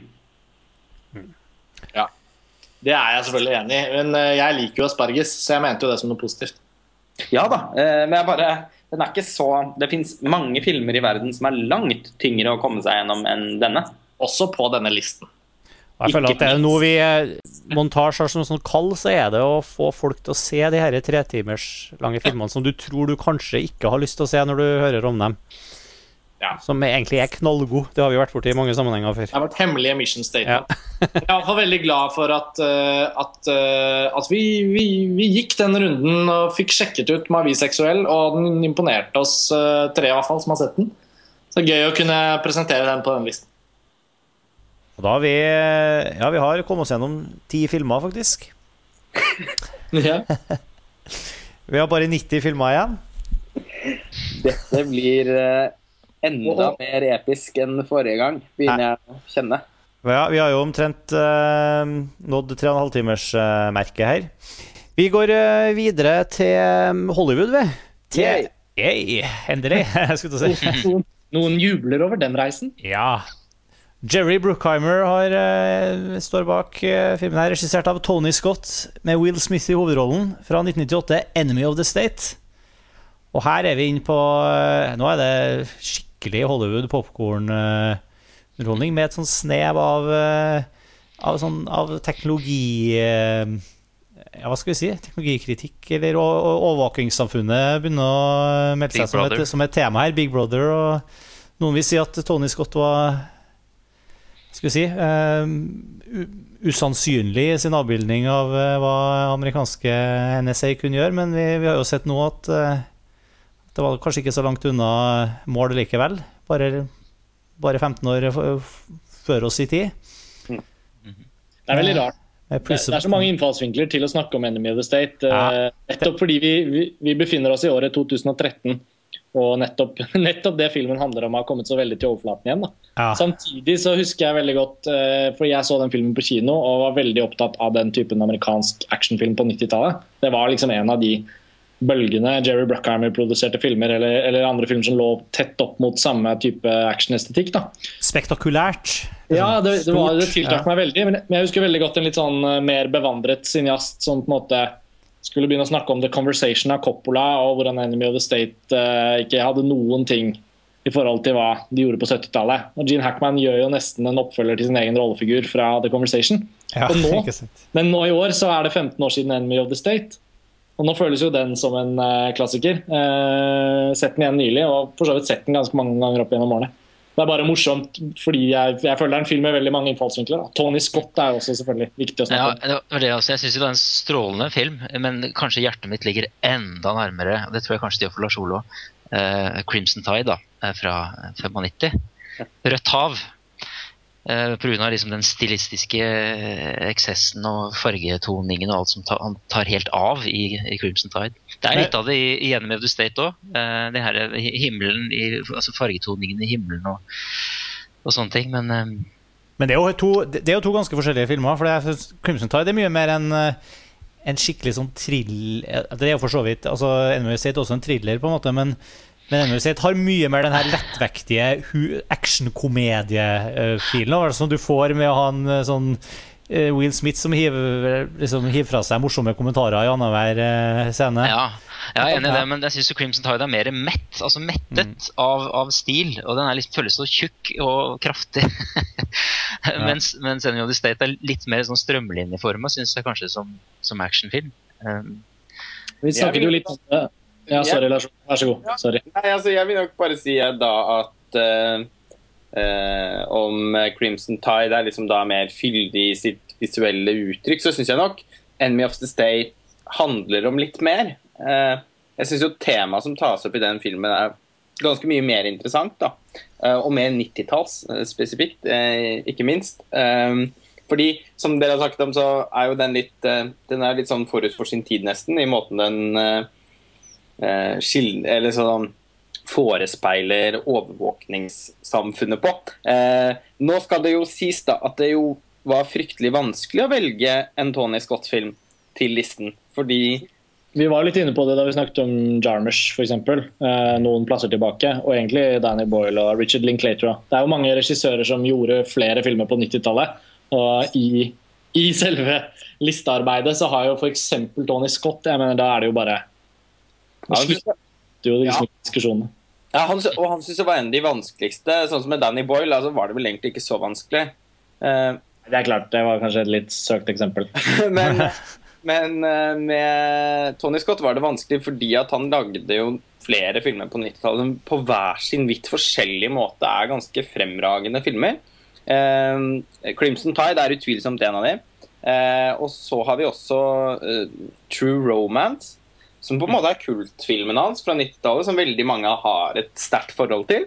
Men som ikke i fullt så stor grad er en helt sånn Tony Det er ikke Jeg føler i hvert fall kanskje ikke at den er den mest Tony Scott-aktige Tony Scott-filmen. Uh... Nei, og det syns jo ikke jeg heller. Det er heller ikke min Tony Scott-favoritt. Uh, Og det, så, så sånn uh, i, I diskusjonene så så, men så ble jo så, så ble, endte vi jo ikke opp med den, da, selv om det ville på mange måter vært et veldig populært valg, tror jeg. Eh, min favoritt eh, av alle filmene til Tony Scott på 90-tallet er den første filmen han laget på 90-tallet, som er 'Revenge'. Som er enda mye mer Tony Scott også enn 'Crimson Tide', vil jeg påstå nesten. eh, som er et slags, eh, nesten et slags oppsummeringsverk for Tony Scott på det tidspunktet i karrieren sin. Eh, dette er også da Quentin Tarantinos favoritt Tony Scott-film. Eh, er jo verdt å nevne, i hvert fall, for det er en film som veldig mange ikke har sett. Som er en slags eh, ganske sånn erotisk eh, mørk western. Dog veldig sånn revisjonistisk western, da. En, en, en merkelig og veldig suggererende, fryktelig vakker film som jeg har endt opp med å se flere ganger. Ikke så lenge siden jeg oppdaget filmen, bare et års tid siden. Men ble, ble veldig veldig fengslet av den, da. Men så innså jeg jo selvfølgelig også at det var ikke så mange andre som, som, som hadde et forhold til den filmen. Så det var vanskelig å få noe medvind for uh, Revenge. Og filmer som Days of Thunder og The Fan har kanskje ikke store Nei, men, jeg- men jeg vil gjerne slå et slag for, uh, for uh, Hva heter den? The Last Boy Scout. Ja, for den skulle jeg til å nevne. Ja. Det er også en favoritt, sånn litt guilty pleasure popkorn-favoritt hos mange, da. Det var også en film som jeg husker jeg så veldig mye på 90-tallet. Jeg- Den så jeg mange ganger, for det var, det var en sånn VHS-favoritt. Men, men det, det er jo også tydelig at når vi velger en sånn en kar som Tony Scott, som har så mange filmer på 90-tallet Jeg syns også Crimson Tide Jeg er litt enig med Joakim, men jeg syns egentlig det er kanskje også er på mange måter en mer sånn eh, Vel sånn fullendt film enn Enemy of the State. På, men det er liksom så vanskelig å velge. Det er nesten bare en unnskyldning for å trekke fram hele Tony Scott. Men, ja, men, Ja. men nå er det helt sikkert noen lyttere som tenker hvorfor måtte dere velge bare én? Uh, hvorfor er det ikke rom for flere Tony Scott-filmer på den listen? Og det er jo litt der diskusjonen uh, spisser seg til, da. Fordi For det er et betimelig spørsmål. Det, Ja, fordi han har Men han, det jeg opplever ganske klart, er jo Og særlig fordi jeg så mange av disse filmene da de kom, og har hatt anledning til å se mange av dem i etterpå. Jeg har ikke sett Revenge, så det kan jeg ikke si noe om, da, men eh, kanskje vi biter oss selv i halen her om ti år og tenker at når alle har fått sett Revenge, så stiger den opp fra mylderet. ja, men Men det er helt fantastisk. ja, Men uansett så føler jeg at uh, Tony Scott er en av de filmskaperne vi har måttet diskutere fordi mange av dem både sjangermessig og håndverksmessig holder et veldig høyt nivå. Men på en måte få av dem stiger opp og blir sånne helt toppfilmer da, som klarer liksom å stå side om side med andre filmer på listen. Og så er det jo veldig få filmer Nei, få regissører faktisk som har enn altså to eller mer filmer på listen. Og det ble en eh, ganske komplisert diskusjon eh, i seg selv. Jeg står veldig bak det faktum at 'Enemy of the State' steg opp som filmen på listen, nettopp fordi den har en sånn tematisk og innholdsmessig relevans som ikke alltid Tony Scott har valgt å, være, valgt å holde som det viktigste med filmene han lager. Eh, At her har man en film som både er veldig Tony Scott i sin genetiske oppbygning, men som samtidig har en ganske sånn eh, Ja, ganske sånn tydelig både tematisk knagg, men også liksom den blir også politisk og samfunnsmessig interessant i, i måten fortellingen eh, er liksom bygd opp på. Så, så jeg syns den står veldig godt. Jeg så den, så den nylig. Ja, og pluss at det må sies også, jeg er enig i alt det du sier der. Og, men det må jo også sies at filmen er jo Den er også på veldig mange måter en sånn kjempetradisjonell uh, thriller som er veldig nesten sånn i Hitchcocks ånd. Ikke i tilnærmingsmåten, eller måten den er liksom Tony Scott sitt formspråk er meget lite Hitchcocksk. Men eh, denne eh, Wrong Man-thrilleren, på en måte, da, som Hitchcock lagde en standard for, annet med altså, North by Northwest, da. Eh, jeg vil jo si at 'Enemy of the State' er en av de beste eksemplene på den type thriller fra de siste ja, 15 årene. Eh, den er utrolig spennende, fordi at man, har, man får aldri noe særlig mer informasjon enn det som Will Smith har. Eh, Så når han eh, roter seg inn i dette veldige nettverket av, av intriger, så blir det fryktelig spennende, syns jeg. Samtidig som, som det ble trukket fram i stad, filmen har en litt sånn der humoristisk lett tone og noen one-liners. Og, og Will Smith er Will Smith, det kan man liksom ikke komme helt bort fra. Men, men jeg syns også den er seriøst spennende på en ordentlig måte. Jeg syns det er en utrolig engasjerende, eh, underholdende film. Og enormt vellaget. Altså, bare liksom måten filmen er klippet på.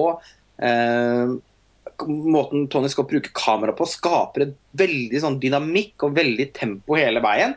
som er lett å glemme. da fordi, Nesten bare fordi filmen er så umiddelbart underholdende, så er det nesten som man ikke liksom, legger merke til alt det som Tony Scott faktisk gjør for at filmen skal bli sånn.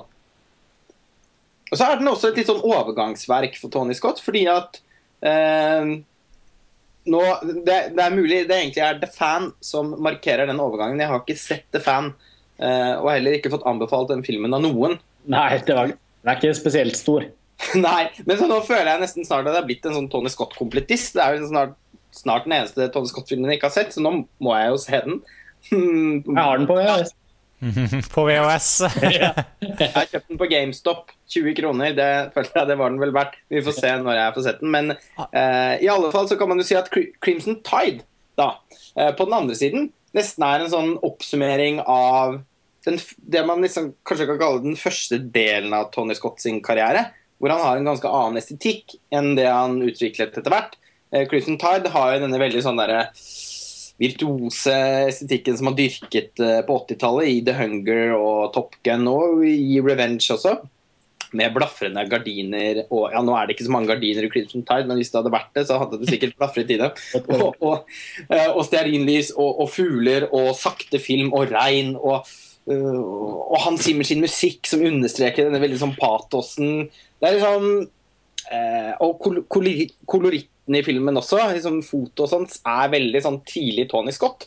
Mens Enemy of the State er et ganske moderat første steg i veien mot det mer sånn frenetisk eh, på en måte mer sånn moderne, et mer moderne, mer frenetisk formspråk. Eh, som man ser eh, gå helt bananas i noen av de senere Tony Scott-filmene, som Man on Fire og, og Unstoppable. Og Domino, ikke minst. Men det var jo interessant, Tor Joakim. Du trakk jo inn Grimson Tide med en gang. Eh, du rakk ikke egentlig å si noe særlig om Enemy of the State. Men det men den balansen mellom liksom det mer sånn, mer sånn klassisk velgjorte fra Crimson Tide versus det litt mer sånn frenetiske Enemy of the State, er det en sånn del av Tony Scott-uttrykket som er en motsetning for deg? Nei, jeg syns Lars Ole forklarte det egentlig godt. Det er sånn naturlig, nesten overgangsfilm. Naturlig overgangsfilm, egentlig. Mm. Eh, jeg, jeg, er nok mer fan av den tidligere enn den senere Scott, selv om jeg likte godt den eh, med Denzil Washington. Altså den eh, Man on Fire? Man on Fire, ja. Mm. Jeg syns faktisk den var fin. Men eh, ja, nei, jeg, jeg opplever ikke det som noe problem. nei. nei. Men True Romance er bare for å jeg bare regner med at mange som hører på dette, kommer til å føle at det er den filmen av de vi har nevnt, de liker best. Uh, den har virkelig ikke noen stor posisjon hos meg, så jeg har hatt uh, ganske sterke argumenter mot, Men er det noen av dere som holder den spesielt kjært? Jeg syns det er en kjempe altså, True Romance hus, Jeg husker veldig godt første møte med den filmen. der, og synes det var en, altså, det er litt sånn, Når vi skal velge en Tony Scott-film, så det, det, kunne vært hvilken som helst av de filmene her, føler jeg. da. Og man kunne ikke satt ti Tony Scott-filmer på den lista her, for da hadde det ikke blitt plass til andre ting. Men, uh... Nei, men uh, i diskusjonen så tror jeg man fant ut at det også var morsomt på en måte å Eller mann, altså, vi, uh, når vi hadde diskutert Tony Scott, så husker jeg i hvert fall at et poeng var vel også kanskje å kunne trekke fram en Tony Scott-film som man føler at er litt uh, Som vi flere av oss følte at var litt glemt. Uh, og det er Mens True Romance har liksom en så stor fanbase og en slags following. Så den, den filmen blir veldig godt tatt vare på. Og Crimson Tide er jo på en måte en sånn, veldig en sånn sjangerklassiker som man også føler at Og som, som man føler at de har fått ganske mye oppmerksomhet. Nå sier jeg ikke at 'Enemy of the State' er en, en, en, smal, en liten film som må løftes fram i lyset. Det hadde heller vært tilfellet for 'Revenge'. da. Uh, men likevel så føltes det liksom fint å kunne hvis, Når man var enig om at Tony Scott må, skal være representert på listen Det er ikke sikkert at vi har rom for mer enn én Tony Scott-film. Så var det kanskje også litt OK å trekke Jeg føler i hvert fall at jeg syns det var veldig ok å trekke fram Enemy of the State, fordi jeg syns nok den, i forhold til hvor utrolig drivende god jeg syns den filmen er, så syns jeg nok eh, kanskje ikke den helt har fått den statusen som jeg syns den fortjener. i hvert fall. Der er vel vi i hvert fall enige, Karsten. Ja. Så um, Jeg syns vi alle sammen skal møtes eh, hjemme hos Karsten, og du skal finne fram VHS-spilleren din, så skal vi se det er Fan på VHS, for den har jeg ikke sett ennå. Ja. vi ikke ta det på julebordet? Ja, vi tar, vi tar det på julebordet. Så får vi endelig Og da får vi også hylle, eller, en til Wesley Snipes, som jeg tror ikke viser seg på lista vår for 90-tallet. Nei, det, det må faktisk nå- Siden, siden Demolition Man ikke er med, kan jeg røpe. Ja. det Skal jeg være sykt kort, men, men jeg syns jo faktisk at det hadde vært veldig merkelig å ha en liste med 90-tallets 100 beste filmer, og ikke i det hele tatt se ansiktet til Will Smith. Ja, det, det også. Mm. Så det er sagt. Skulle vi hatt med en film med Wesley Snipes, så hadde vi jo faktisk hatt Jungle Fever til Spike Lee, da, som er en kjempebra film. Men kanskje akkurat ikke Men, men akkurat når Wesley Snipes ble liksom definisjonen på hva som må med og ikke med, det Ville vil jo hatt med Blade, da, kanskje. Hvis du Ja, Ja, Blade har kanskje vært eh, hvis, hvis vi skal ha en Wesley Snipes Jungle Fever. Jesus. Kanskje en Wesley Snipes-podkast blir noe ja. ja, det var en avsporing. Ja, det var en avsporing. Ok, Vi må eh, komme oss videre. Vi må komme oss videre. Vi skal, til, vi skal holde oss eh, i, i, i Hollywood med Wag the Dog. En eh, nummer eh, 89 på lista vår, faktisk. Og her har vi eh, regissør Barry Levinson og Dustin Hoffman og Robert De Niro i en film som altså, som alle elska. Rett og slett. Det var en film for hele, familien, si hele familien. I hvert fall for, både for alle generasjoner, bortsett fra kanskje de aller yngste. Eh, En slags sånn eh, Jeg husker veldig godt at det her var en sånn generelt regna som en som en, av året, en av årets beste filmer, både av, eh, av foreldrene mine og som alle, likte på en måte Wag the Dog. Og, no, og nok en film som setter på en måte litt sånn Ja, som er en i mye større grad enn Enemy of the State, selvfølgelig, som er en skikkelig sånn, sånn satire, men som tematiserer Uh, ja, Enemy of the States tematisert overvåkingssamfunnet og, og Big Brother, men her er vi liksom inn på medie... Den, jeg syns den satiriserer over egentlig det meste. Ja. Medieskapt virkelighet, selvfølgelig, men også den amerikanske befolkningen og politisk maktkamp. Og den, den Og Hollywood og alt. Ja. og Hollywood og ikke sant, hele pakka. Jeg, jeg må si at jeg er ikke så, så kanskje begeistret for den filmen som eh, mange andre. Det blir litt sånn for anstrengt quirky. Kom igjen med den quirk igjen? Quirk-ordet er et 90-tallsord. Ja, jeg syns den blir litt sånn anstrengt av og til og, i, i sitt forsøk på å lage sånn veldig spissede situasjoner. Da. Men, eh, eh, men jeg liker en del av eh, skuespillerprestasjonene. Dustin Hoffman er jo nydelig i den, f.eks. Ja, det her er jo mannen som ga oss Rain Man, som, som igjen bruker Dustin Hoffman i en sånn uh, veldig spesiell rolle. Ja. Mm. Jeg liker jo Levinson. Jeg liker jo, vel- jeg syns jo Sphere er fantastisk, som jeg har skrevet om i den eh, lista vår. Rainman Rain Man og Sleepers, han har en del eh, bra filmer. Men jeg syns ikke denne kanskje er det beste Barry Levinson har gjort. altså. Ja, det syns jeg. Diner, har jo også vært å nevne veldig fin eh, Barry Levinson er jo en av de mest uoversiktlige filmskaperne egentlig for meg, for jeg syns at alle filmene hans er så forskjellige. Han er sånn Det viser seg at han har laget veldig mange filmer som man liker, men han er liksom ikke det var, Jeg følte aldri at det var et spørsmål sånn Vi er nødt til å ha en Barry Levinson-film på listen. Nei. Nei, det har ikke vært saken med Wag the Dog. Det, Wag the Dog er jo mer enn noe annet enn helt for meg, eh, som liker den langt bedre enn Tor Joakim, tydeligvis.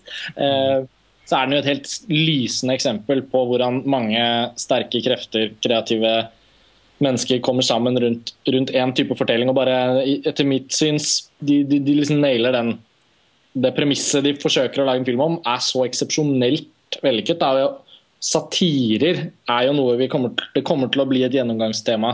Vi var så vidt inne på det tror jeg, med 'Clueless' og 'Skrik' litt, men der er det liksom andre ting som spiller inn nå. Men, men 90-tallet var jo, har det vist seg, også noe vi har diskutert mye.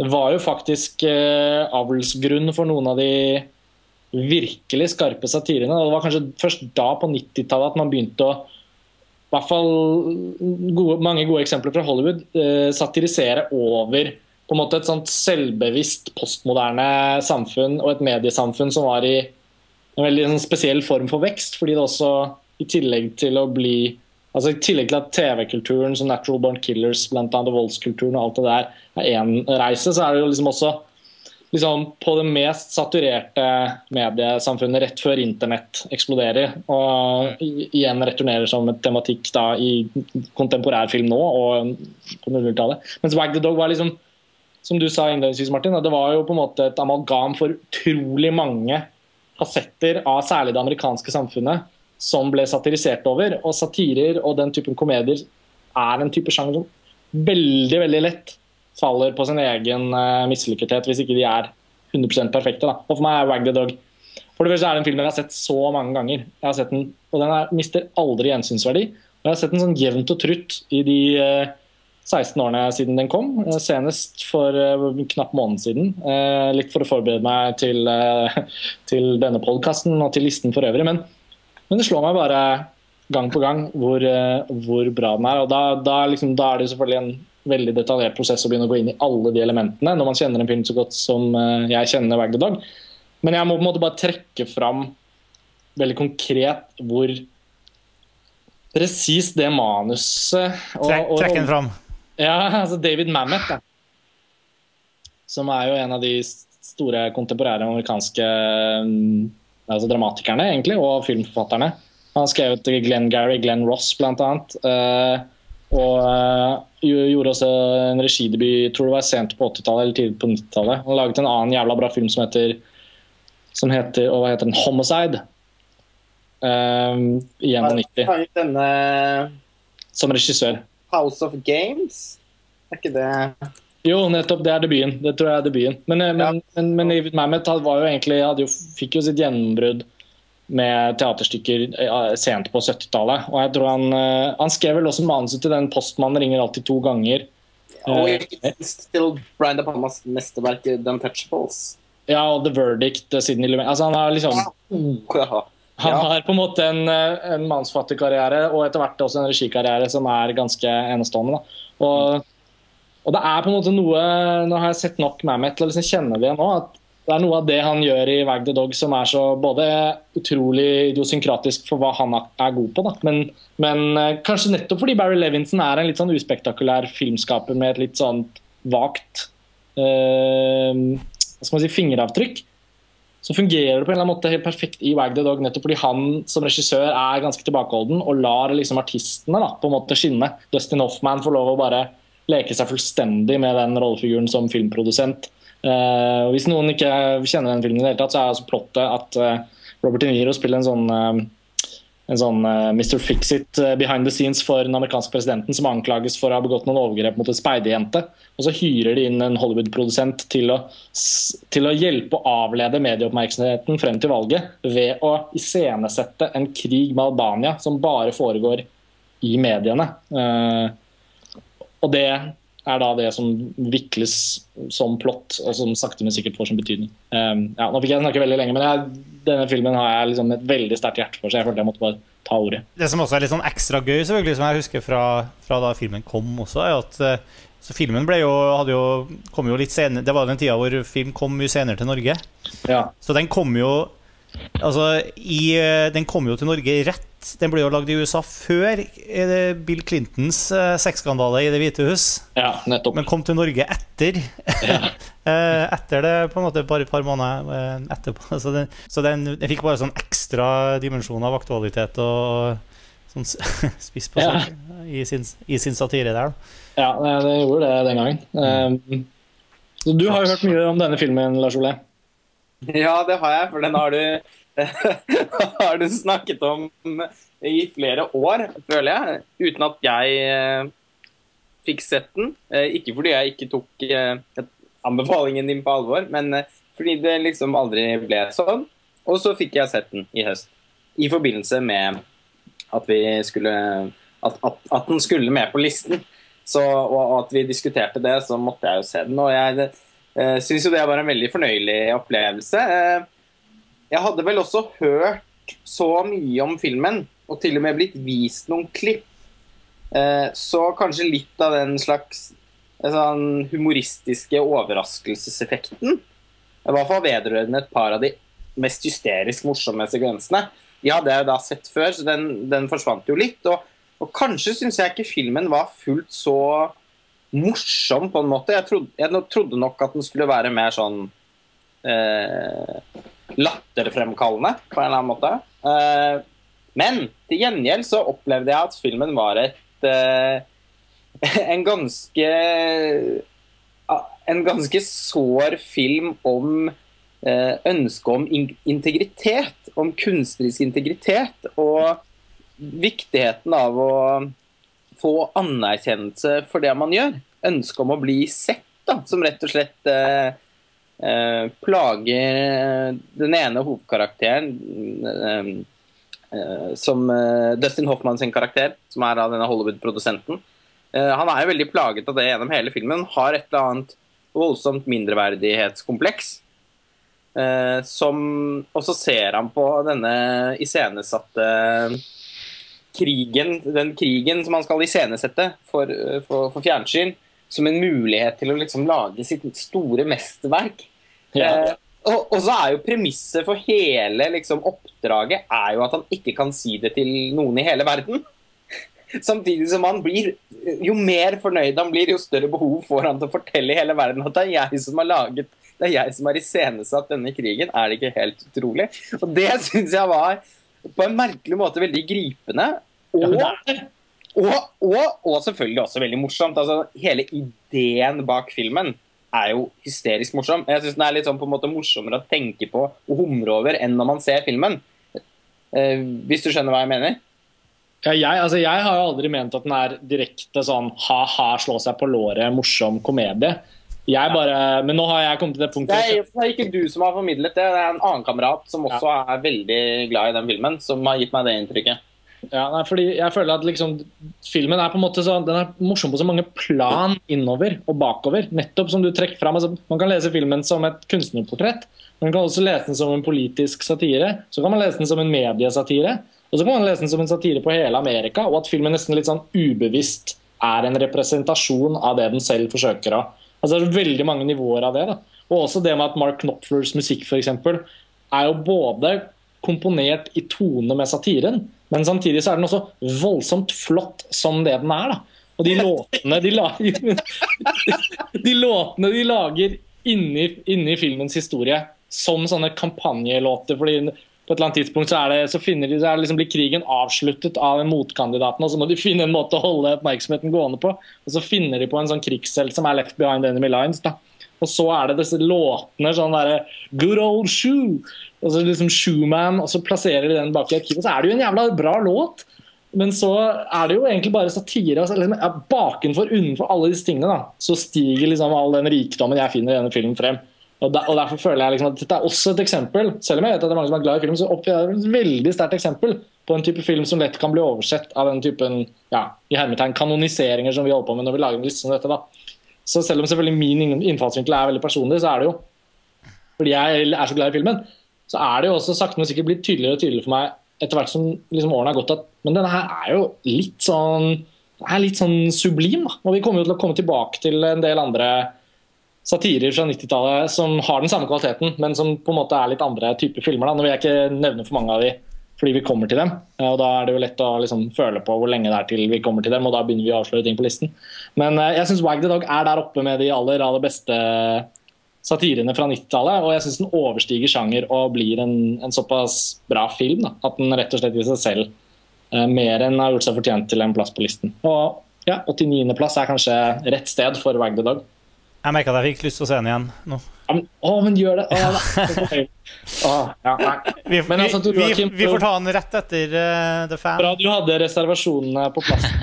Så jeg ble sittende som en sånn klovn som bare Nei, nei. Men, altså, jeg liker satire, og apropos satire, så kommer vi jo til en nå eh, som er uh... ja, vi, kan, vi kan jo fint gå videre også, fordi Ja, det er vi kan veldig godt gå videre, for det er, samme, det er helt riktig, tror jeg. Kim. Eh, Altså, de 90-tallets store satirer, det er vel få som uh, ruger høyere enn eh, enn Starship Troopers.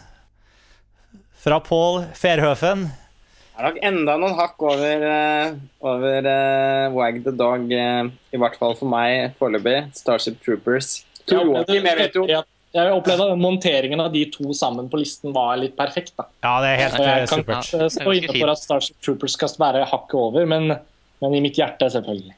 Ja, ja, ja, og en fin kobling. Men Tor Joakim, dette vet jeg jo ikke minst er en film som står ditt hjerte veldig nær. Ja. Vi har jo allerede snakket litt om den eh, når vi hadde podkast om eh, Paul Verhoeven. Ja. Legg merke til at jeg sier Verhoeven. Ja, Vet du hva, jeg har aldri sagt noe. Ja, men jeg begynte å si det etter podkasten vi hadde, tror jeg. Kim. Nå sier jeg Fairhøfen hele Du tida. har fått alle til å si det. Jeg har lyst til å skifte navn til Verhoeven, Jeg, for jeg synes det er flott. Nei, men den er jo den er jo fantastisk, på, og den er også fantastisk på mange plan. Altså, du kanskje nevnte at Wag the Dog var fin på mange plan, og det er jo absolutt Starship Troopers òg. Både som eh, en fantastisk god eh, popcorn science fiction-film, og med alle disse politiske og filosofiske understrømningene, da, ikke sant. Eh, men jeg, selvfølgelig grunnen til at jeg forelska meg den eh, den gangen, var jo pga. Eh, spek det spektakulære, selvfølgelig, og hele universet som han tegnet opp. Mer enn de her eh, andre tingene som jeg først skjønnet eh, mange år senere. Så, om fantastisk musikk. Det var en av de sine tidlige soundtrack-CD som jeg kjøpte musikken til Basil Poldoris. Som jeg også bare har lyst til å nevne sånn i forbifarta. Ja. Veldig bra. Det, det er jo et veldig godt poeng å si at det, det, når man så filmen i 97-98, så, så var man kanskje ikke Man tok kanskje ikke inn over seg, man var jo yngre da. Jeg var 20 år i hvert fall. Ja. og, um, og, og det, sånn, den herre man så, jeg, Første gangen, i likhet med deg, sikkert Joachim, så så jeg på det som en, rett og slett en veldig god sånn spekt, spektakulær eh, sci-fi actionfilm.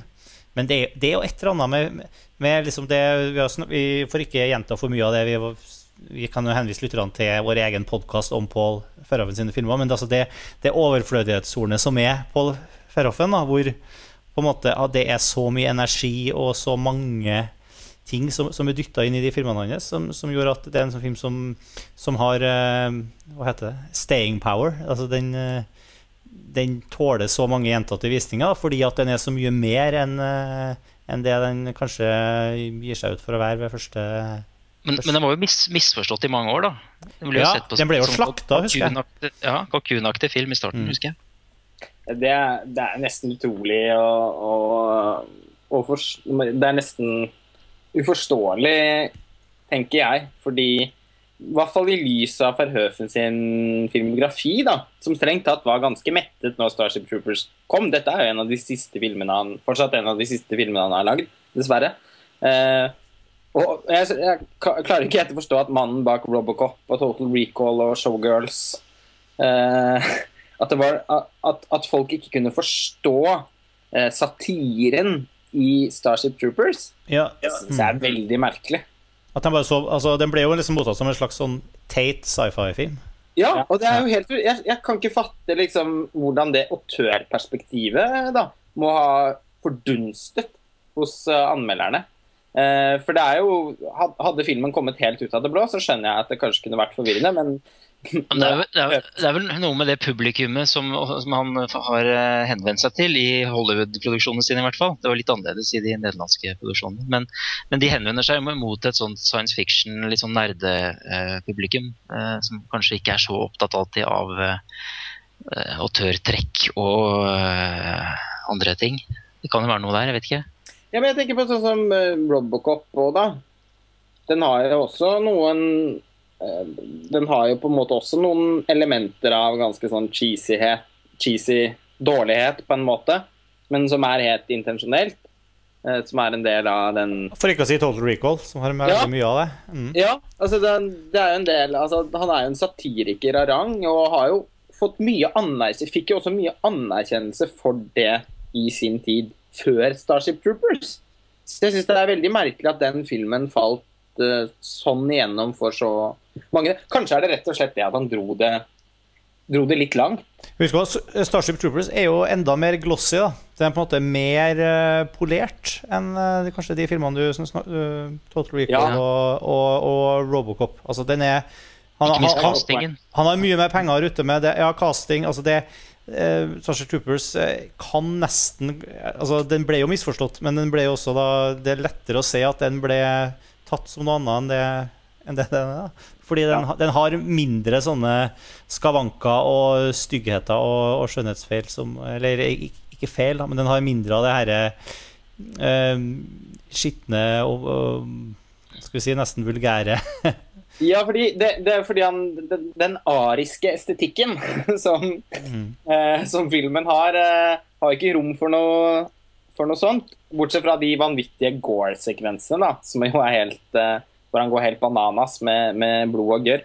Men, men du, nok, du er nok veldig inne på noe der, Martin. At, eh, den, den var samtidig som, om den, som at den er så drøy, egentlig, som satire, så er den Så, så, så ser lignen Er den så Den har så høy produ høye produksjonsverdier og, så, og er så glossy, og så tilsynelatende bare en kjempestor, men helt corny Hollywood-produksjon, at, at det nok gikk over hodet på veldig mange hva den filmen er for noe. Eh, man snakker jo veldig ofte om liksom mm, den, om dette sånn subversivitetsbegrepet. Det har jo blitt et motuttrykk de siste årene. Særlig de siste årene, i hvert fall. Med, liksom, oh my god, it's so subversive. Leser på amerikanske filmblogger og sånn. Det er ikke grenser for hvor mange filmer som blir subversive etter hvert. Eh, jeg er veldig glad i å, i å bruke det uttrykket selv og i og for seg. Eh, men eh, jeg føler jo at Starship Troopers nesten er sånn innbegrepet på en subversiv film. Fordi den, den tilsynelatende dyrker noe som den egentlig forsøker å kritisere. Filmen har jo Måten filmen liksom både romantiserer og, og, dyrker den fa fascistiske estetikken på, da, uniformene og bare samfunnssynet og sånn, eh, det er jo liksom Det er jo åpenbart noe filmen lager, har et satirisk blikk på. Og ikke minst så kan man jo se filmen som en ganske sånn en ganske uhyggelig innlegg eh, Eller kritisk av USA sin rolle i, i verden. Eh, så den har liksom Den er fylt med veldig mye kra, Ganske mye, mange krasse poenger der. Eh, som, og den prøver liksom å si, føler jeg, at den fascismen og nazismen eh, Alle de tingene som vi i dag eh, har veldig lett for å ta avstand fra. Fortsatt liksom, Det skal ikke så mye til før de uhyggelige mønstrene vever seg inn i, i, i samfunnet vårt igjen. Og, og, det å gjøre det i en science fiction-setting syns jeg er eh, en veldig god idé. Og han drar det så langt at folk uh, har problemer med å se at det faktisk er en satire, men at man bare tror at det er en, en ganske dårlig B-film uh, på høyt budsjett.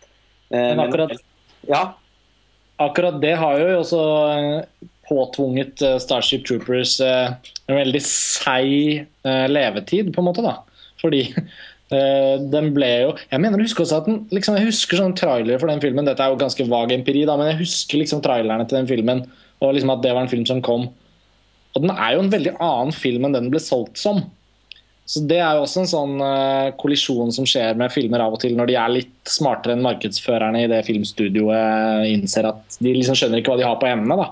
Og Så prøver de å selge det som én ting, og så viser det seg å være noe annet. Og det, og det å liksom, det var liksom For en film å overleve det, og, og klare liksom å overleve det tiåret kanskje som skal til før den begynner å bli gjenoppdaget, og så begynner den å dyrkes frem som det den egentlig kanskje var, etc., etc. Men husk, men husk på det, Karsten, krigen mot arachnidaen var også noe ganske annet enn det det ble solgt som. ja.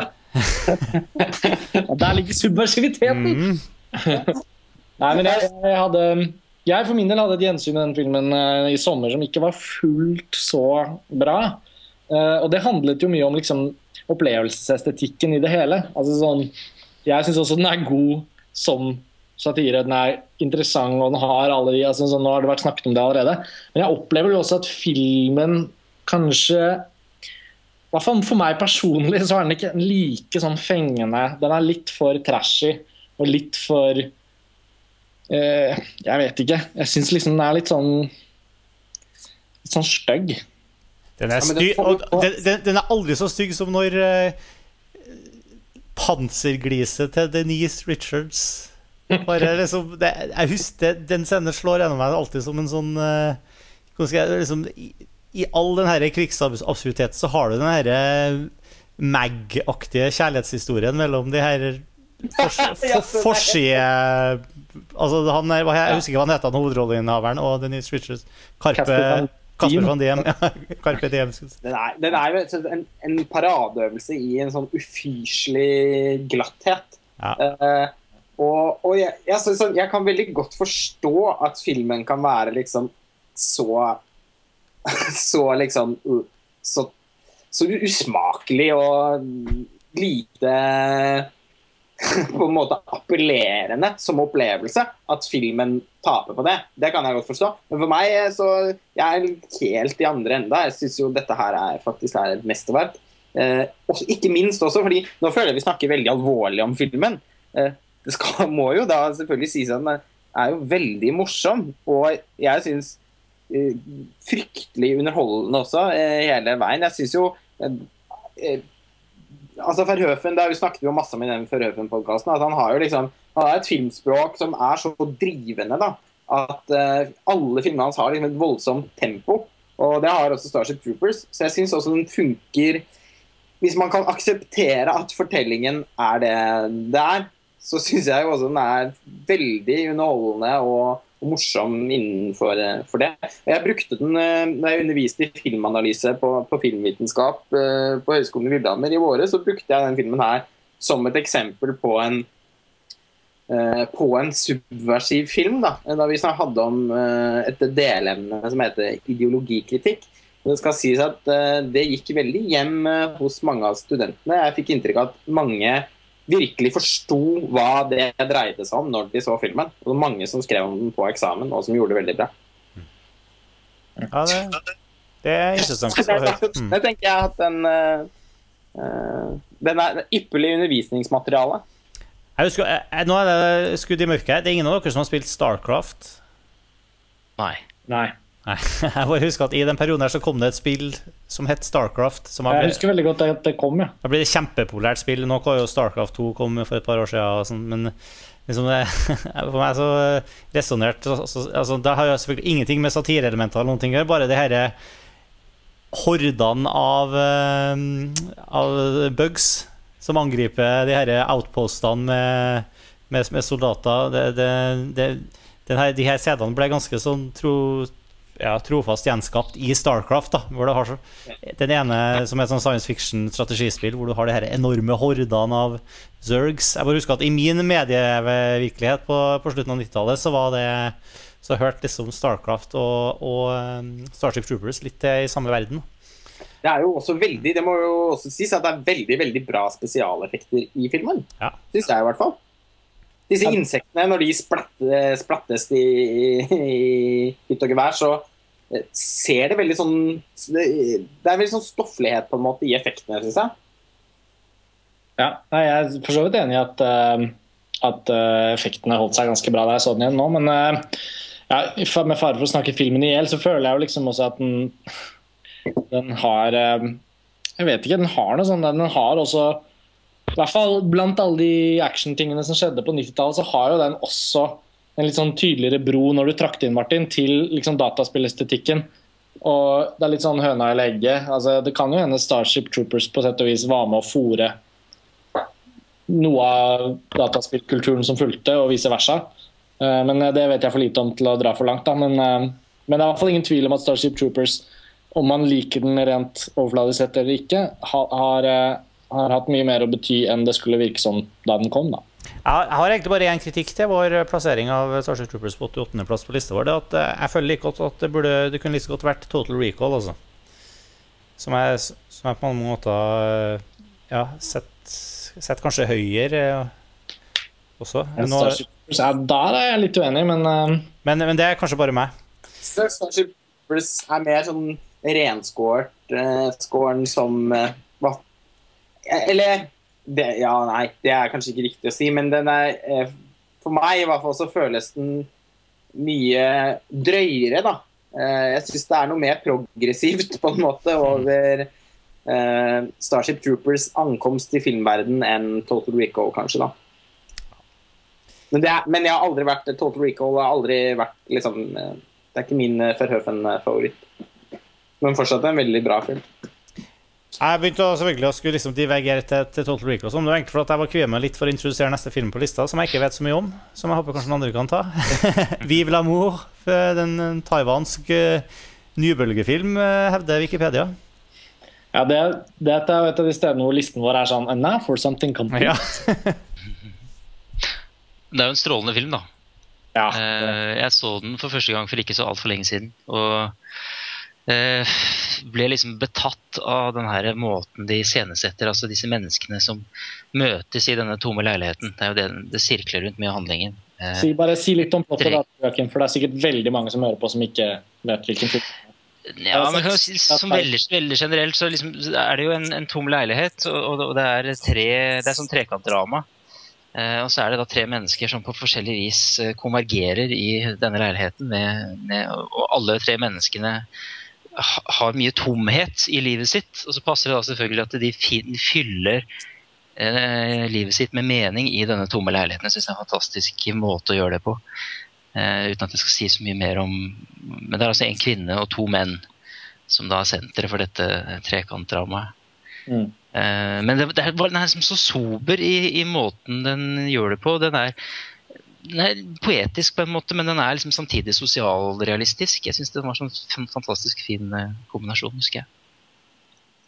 Ja, for her er jo regissøren Tsai Ming Liang er jo på en måte uh, kodenavnet her, holdt jeg på å si. Altså, bare når man har sett to, tre, fire, fem filmer han har laget, så ser man liksom voldsomt sterkt og gjenkjennelig autøravtrykk. avtrykk. Nå har jeg sett veldig lite av Ho Xiaos igjen, som vi hadde snakket om på 91. plass, 'Goodbye South Goodbye'.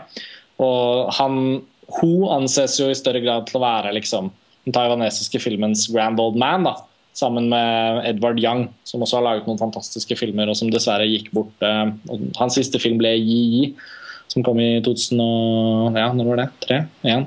2002, eller ja, tidlig på 00-tallet. Mens Tsai Yang eh, kom liksom veldig sterkt helt på begynnelsen av 90-tallet. Og, og han bruker denne ene av guttene, Li Kangsheng, spiller hovedrollen i nesten alle filmene hans. Eller alle, tror jeg, faktisk. Um, så det er en veldig sånn Vive l'amour eh, er forhåpentligvis for mange som hører på dette også en potensiell inngang til en hel filmografi som er fylt av ganske mye fascinerende film. da. Eh, han debuterte med filmen før l'amour, 'Rebels of the Neon God', eh, som jeg hadde gleden av. De, de kjørte en cinematekretrospektiv i Oslo for fem-seks år siden. og Da så jeg flere av disse filmene. Og Da var det første gang jeg så noen av dem. Men den, eh, både 'Rebels of the Neon God' og l'amour', og også 'The River', som kom i 97, er veldig bra. De har veldig mye til felles med hverandre, så de er ganske like som filmer, men alle er veldig veldig bra på hver sin måte. da. Så ja, jeg ville bare si det om Ja, jeg jeg- Ja, jeg har ikke sett noe, noe andre av hans filmer, så det er veldig fint å ja. få litt sånn. Ja, og Han er jo fremdeles aktiv. Han hadde en, sin nyeste film og hadde premiere på Venezia-festivalen for bare noen måneder siden. Um, men ja, Der er det utrolig mye å oppdage. Jeg vet ikke hvor vi skal begynne. Vive l'amour er jo på en måte filmen, men jeg bare følte det var viktig å trekke inn regissøren uh, her. Ja, fordi jeg, eh, jeg har bare da sett to Tsai-filmer. Uh, Og det er da den uh, som heter 'What Time Is It There?' Eh, fra 2001. Og denne her, da, 'Vive l'amour'. Og eh, har jo veldig lyst til å se flere filmer av han. Jeg har jo inntrykk av, eh, både basert på disse to filmene og fra å ha lest om en del av de andre filmene hans, at de stort sett liksom handler om det samme. Ikke bare at det er den samme hovedrolleinnehaveren, men at de handler om utilhørighet, kommunikasjon, det å føle seg nære, men likevel veldig fjernt fra noen, eller føle seg være veldig fjernt fra noen, men likevel føle seg nære, føle seg nære noen. Altså denne her, eh, at det handler om liksom ulike grader av nærhet og avstand mellom mennesker, og Mm. mellom mennesker og den verden som de er en del av. Mm. Eh, og jeg syns også da at Viva Mor eh, er et veldig sånn Uttrykker det på en veldig enkel og veldig vakker måte. Eh, det sies jo nesten ikke et ord i hele filmen. Det liker jeg, det er noe jeg likte veldig godt. Jeg er ikke så glad i dialog, vet du. Nei, jeg vet. Det var ikke noe Woody Allen-film, dette her. Nei, det var det ikke. Ja, men, nei, men vet du hva, jeg kan, også, jeg kan også sette pris på at det ikke er så mye dialog, i alle fall hvis eh, man føler at dialogen er overflødig, og det ville den muligens ha vært i Vive Mor, fordi den det, altså film, det er med på, Jeg følte at det var med på å trekke meg inn i filmen. At den var ordløs. Jeg ble interessert i helt andre ting. Eller, man, man lytter etter andre ting. Man, det blir jo også på en måte til at man lytter til romlyden i et rom. Det er ikke så ofte man gjør det på film. Man lytter, og så ser man den har noen sånne fantastiske lange tagninger altså mot slutten hvor følger en, eh, en, denne kvinnen da, som går og går, og så snur kameraet seg, og så følger den videre. og så, Den varer jo kjempelenge, ikke sant? Mm. Eh, Ja, eh, fantastisk avslutning. det er Anton antonionisk, nesten. Ja. Uh, ja, det er en veldig åpenbar eh, referanse, egentlig. Ja.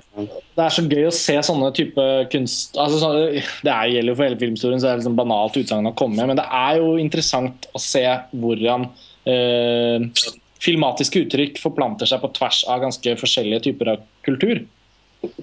Altså Når Antonioni forflyttes og transporteres gjennom, en, gjennom taiwanesiske eh, filmskapere, da, og igjen så har jo de taiwanesiske filmskaperne begynt å inspirere unge europeiske filmskapere igjen på 90-tallet. Så det er liksom sånn det er så flott å se hvordan de tingene beveger seg frem og tilbake. Uh, Tsai Ming Liang er sånn Du var litt inne på det tematisk, Lars Ole. Bare lyst til å ta opp den tråden.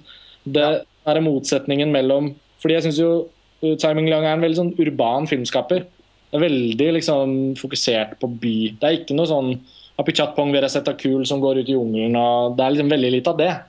Det er Taipei i Taiwan er jo en by som jeg alene har fått utrolig lyst til å reise til, bare fordi den er så vakkert portrettert i så mange filmer fra Taiwan. Og, og i Vive l'amour er ikke noe unntak. Og en annen film han har laget som heter The Wayward Cloud, er kanskje enda sterkere eksempel på det. Som jeg også anbefaler veldig varmt, men den er fra 00-tallet. da. Eh, hvor det da helt fantastisk ut. Den, eh, ja, den eh, har jeg fryktelig lei meg for. Jeg, fått jeg lånte vel den DVD-en av deg i sånn tre år eller noe. ja, nå har jeg fått den tilbake. For nå er det på tide Ja, å se den. Ja, men, men det, er- da er det sånn vannmangel i Taiwan, da, og, og, og det er sånn utrolig varm, tett, urban, svett stemning i filmen. Og så det liksom en sånn, går det en sånn farsott om at en av måtene å på en måte få drukket nok vann på uten å bruke vann, er å drikke vannmelonjuice. Eh, Og det forplanter seg som, sånn visuelt og nesten sånn, eh, aud, altså sånn auditivt tema, tema gjennom filmen. Og da er det også han eh, han samme skuespilleren da, som, eh, som spiller i Vive l'amour, som også er med der. Han er vel han er nesten som en slags sånn Hva heter han? Jean-Pierre Leod hos Truffaut. En sånn fyr som vokser opp gjennom filmene til Tsai Ming-leung. Men 'Vivla mor' er jo regnet som eh, en av hans absolutt fremste filmer. Men jeg bare syns det er nesten umulig å snakke om den uten å trekke inn at i Tsai Ming-leungs filmografi så finnes det egentlig fem ja, det er sikkert fem filmer jeg fem filmer jeg har sett. da, Så har jeg et par andre på hylla som jeg ennå ikke har fått sett selv. Men alle er liksom veldig bra, men på den samme måten. Så liksom Hvis man liker én, så er det ikke nesten garantert at man kommer til å like de andre. Det er veldig lite rom for, å, for at det slår feil. På en sånn Wes Anderson-aktig måte så lager vi den samme filmen om igjen. Ja, men det er, jo en sånn type autør som jeg føler at man alltid blir så glad for å bli kjent med. da. Når man, når man merker det etter et par-tre filmer at det liksom, å ja, han lager liksom basically nesten det samme hver gang. Eh, Den, den Så- tematikken om urban ensomhet også går jo veldig, går jo veldig igjen. ja, og det, Noen har jo problemer med den type filmskaper også fordi, at, eller fordi de føler at liksom, ok, men de repeterer seg selv til det uendelige, eller det blir monotont. Men jeg føler jo ofte det ikke sånn. jeg synes jo nesten alle, hvert fall Hvis de er gode, da, så klarer man som regel å si noe nytt eh, hver gang likevel. Selv om det er veldig innafor samme. Sofia Coppola er jo et eh, godt eksempel på det. Ja, Man kan jo egentlig si at Michael Bay også er et eksempel. I den andre enden. Ja, du vet hva du får. Ja, du vet jo veldig godt hva du får. Og på en måte, så hvis du først liker det, så er det Det skal litt til. Jeg er jo litt sucker da for Michael Bay. Og det blir jo litt sånn at selv om jeg ikke syns den er særlig god, så er den jo litt for bra på det han er bra på. Til at jeg liksom ikke Jeg kan liksom ikke hate det helt, da. Det morsomme er jo at du liker de Michael Bay-filmene som ikke er bra, mens du ikke liker de som er bra, sånn som Pain and Gain. La oss ikke starte det. Det er veldig gøy at vi ender opp på Michael Bay når vi snakker om Time Ming Armageddon er Altså, den gruser jo Pain and Gain. Nei, jeg skal ikke. Jeg er veldig lei meg for at Armageddon ikke er på den listen. Nå. Ja, jeg vet. Her, her, nå må jeg gripe inn, folkens. Ja, ja, her sklir ut. For å avslutte om Tsai Ming Liang, så, så er det denne filmen Vive l'amour vant jo også Gulløven i Venezia. Eh, og Dette var hans andre film, og, og det er veldig mye spennende å, å oppdage hos, hos han og i hans filmer. Og, eh, ja, og her har vi Vive l'amour som en veldig viktig representant for, for både seg selv som enkeltfilm, men også Tsai Ming Liang som filmskaper. Var ikke det en grei oppsummering? Veldig bra. Det var altså 87.-plass på lista. Ja. Julia Mo. Og eh, på 86.-plass så har vi en filmskaper som eh, jeg nesten frykta ikke ville havne på lista i hele tatt. Som jeg, jeg vet mange forbinder med 90-tallet. Eh, Luc Besson. har eh, lagd i hvert fall to filmer som jeg føler er på en måte som veldig mange har, i hvert fall har sett, og veldig mange har veldig nært forhold til. Og jeg, Den ene av dem er Fifth Element, som jeg tror faktisk ikke vi fikk plass til på lista. Uh, den andre er den filmen som ligger nå på 86.-plass, som er Leon. Den heter Leon i Norge. Den heter Professional, tror jeg, i USA og andre steder i verden. Med Jean Renault i hovedrollen, og som leiemorderen eller den profesjonelle morderen Leon. Og gjennombruddsrollen til Natalie Portman som den lille jenta som han ender opp med å ta seg av. Matilda. Mm. Leon er jo da en, en, sånn gun for hire, ikke sant? En, hva heter det? Leie... Leiemorder? Ja. ja. Som, jeg, som, jeg, sa. Ja. Mm. Du sa det, ja. Mm. Så han eh, det her, og her er jo på en måte Det er vel få jeg vet ikke hvor mange Vi, var, vi snakka jo om Le Grand Bleu tidligere. Vi jo kanskje. Men i hvert fall, det her, det her er vel kanskje De fleste er vel, mange i hvert fall er enige om at det er Luc Bessons beste film. Så det er ikke kanskje urimelig at vi, det er den filmen vi har valgt å trekke fram. Jeg vil jo si at det er fire filmer fra 90-tallet, strålende filmer av Luc Besson, som alle kunne vært uh, contendere. Altså mm. Nikita, uh, dokumentarfilmen 'Atlantis', helt fantastisk undervannsdokumentar. 'Leon' og som du nevnte, 'The Fifth Element'. Mm. Uh, alle de er jo strålende filmer. så... Ja, jeg har ikke sett 'Atlantis', den har jeg sett på lista mi. Men jeg er helt enig, jeg liker jo både Nikita og, og 'Fifth Element' veldig godt. Men, men også nå er det 'Leon', og det er jo også kanskje den mest uh, ja, den mest kritikerroste av dem, også den som kanskje setter mest sånn følelseslada avtrykk i, i, i, de som ser den.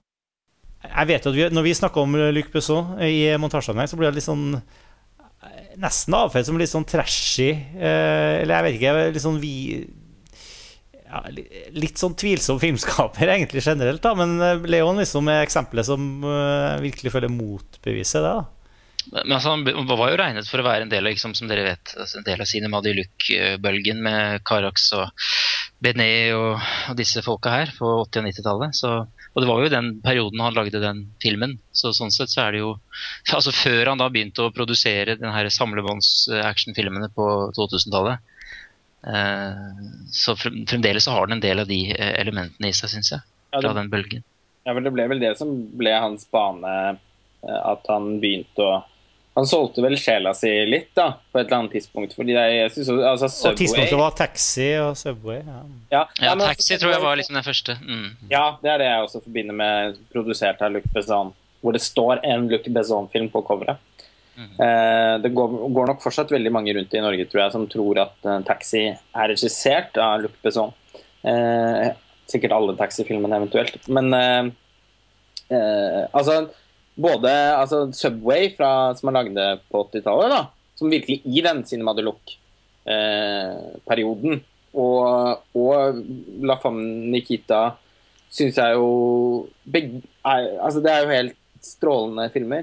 Og jeg føler jo at eh, Jeg har dessverre ikke sett den Atlantis, da, den undervannsdokumentaren. Den har jeg fryktelig lyst til å se. Eh, jeg har sett Det store blå, som jeg ikke er spesielt begeistra for. Men eh, jeg ser jo også at den har noen, har jo liksom noen kvaliteter som er vanskelig å se bort fra. Man hadde en sånn Visualiteten til, eh, til Besson var eh, Den er jo vanskelig å ikke la seg forføre av.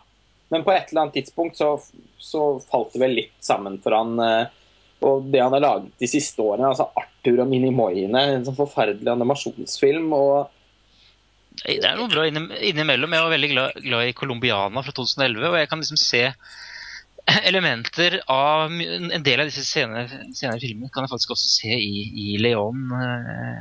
Delvis litt det her hevn, hevnmotivet. Jeg vet ikke hvor bevisst det er at han har det i en del senere filmer òg, men som men han har produsert.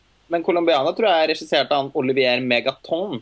Ja, ja, jeg vet det, men det, altså, det, er en av de produksjonsfilmene hans ikke sant? som han har gjort masse ja, på 2000-tallet. Ja, men han har vel ikke bare produsert, han har også skrevet mange av disse filmene, hvis ikke jeg husker feil. Altså, ja, sa, sammen med han eh, Cayman. Det har liksom vært sånn duo som har skrevet mye av de der.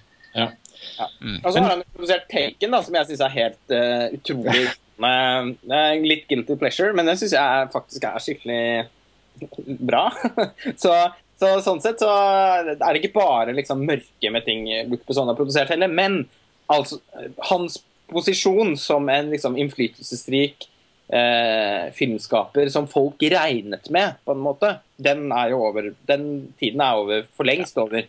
Og jeg føler, jeg føler jo faktisk at Leon er en litt sånn ubestridelig klassiker i hans filmografi. Altså et høydepunkt eh, Selvfølgelig Subway syns jeg også er en jævlig bra, kul greie fra 80-tallet. Som selvfølgelig er avgjørende for det gjennombruddet Luc Besson opplevde.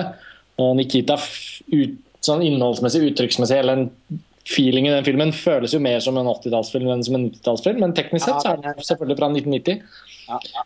Mens Leon er liksom For det første syns jeg av de filmene til Luc Besson som jeg har sett Det er jo ikke alle jeg har sett, men jeg har sett de fleste av de fra denne perioden. da da er det jo overlegent beste filmen, syns jeg. Eh, og, og, og det er ikke den er, altså, Dette er jo ikke en referanse jeg syns er så innmari viktig, men når det gjelder en film som Leon, syns jeg det er litt interessant at den er på 31.-plass på topp 250-listen til IMDb. Som utover vanligvis ikke en spesielt uh, viktig referanse nødvendigvis, for det er så mange variabler, og det er ikke nødvendigvis god film som ender opp der, og folk gir stemmer rett etter at de har sett en film. også, bla bla. Og Det er kanskje tilfellet med Leon nå, men det er litt interessant hvor høyt elsket den filmen faktisk er. da. Eh, nå er det ikke så mange år siden jeg så den sist, og, den, den, den holder rett og slett veldig mål. Og nok en gang syns jeg det er fordi at den faktisk handler om noe. Altså Det femte element syns jeg også var en morsom sak da den kom, men det er jo en veldig substansløs film når alt kommer til alt. Uh, mens Leon derimot, den, den, den er selvfølgelig både en sjangerfilm og en utrolig underholdende film. og og et leiemorderportrett som føyer seg inn i en, en slags type film som det har blitt laget mange av opp gjennom alle filmhistoriens tiår. Men dette litt sånn liksom, Vennskapet, far-datter-forholdet, men også det litt sånn Lolita-aktige kjærlighetsforholdet, som er eh, litt uh, uggent å ta i, men selvfølgelig ganske fett uh, gjort. da. Og Ganske kult å tørre å veve forskjellige sånne tematiske tråder sammen. Det gjør jo at Leon står seg ut ganske radikalt i Luc Bessons filmografi, syns jeg. Og ikke minst eh, Gary Oldman, som er en av mine favorittskuespillere i en, nok en herlig rolle. Ja, Han er en fantastisk bad guy, faktisk, i Leon. Den Det syns jeg er en av de absolutt beste rollene hans. Uh, Den er så uhemmet. Han, han koser seg så mye. ja. ja, Det virker som han har en fantastisk dag på jobben. Ja, altså Bokstavelig talt det amerikanske uttrykket, eller engelske uttrykket scene chewing. Å liksom tygge materialet til en scene. Han Ja. tar de der pillene og knekker nakken og hører på og bare koser seg med de monologene og sånn. Man skal ikke undervurdere hvor, på en måte, hvor mye en sånn ekstraordinær eh, liksom, rolletolkning Hvor mye det har å si for eh, hvordan en sånn film løftes. Da. Og så har man Jean Reno, som er sympatisk. Og så selvfølgelig Natalie Portman, da, som vi allerede har vært inne på. Som Og, er har, ja, ikke sant? Og, og, og vi har jo et hjerte for Natalie Portman alle sammen. Og det er liksom ikke helt ubetydelig at filmen er hennes gjennombrudd heller. Eh, det føles jo liksom som det, Verden ble kjent med Natalie Portman gjennom den filmen. Og det, det er også utrolig imponerende hvordan liksom hun har klart å eh, Hvordan hennes karriere liksom har holdt seg så levende i etterkant. Da. Det er veldig mange som er, blir sånne barnestjerner som man aldri liksom, som aldri klarer å kultivere talentet sitt til noe ordentlig. Og Natalie Portman er jo liksom en sånn fantastisk historie. sånn sett. Og jeg så jo Leon for første gang da jeg var 11 år og ble kjempeforelsket i Natalie Portman. Og har på en måte vokst med henne hele veien. Så Natalie Portman vil jo liksom alltid være i hjertet mitt. Men det, men, men det er også en veldig tøff film. Altså Den er på en måte Den har de her eh, aspektene som du sier med, med forholdet mellom Natalie Portman og Leon, men det er også en veldig kul film i forhold til hvor eh, de avbildningene av hvor proff han Leon egentlig er. Altså Det gjør det på en måte Det bidrar i hvert fall ved første visning sånn, Da jeg så filmen første gang, så var det en veldig viktig del av hva, hvorfor jeg syntes filmen var kul. da Fordi det var verst sett en del veldig gode spennings-actionsekvenser i filmen, og de er, de er fortsatt veldig gode. Og så har du den herre den, den her kontrasten mellom det, det varme, lille forholdet som de har mellom seg, og det her med de melka og de blomstene og alle de her småtingene som er liksom de, Men de er jo en sånn mareritt, eh, helvete på jordverden, hvor liksom Politiet er bare det verste uh, skurkemafiaen på Altså, det, det er en del sånne kontraster her som gir filmen ganske mange sånne ekstra lag av eh, ja, av, av mareritt, på en måte, samtidig som du har det veldig varme kjernen. Og, ja, og den er selvfølgelig veldig tragedien det egentlig er, med hun, hun, hun jenta som har mista alt og alle. Og, Det er en, veldig, det er en gripefilm, og den er eh, Og veldig fete actionscener og kjempekul sånn derre buddy eh, relasjon da mellom eh, Jean Renault og henne. Altså de to som er sånn som makkere oppi alt dette her, og er jo de to mot verden. Det er jo. Ja, det er jo veldig kult. Og, eh, og den har liksom Leon har også den det, det er en sånn type film som man liksom alltid kan Man, man, alt, man kan alltid se den. Det føles liksom Nå har jeg faktisk ikke sett Leon på noen år, eh, og hadde egentlig veldig lyst til å benytte anledningen til å få et gjensyn med den filmen nå. Men, eh, men jeg har sett den såpass mange ganger opp igjennom årene at jeg føler meg veldig trygg på, å gå god for at den skal være på listen. Også litt fordi at det er en film som er så Som Interpubi Database dels er et bevis på, er så høyt elsket av så mange at det nesten føles merkelig å ikke ha den med. Nå er det andre filmer som er litt i samme uh, bås, som ikke har kommet med på listen. Det vil dere sikkert, lytterne sikkert oppdage etter hvert og bli fryktelig lei seg eller frustrert eller harmdirrende forbanna på. Men, eh, men Leon var en av de filmene som vi nok ble bare enige om at måtte være med. Eh, også fordi alle liker den så godt. Ja, Ikke bare folk, dette slags folket der ute og vi som sitter her. En eller annen sånn slags forestilt uh, kampen, men kampen sto jo også veldig mot å, å prøve måtte jo, Vi måtte jo prøve å huske Luc Besson før han ble mass, masseprodusent, på en måte. Før Adel Blanc-Sec. Ja, det er liksom Som om stabburet drev med noe gourmetmat i gamle dager som var helt fantastisk, og så plutselig lurte man på hva skjedde med stabburet. Det er det de sier på reklamen. Ja, Sammenligning. jo, skjønner. Det var først det jeg kom på, da, men ja. Uansett. Jeg, familiedeigen var ikke på 70-tallet. for å si det sånn. jeg føler i hvert fall at Leons inkludering på denne listen har modnet seg veldig fint til, og jeg kjenner nå at jeg ville vært veldig lei meg eh, hvis ikke filmen hadde vært på denne listen. Men, tax, ikke- men Taxi ble ikke så elska som Grand, Pizza Grandiosa. Men, altså, men og det er jo altså sånn eh, Som sagt, nå kunne det høres ut som jeg forsøkte å si som en slags sånn folkets film, men vi, altså, det er jo alles film. Eh, og eh, det er jo film, veldig filminteresserte mennesker også er ofte veldig svake for Leon. Eh, og, og det viste seg også når vi snakket om filmen, som kanskje er en film vi ikke har snakket så mye sammen om før, men som liksom plutselig dukket veldig opp. Og og, og den er jo liksom et 90-tallsikon.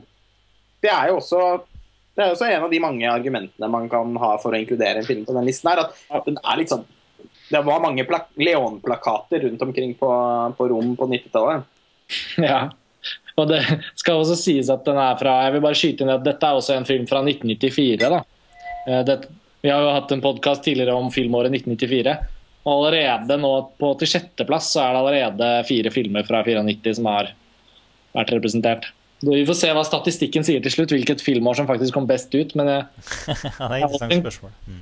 holder en knapp på 94 fremdeles, men det er et par andre år som også har vist seg å være Ja. 99 er vel ganske Nei, jeg- 99 er jo veldig spesielt. Men, vi, men vi skal bevege oss først over til 95. Ja, de skal Det var en fin bro. ja det var en fin bro. Fra 94-95. Og vi begynner med en serbisk eh, film eh, på 5-800-plass. Um, Underground. Jeg, nå maltrakerer jeg sikkert navnet på eh, regissøren Emir Kusturica. Kus, Kustu- Pod, Jeg- ja. Podsemlie. Podsemlie heter filmen på heter filmen på, bosnisk. på bosniske. Serbisk, jeg vet ikke. Emir Nemanja Kusturica, ville jeg sagt. Ja. Jeg forbinder først og fremst filmen her med en sånn veldig sånn sprudlende men, men ikke minst eh, musikken til Greg... Hva heter den? Eh, Goran Bregovic. Goran Bregovic. eh, Som, er, som særlig sitter igjen i minnet mitt. Og åpningsscenen med det herre blåserbandet som følger fyllikene på vei hjem fra byen. Ja, det er veldig sånn vanskelig å vite hvor man skal starte med denne filmen. Men klinket jo til eh, da den kom. Da hadde Kusturica allerede vunnet en gullpalme eh, for eh, Ja, hva heter den igjen? Herregud. I'm of the Gypsies. Ja, ja. Eh, og så raste jo krigen på Balkan. Og så kom den til Cannes og vant gullpalmen da, denne Underground også. Så han har vunnet to gullpalmer. Eh, og og den, den er jo eh, Jeg husker at den gjorde veldig inntrykk først og fremst som en slags krigs, en slags abstrakt måte å portrettere krigen på. eh, og tematisere eh, og liksom nesten satirisere over eh, hele den jugoslaviske liksom, hele epoken fra andre verdenskrig og frem til den krigen de befant seg midt i. da. Hele Og, Øst-Europa, egentlig. Hva? Veldig mye av Øst-Europa, egentlig. Ja, for det her er jo igjen en, en sånn satire, som du sier. En av de Ja, ikke sant? Men den, men den, den, den treffer som Den er, liksom, den er full av forskjellige toneleier, ikke sant? og det kan vi jo komme tilbake til. fordi et av spørsmålene med Underground og et av spørsmålene med Costa Ricas filmer er jo hva slags type varighet og hvor seige de kan være. da, Og at det, det, det oppsto jo en veldig sånn For musikken er jo, Det er liksom to sider av denne saken. her, altså På en måte så Den, den liksom kraften og den det kulturportrettet på en måte, og livsportrettet og nasjonsportrettet og alt det der som ligger i de filmene, det har jo også liksom blitt en selvpåført klisjé som veldig fort eh, ble spredde seg for bredt, og for mange filmskapere skulle lage Balkanfilm, og så plutselig så, så kan man kjenne litt på den ettersmaken. Um, jeg trekker deg inn her, Lars Ole. For Det er veldig viktig å høre det perspektivet ditt. da, Nå vet jo jeg det, men nå følte jeg måtte introdusere det. Jeg syns Underground er fantastisk. Den gjorde veldig inntrykk.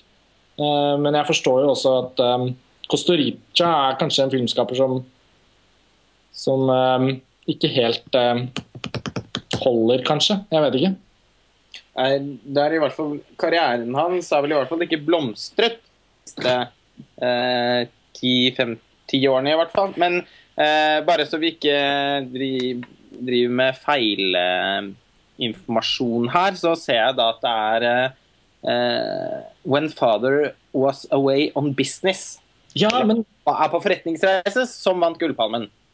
Ja, nettopp. Sorry. Ja, for jeg husket ikke. vant uh, regiprisen.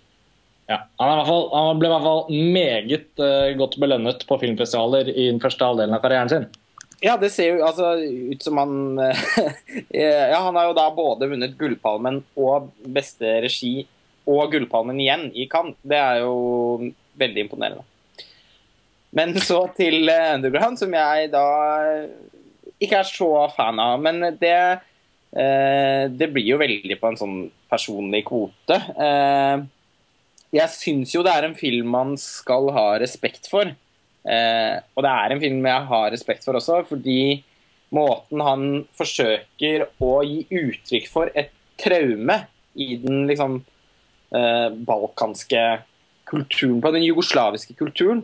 Eh, folket som hadde et land, og som plutselig mistet landet. Og som fikk et land som var lappet sammen av mange små land.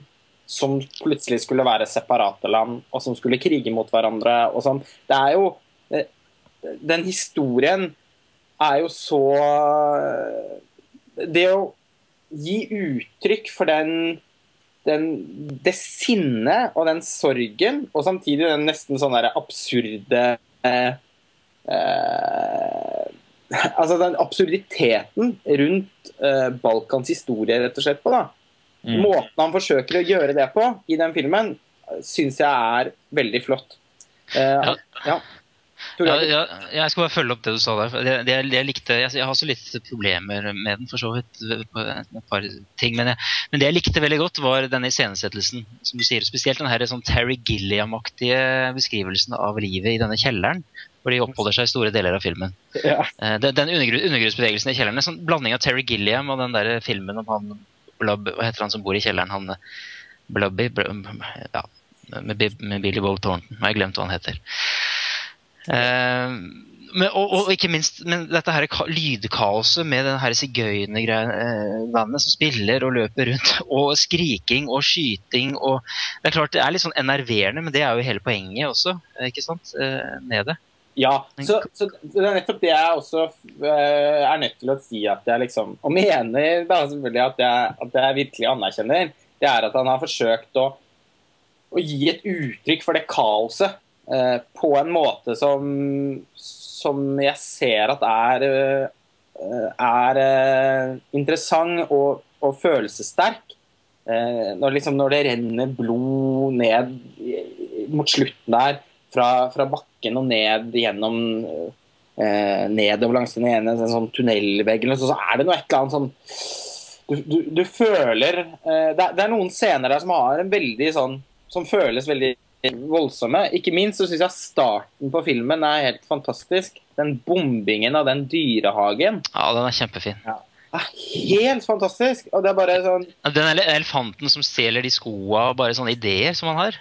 Ja, det, og, og da føler jeg virkelig at filmen er liksom den har, Jeg føler at den både har hjertet veldig på rett sted, og øh, samtidig som den, den tillater alle disse innfallene, men med en viss disiplin.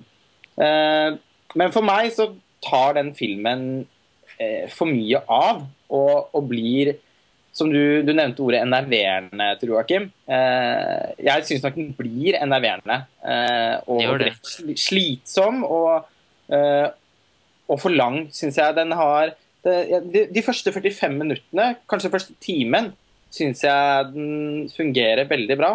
Men etter hvert så syns jeg den går over i en sånn endeløs fest. Og med denne Goran Bregovic-musikken, som jeg vet at alle elsker, og som jeg syns er helt uutholdelig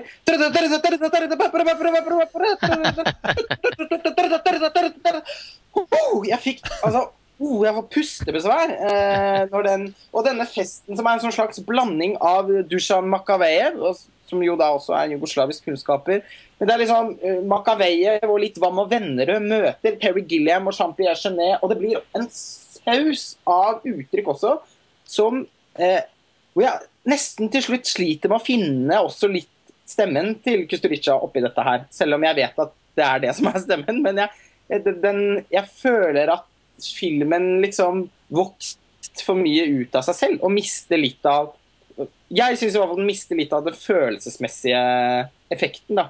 Det, jeg blir ikke så berørt av det som jeg tror jeg kunne blitt hvis den var laget på en annen måte. Eh, så skal jo ikke jeg sitte og diktere hvordan han skal lage filmen. Og han har jo åpenbart lyktes for den både en veldig anerkjent og en veldig populær film. Men jeg får en sånn kløe av sånn engasjert filmklubb på 90-tallet.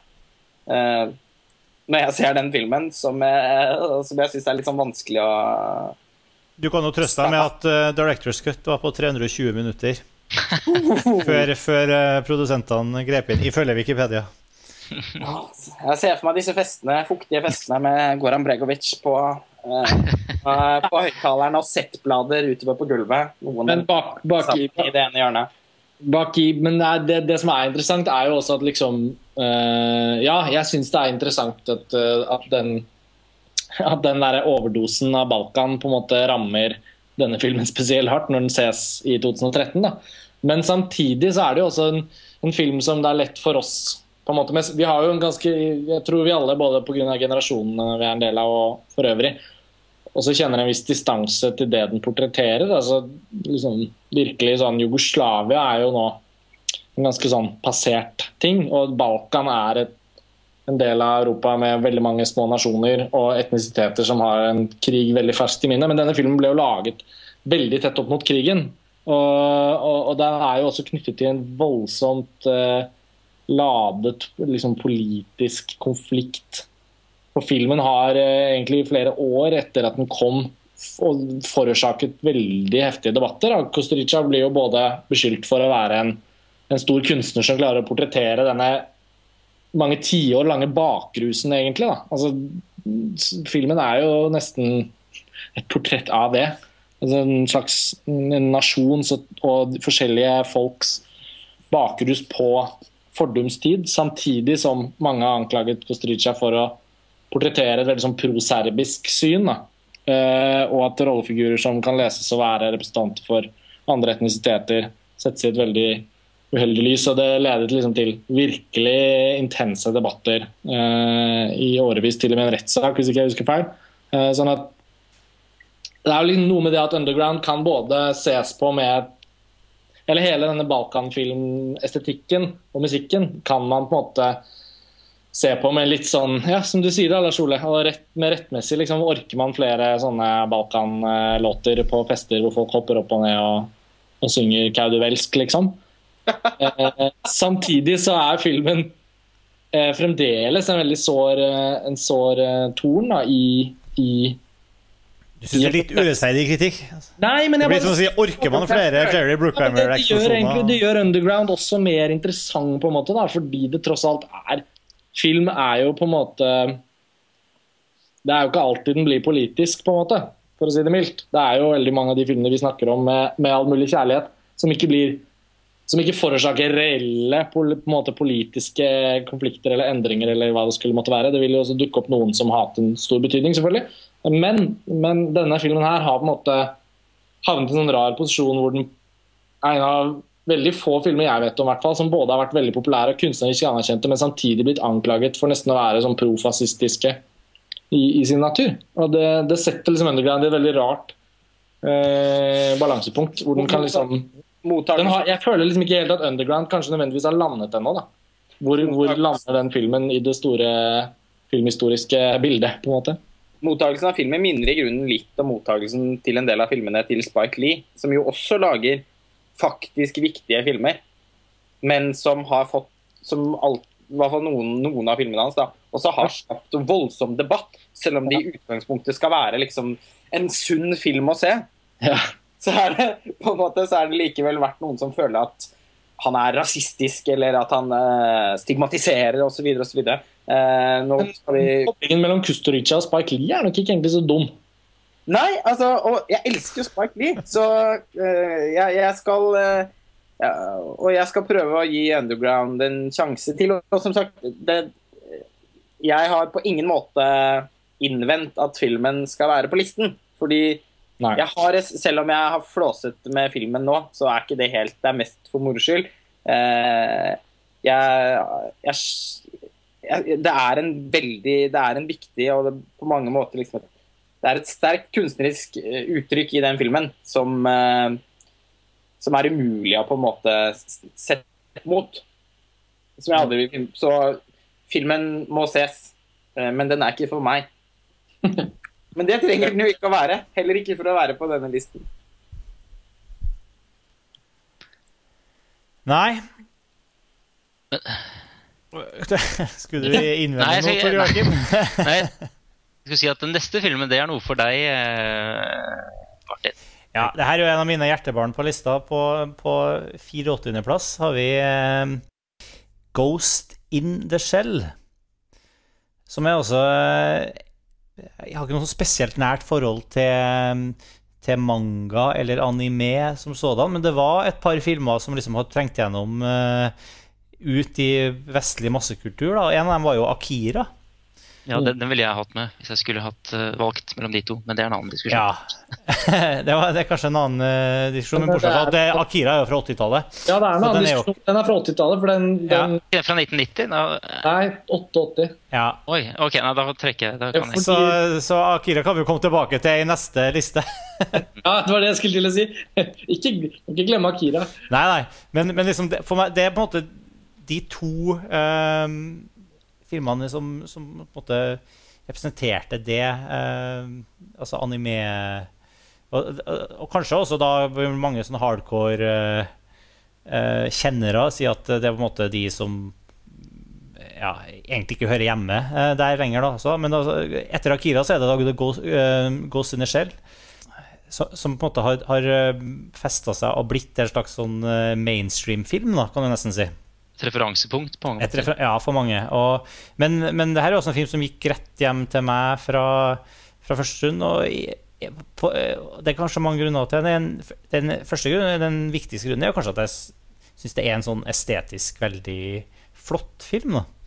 Eh, Men eh, samtidig så er det også en film som plasserer seg veldig sånn i, midt i smørøyet i en sånn sjanger og en tematikk som jeg De som har hørt på Filmfest lenge, vil liksom ikke bli overraska over at det er en sånn sjanger som jeg er veldig glad i. Altså den her sci-fi eh, Sinn versus materieproblematikken. Den som virkelig, i likhet med Blade Runner og en del sånne filmer, virkelig tematiserer og, Matrix. Matrix eh, å eh, tematisere det her. Hva, hva er det virkelig som er mennesket? Altså, hva er det som skiller måte den eh, robotbevisstheten fra menneskebevisstheten? Og det her som også Ghost selv har veldig i- sånn sentralt i det, det de prøver å si. Da. Og in er på en måte både en slags sånn flott, fantastisk detaljert animasjonsfilm med suveren musikk og, og, og helt sånn unike scener og stemninger, men det er også en sånn ganske sånn direkte eh, Nesten anmasende sånn eh, sinnsfilosofisk essay, da. Jeg vet ikke, jeg, jeg har jo liksom reklamert sterkt for filmen her bare for å få den inn på lista. Jeg vet jo, Karsten, du så den jo for første gang. eh, Ja. Kanskje nettopp fordi at jeg snakka så varmt om den. Nei, men altså, ja, det, men det var, det var veldig fascinerende for meg. for Ghost in Shell er jo en av de filmene jeg føler jeg har hørt om i snart 20 år. Eller, den er jo ikke helt 20 år gammel, da, men, men eh, jeg syns den liksom har vært der alltid. Og så har jeg bare aldri fått sett den. Jeg husker en kamerat av meg på videregående hadde den på VHS, og etter at The Matrix kom, så var det liksom Han var litt, han var litt uh, hva skal man si, Han var litt avantgarde på sitt forhold til japansk kultur i forhold til alle andre jeg kjente. Så det var noe med at han var liksom den første som dro den derre Ja, Matrix var bra, men, men du må se Ghost in the Shell, ellers så vet du ikke hva, hva du snakker om, liksom. Men jeg fikk aldri helt Det kom ble aldri til det. Og nå har ikke mitt forhold, jeg har ikke et veldig nært forhold til animasjonsfilm for øvrig heller, så det på en måte det har bare vært en litt film som har havnet litt i bakleksa. Og jeg er bare dritglad for at den kom opp igjen og du, duppet liksom opp, fra, opp over overflaten igjen da vi begynte å diskutere 90-tallet. Og Du skulle jo også skrive den kodekørartikkelen din Martin, om filmen, som er på montasje. Hvor du går mer inn på filmen enn du sikkert rekker å gjøre her i løpet av denne biten hvor vi skal snakke om den. Men jeg fikk endelig sett den. Og da Jeg kjøpte den på Blu-ray, men da så jeg jo at eh, den var så hyper eh, i Blu-ray-versjon. For det ble laget en sånn En 2.0-versjon ja, som Ja. ikke tilførte noen ting. Nei. Nei, og jeg sjekket på forhånd, da, alle sa jo du må bare se originalen, du må ikke se den 2.0-greia. Og den følger med på Blu-rayen, så følger den eh, originalen i bare sånn vanlig DVD, litt sånn kornete, dårlig eller vanlig DVD-format. da. Så jeg så den. Og det var jo virkelig eh, en fantastisk film, det må jeg si. Nå er det ikke mange månedene siden jeg så den, men jeg allerede har jo fått den liksom litt tett, tett i hjertet mitt, rett og slett. Det er en annen animasjonsfilm vi har på listen også, som vi skal komme tilbake til. Eh, som jeg ikke hadde sett, og som jeg måtte få sett. Og som også gjorde så voldsomt inntrykk at jeg tror faktisk bare det å se litt ekstra animasjonsfilm som jeg ikke hadde sett før, har gjort at jeg på generelt grunnlag har blitt mer glad i animasjonsfilm. Eh, etter at vi begynte å jobbe med 90-tallslisten, så det sier litt. Det er en stor seier. Yeah. Men jeg tenker sånn Ghost in the Shell er den, den transcenderer det å bare være en animasjonsfilm eller en animefilm. Eller en, liksom, for meg var den jo bare en jævlig, jævlig bra film. Og en rik film. Den er jo ikke, den er jo ikke mer enn 80 minutter eller noe sånt. Jeg husker ikke, Er det ikke det, Martin? Den er ikke lang. Ja, det er en helt vanlig Ja, om det er en halv time, litt Ja, 82 minutter. Mm. 82. Ja, ok. For jeg bare følte den var, det, var, det var så mye der. Så jeg synes det var sånn utrolig rik. Eh, Ja, og, den vel- og det er jo ikke noe uvanlig at eh, si, de, altså, du har jo Det som veldig mange forbinder med, med, med japansk eh, tegnefilm, er jo liksom Miyazaki-filmene. Og de er jo også veldig rike på sin måte. Men det her, Ja. det her er jo på en måte Her er regissør Mamoru Oshii og, og selskapet som heter Production IG. Altså, de lager jo på en måte en helt litt mer sånn eh, Hva skal jeg si Litt mer hardcore sci-fi-filmer, da, som er på en måte det Det blir en helt annen type animasjonsfilm. da Ja, men også fortellermåten. Var liksom så tålmodig og egentlig tilbake... Eller det var liksom sånn Det var noe Det snakket du ofte om, Tor Joakim. Den hadde liksom noen veldig sånne tablåer og sånne Den tok seg en måte tid til å la scenene spille seg ut i en mye roligere kanskje rytme enn det jeg hadde tenkt på forhånd. Jeg trodde kanskje den skulle være mye mer sånn hyperkinetisk og mye mer sånn intens. Men jeg opplevde filmen langt mer filosofisk og tilbakelent enn det jeg hadde trodd. Mm, Visuelt sett så er den jo ganske rolig og tilbakelent, men så, det er jo perioder av filmen hvor det er ganske mye intensiv dialog. Du må prøve å henge med. altså Section 9 og Section 2 og bli stjålet Ja. fra dem. Og han hører til den, og ja, så han kommer derfra, ja, ok. Ja. Ikke sant? Der, er- der, der må man det nesten se flere Ja, ganger. jeg kunne lese litt etterpå.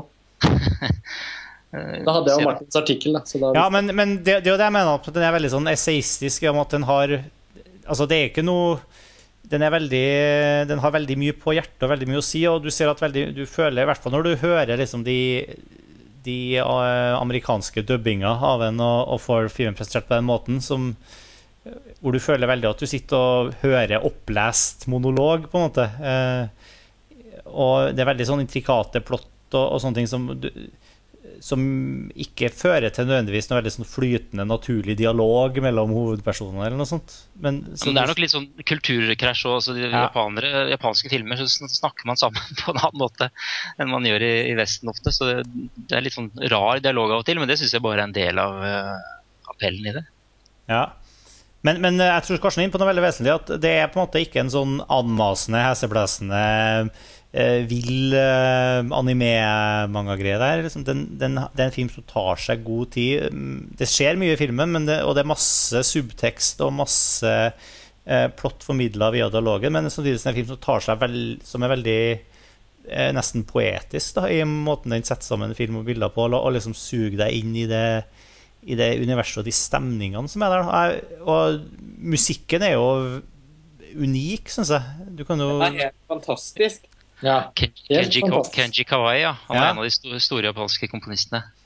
Hva, hva slags status har Det langs, elven, langs den elven der og sånn, når det der er tema sånn Ja. Det er noe perkusjon og greier. Altså, er det Tor Joakim, du som har peiling på disse tingene, hvor, hvor anerkjent er den musikken her egentlig i forhold til filmmusikk for øvrig?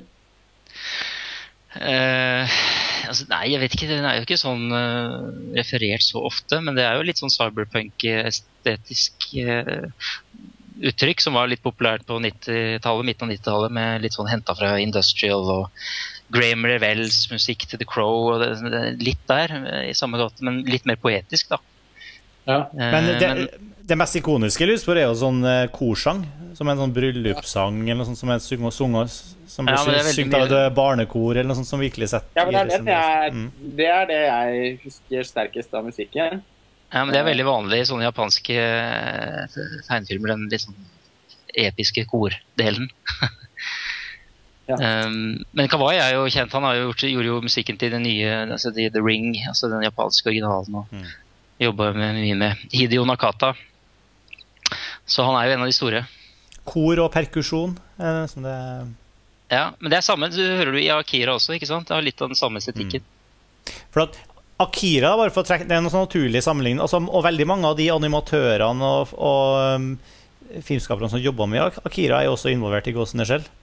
Eh, For meg så var Akira alltid mer um, vanskelig å Altså, Akira er veldig, veldig bra film, selvfølgelig, uh, men også um, litt sånn over kanten for min del. Litt for mye. Det, den tar litt for mye av for, mine, for min smak. da. Jeg har alltid følt at eh, Ghost in the Shell har på en måte satt seg så veldig mye dypere i meg enn en Akira noensinne klarte å gjøre. Fordi eh, um, Akira er på en måte mer eh, absurd, da. Mer eksessiv, mer eh, fremmed.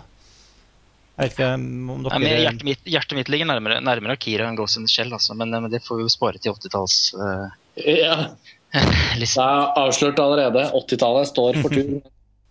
Jeg vil også si at det har denne Ghost in the Shell har jo i altså Vi var inne på Starship Troopers har jo masse ført til masse sånn spin-offs og nye filmer. Det var riktignok bare eh, Starship Troopers som fikk kinolansering og sånn av de eh, sequels-filmene. Eh, Oppfølgerfilmene og TV-seriene. Da kommer mye i kjølvannet av Starship Troopers. Men det har også kommet veldig mye i kjølvannet av Ghost in the Shell. Både i form av av TV-serier, som, som også er faktisk veldig bra. da. Er det den som heter Standalone Complex eller noe? Ja. Ja, for den er, jeg har sett opp. Jeg har hatt eh, Ghost in the Shell 2, da. ja in, Um, Innocence. Ja, jeg likte den, jeg. Ja, den er kjempebra. Veldig Ja, mye det, ja. det er så registrert at det er veldig mange som misliker den, men jeg ble ikke noe skuffet over den, egentlig. Nei, så, så det, Det er veldig mye mm, Det var veldig fint. Veldig mye av det som har fulgt i kjølvannet av Ghost in the Shell, har også vært veldig severdig. Ja. Jeg har i hvert fall satt veldig mye pris på, um, på både de, de TV-seriene, som er mer sånn kortere episoder, um, og, og, men som utforsker mye mer av den samme, samme tematikken, egentlig, og, og lever i den samme verdenen. Og Ghost Nichelle uh, Innocence er jo veldig mye mer prega av uh, Altså, du nevnte i stad Karsten, at du hadde kjøpt Blu-ray-versjonen av Ghost Nichelle, som har hvor de har tatt, erstatta en del av de håndtegna eh, scenene med en del av de mer si, rent grafiske scenene med eh, datagenererte eh, sekvenser. Mm. Og i Innocence så er det jo på en måte veldig mye av filmen Det er mye mindre håndtegning i den filmen. Da. Mye mer av den filmen er hel, heldigitalt generert, men, eh, men likevel så Der funker det mye mer. Der du har på en måte I Shell 2.0 så føler du at du mister noe ved at du tar ut det håndtegna. Mens i, mens i Innocence så har, så har så føles det ikke så, så ja, out. Det føles veldig mye mer naturlig der, da. Mm. Men eh, ja Jeg tror Det- jeg har så mye mer å si om eh, Nei, men det er, ja, det er, men, men som sagt, vi har jo artikkelen som du har skrevet på montasje om Ghost in the Shell. Uh, bare... Det var mest med, med som en presentasjon av filmen. For jeg syns det er vanskelig å, å formidle så mye om det. For det, det, det er vanskelig å, å selge en sånn film. Du må nesten bare eh, se den. For det, det er ikke det man forventer av det, men jeg syns den ga voldsomt uh, bra payoff, da. Og den sitter godt i ja, Det er en film som man, jeg virkelig tenker sånn Der er det mye Der er det veldig mye å hente. Og tidsinvesteringen er ganske liten, i og med at den ikke er så lang. Min inngang til Ghost in the Shell, bare for å nevne det kort, for det syns jeg er litt morsomt, det var faktisk at jeg så Animatrix da den kom. Ja. Eh, da var det en veldig forbløffende opplevelse for meg. For jeg var ikke noe kjent med Japan med, eller anime før det. Ja, og da var jeg vel en sånn kanskje 16 år eller da når Animatrix kom. Men jeg var jo fan av The Matrix og så de Animatrix-kortfilmene igjen og igjen. Og de syns jeg eh, I dette slags sluket som eh, den eh, lunkne mottagelsen av Matrix-oppfølgerne eh, skapte, så føler jeg at Animatrix eh, fortjener å bli løftet fram. Og det Ja. fikk meg i hvert fall til å se Ghost in the Shell, som nok var enda bedre. Og Dreamworks har ikke har eh, filmrettighetene. Live action-rettighetene. Så Stevens, ja, og Steven Spielberg har uh, visstnok vært eh, interessert i å lage film. Og, men jeg vet, om no, det noensinne blir noe av, vet jeg ikke. Jeg vet at de har vurdert veldig seriøst å gjøre noe på, um, på Akira live action. Men jeg visste ikke at det også var tilfellet med Ghost in the Shell. Jeg Ja. ser ikke poenget med det, men eh, Nei, jeg vet ikke om jeg ser poenget med det, men eh, det er jo sånn noen vil vel kalle The Matrix for den live action-oppfølgeren. Ikke sant. Yes. Vi skal videre til en annen filmskaper. eh, Eller en annen, vi skal tilbake til um, Vi Du skal ikke tilbake, du har en fin, fin overgang nå som du kan kjøre, da. Ja, Ja, kom igjen. Nå så du jeg sleit veldig med overgangen. Hva, er- hva er overgangen til neste film på lista her? Apropos eh, androideaktige ting. Ja. Apropos menneske møter maskin osv. Ja, på Ja. en måte. Ja, Mann møter saks. eventuelt. Saks møter isblokker Ja. Vi skal til Tim Burton Tim Burton. og Edward, Edvard Saksehånd. Som selvfølgelig er den store Ja. Tim Bur jeg vet ikke om jeg skal si det store Tim Burton-gjennombruddet, men det store eh, Tim Burton møter han derre skuespilleren som alltid er med i Tim Burton-filmene. Gjennombruddet. Jeg skjønner ikke hvem du tenker på. Nei, jeg vet ikke. Jeg, jeg har helt glemt hva han heter. Men... Men, var, men Johnny Depp, var han veldig kjent da? lurer jeg på forresten. Er det noen som husker det? Tor Joakim, du som er gammel. Eh, Ja, nei, det var den der TV-serien han var med på. Det var vel i slutten av 80-tallet. 21 eh, Jump Street. 21 Jump Street, ja. Ja, ja et, det var vel den første et, etter det som var sånn stor. Den der Crybaby, var det før? Eller var det etter? Nei, det husker jeg ikke. Jeg sjekker det. Ja, samtidig, ja. Ok. Men i 1990 Altså, ja, 21 Jump Street var jo en sånn 80-talls-TV-serie. I 1990 kom uh, Edward Sisterhands, ja. Mm. Tim Mm. Burton. Det, altså er det, det er jo ikke unaturlig at det er den Tim Burton-filmen vi velger å, å sette på lista. Nei, det er jo den mest personlige. Det, det her er jo veldig Det her er jo For å si det sånn, på min egen topp 50-liste så kommer denne på tredjeplass. Og det sier jo litt om hvor nært eh, mitt hjerte den filmen der er. Den, den har betydd så utrolig mye for meg. Og det er jo, det, jeg analyserte den til og med i min uh, hovedfagsoppgave, i hvert fall musikken. Så den er um, så den er på en måte Burton og, og komponisten Dan Hjelfmanns kanskje mest personlige prosje- prosjekt. Og så er den også en av mine mest personlige minner fra historien. så jeg syns det er litt trist at den er på 83.-plass, men sånn må det jo bli av og til. Gi og ta litt. Men det er en fantastisk film. eh, og Her er skillene har mellom det pastellfargede forstadslivet altså satire, Da er vi tilbake til satirelandskapet igjen. da. Ja. Og, og det her den fantastiske gotiske estetikken eh, rundt Slottet og rundt Edvard Saksehånd og oppfinneren og alt dette her. Kontrasten der og hvordan hvert av disse universene er så ekstremt gjennomførte. Og, og så, det er veldig rart. Jeg har snakka i hele denne episoden om quirk, og at jeg ikke liker quirk og sånne ting. Men, men eh, noen typer quirk eh, liker jeg. og eller annen grunn så tiltrekkes seg til Tim Burtons måte å scenesette på. Sannsynligvis fordi han er så Han, han tar det liksom eh, mange skritt ut. da, altså Setter det helt på spissen. Eh, han har ingen ambisjoner om å liksom grunnlegge dette i noe realistisk univers. i det hele tatt. Dette er liksom Burton-univers all the way. Så um, Ja, Man hadde jo laget Batman året før. Så Mm.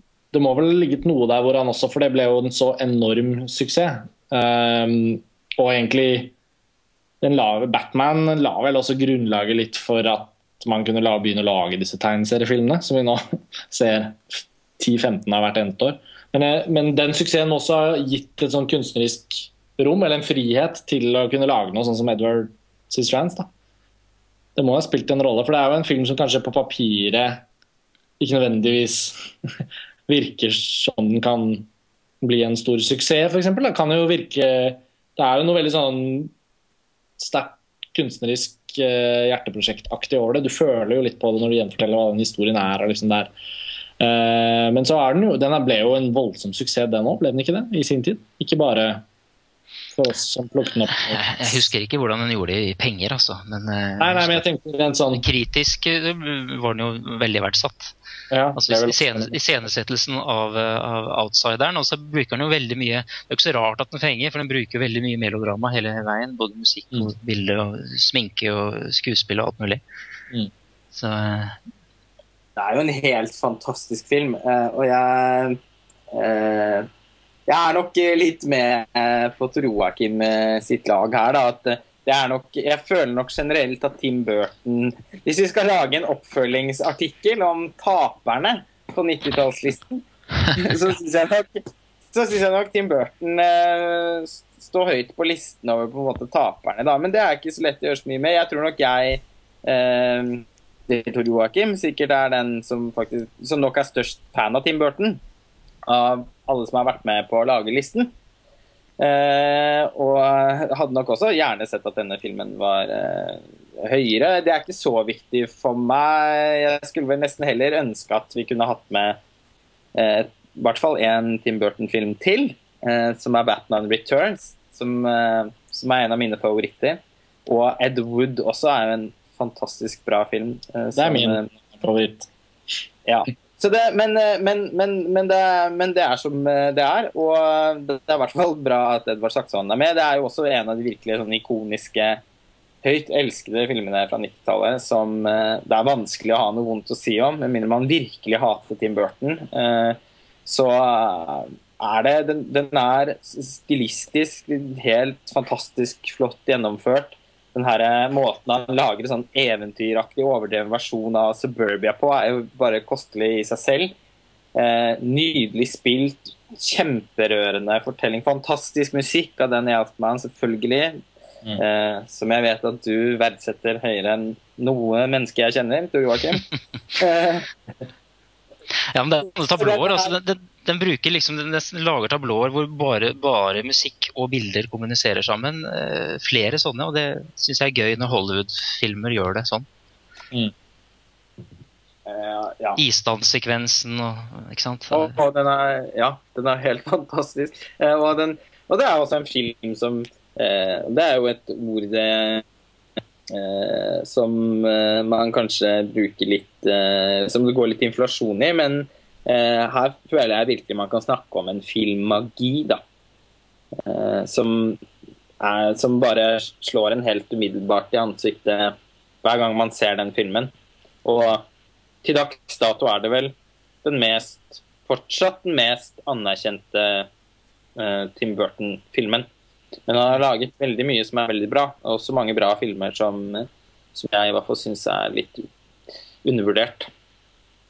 Også de senere årene. Jeg syns jo Big Fish og Charlie Sjokoladefabrikken eh, er helt fantastisk. Så Eh, men Burton er liksom Jeg føler han har Vi snakket om i stad om de filmskaperne som gjør det samme igjen og igjen. Eh, og han har vel vært en av de som virkelig har blitt et offer litt for det, da. Det er han jo dels skyld i selv også. Han har blitt et offer for saksen. ja. ja, men altså ja, Du kan nesten beskylde for å bli en parodi på seg sjøl. Det er vel det noen uh, Ja, og det med rette også. Du bare nesten beskylde ham for det. Du kan jo beskylde ham for det. Ja, det var det jeg jo nettopp kanskje gjorde. Ja. Ja, og det kan likte- man med rette beskylde ham for også. Jeg likte jo Dark Shadows, da, men det er en annen diskusjon.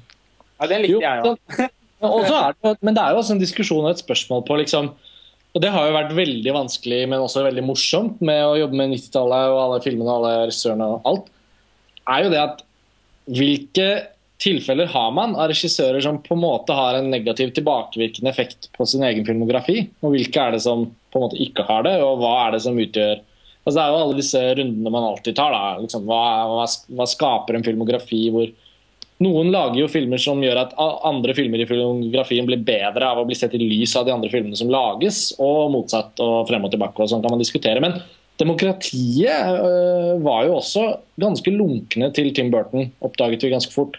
Og Det er også bare interessant. altså Jeg tror jo, jeg tror jo øh, vi har ganske god distanse til 90-tallet og har kunnet gjøre bedre vurderinger sånn sett enn vi gjorde på 00-tallslisten, bare rett og slett fordi tiden hjelper, som vi diskuterte innledningsvis i podkasten.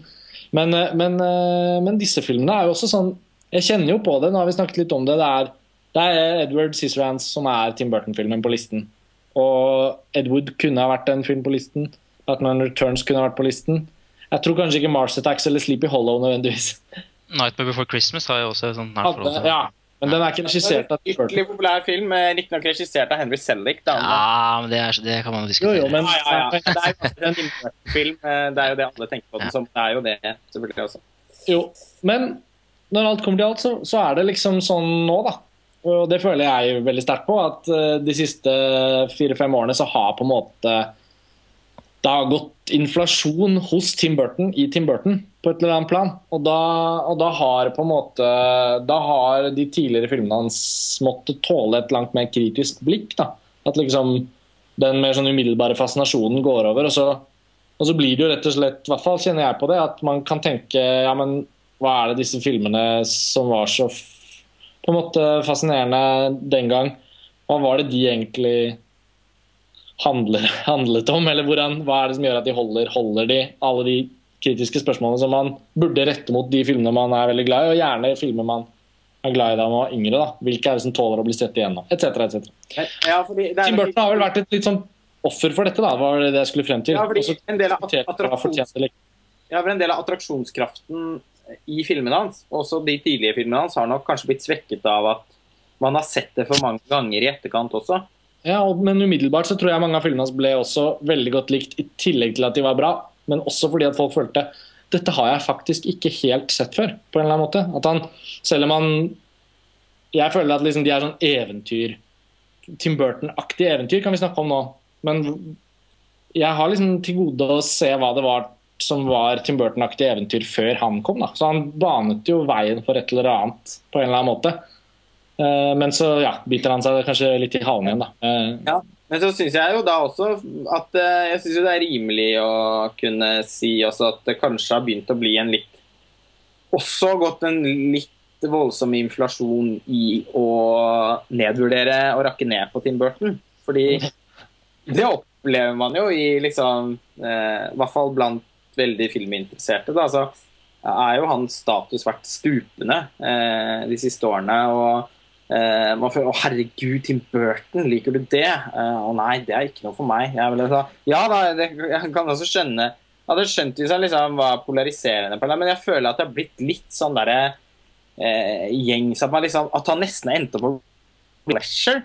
Og det, det syns jeg blir litt for drøyt også, da. Eh, satt i lys av hvor mange gode filmer han faktisk har laget. Det er mange filmskapere som nyter veldig høy status, som ikke har vært i nærheten av å lage like mange gode filmer som det Tim Burton har gjort. Uh, og når man ser på liksom Ed Wood, The Batman Returns og Edvard Saksehånd og Big Fish i og for seg ved siden av hverandre, så er jo det også filmer som viser et visst spenn, i hvert fall. Eh, Ed Wood, som er min favoritt, er jo min favoritt også fordi den, den er overraskende nedtonet. Og, og hele skuespillerinstruksjonen i den filmen lever i et langt mer troverdig univers enn de andre filmene hans. eh, Samtidig som den har noe av det der litt sånn snåle, fine, litt magiske ved seg. da. Eh, og det er kanskje den filmen Rent sånn bil- billettsalgsmessig må jo det være den av filmene hans som er minst sett. Eh, Ja. Ja. Eh, og et eksempel på også at noe av Tim Burton, noe av magien med Tim Burton fortsatt er intakt, syns jeg, det var eh, Frankenweenie, eh, som jo er fra i år. ja, den kommer på norsk kino i var det januar? Februar? Februar. Ja. Nå har jeg sett den filmen tre ganger, faktisk. Eh, og har likt den like godt hver gang. Og der kan man også si at han dyrker veldig mange av liksom, på en måte klisjeene sine. Men den er jo også så ustyrtelig vellaget og så morsom og nydelig og ganske skarp på samme tid at eh, det blir liksom For meg så blir det vanskelig eller nesten unaturlig å, å nedvurdere den det er så mange ting der som ligner på ting han har gjort tidligere. Men det er jo selvfølgelig en, en, en smakssak, da. Men da, bidrar det ikke litt også til den effekten at han liksom bruker Johnny Depp i den, sånn, i den rollen? Og det gjør han jo heldigvis ikke Frankenweenie. Nei, ikke sant? Men, men altså, i, når, jeg tror Karsten har veldig godt poeng i det med det spennet han faktisk har. da. Men at man liksom trivialiserer litt og liksom fordummer det litt ved å koke det ned til Å ja, her er enda en sånn uh, litt uh, mørk film med en eller annen crazy uh, Johnny Depp som hopper opp og ned og Nå får vi jo se når toner han seg kanskje litt ned til Big Eyes, da, som er den nye filmen hans, hvor det ikke er Johnny Depp, eh, og som visstnok skal være mer nedtonet. Så det kan det være at Ja, det, det blir veldig spennende å se. Jeg håper jo selvfølgelig også at det er noe litt uh, annet. For hva gjelder samarbeid med han og Johnny Depp, så er nok også jeg virkelig nådd, liksom. Det er nok. Ja, der er jeg mett. Eh, Jeg syns Alice i Eventyrland var et grelt eksempel på at det ikke er så mye mer å hente der. Samtidig som jeg likte Dark Shadows, da. Men, eh, men, men, men Johnny Depp har jo også på en måte blitt litt vannet ut uh, gjennom sine fire roller som Jack Sparrow i Pirates og veldig sånne eksentriske, overkostymerte karakterer. Jeg tenkte jeg kommer til å skrive en uh, kodikør om Edvard Saxon, så kan jeg prøve å konkretisere en del av de tankene som vi har luftet. Det høres ut som en kjempegod idé. Mhm. Kanskje til jul? Det er sånn julefilm med Ja. kodekør. Det er det absolutt. Vi skal tilbake til Japan, vi. Og til 82.-plass på lista vår. Eh, nå trodde jeg at eh, Ghost in the Shell skulle være den fremste japanske animasjonsfilmen på lista vår, men eh, vi- her har vi også plassert eh, Only Yesterday fra regissør Isao Takahata. Ja, som, eh, som nok er mer kjent for eh, en annen film som er laget på 80-tallet, 'Grave of the Fireflies'. Som vel er en av de mer hjerteskjærende skildringene av barn i krig som er laget uavhengig av teknikk innenfor film. Det er en animasjonsfilm, men det er jo virkelig en, en voksenfilm, da. Eh, Det, I likhet med Ghost in the Shell. Det vil jeg også si at uh, Only Yesterday er som er en eh, film som er veldig sånn rotfestet i japansk eh, kultur. Eh, I hvert fall det inntrykket jeg har av japansk kultur gjennom japansk film og japansk filmhistorie. Den, for meg så er den filmen veldig beslektet med en del av filmene til Yasuhiro Osu, som jo veldig ofte handler om familien. Og den handler om en, en jente i slutten av 20-årene som jobber på et kontor eh, der i Tokyo, og som velger å tilbringe ferien sin på landsbygda der hvor hun vokste opp.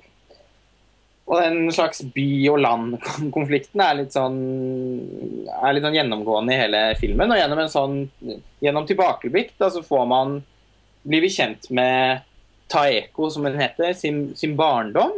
Og hvordan både skole og sk- skole og familie li- Livet med familien og, og, og, skolegangen hennes har påvirket henne som person. Den er mange liksom, den, den er veldig enkel i liksom både premisset sitt og kanskje litt uspektakulær spektakulær i hva den skal fortelle om, og måten de forteller det på. Men til gjengjeld så syns jeg det er en av de eh, mest gripende skildringene jeg har sett av hvordan det er å være barn. Eh, og hvordan det å være barn i en, i en søskenflokk og i, i en familie, eh, som denne filmen er, hvor, hvor vondt små ting kan oppleves når man er barn, eh, selv om det virker som bagateller for, for voksne, eh, som kan være med å forme deg som person. Altså, det, er nesten, det er ikke, ikke nødvendigvis lage arr som ikke forsvinner, men som, eh, som, er med på å forme deg som den personen man blir. Jeg syns det er en utrolig respektfull skildring av barnets opplevelse av å vokse opp. Og av å bli ungdom og bli, på en måte ta sine første steg mot å bli en voksen person. Da. Coming of age. Den høres jo fantastisk ut. Jeg har ikke sett den, så jeg bare gleder meg til å se disse filmene på listen som jeg ikke har sett selv. Jeg, jeg, må bare være helt, jeg er enig, helt enig med deg, Lars. En fantastisk nydelig film. og Morsomt at du trakk parallellen til, til Osu. fordi En ting er familieskildringene, men jeg syns også den hadde en del Osu i eh, innstillinger. altså de, det her empty shots, mu, ikke sant, hvor de, de bare sitter og det regner ute, f.eks. Så re, sitter de i bilen, og så regner det. Og, ikke sant? og det er så mye sånn, sånn japansk eh, film eh, også, av Miyazaki, som er så flink til å gjøre akkurat det der med å suge inn også naturen rundt, ikke bare menneskene. Eh, noe som, er, som, man aldri ville funnet på i en amerikansk eh, tegnefilm for, rettet mot barn, hvor det skal være mer action.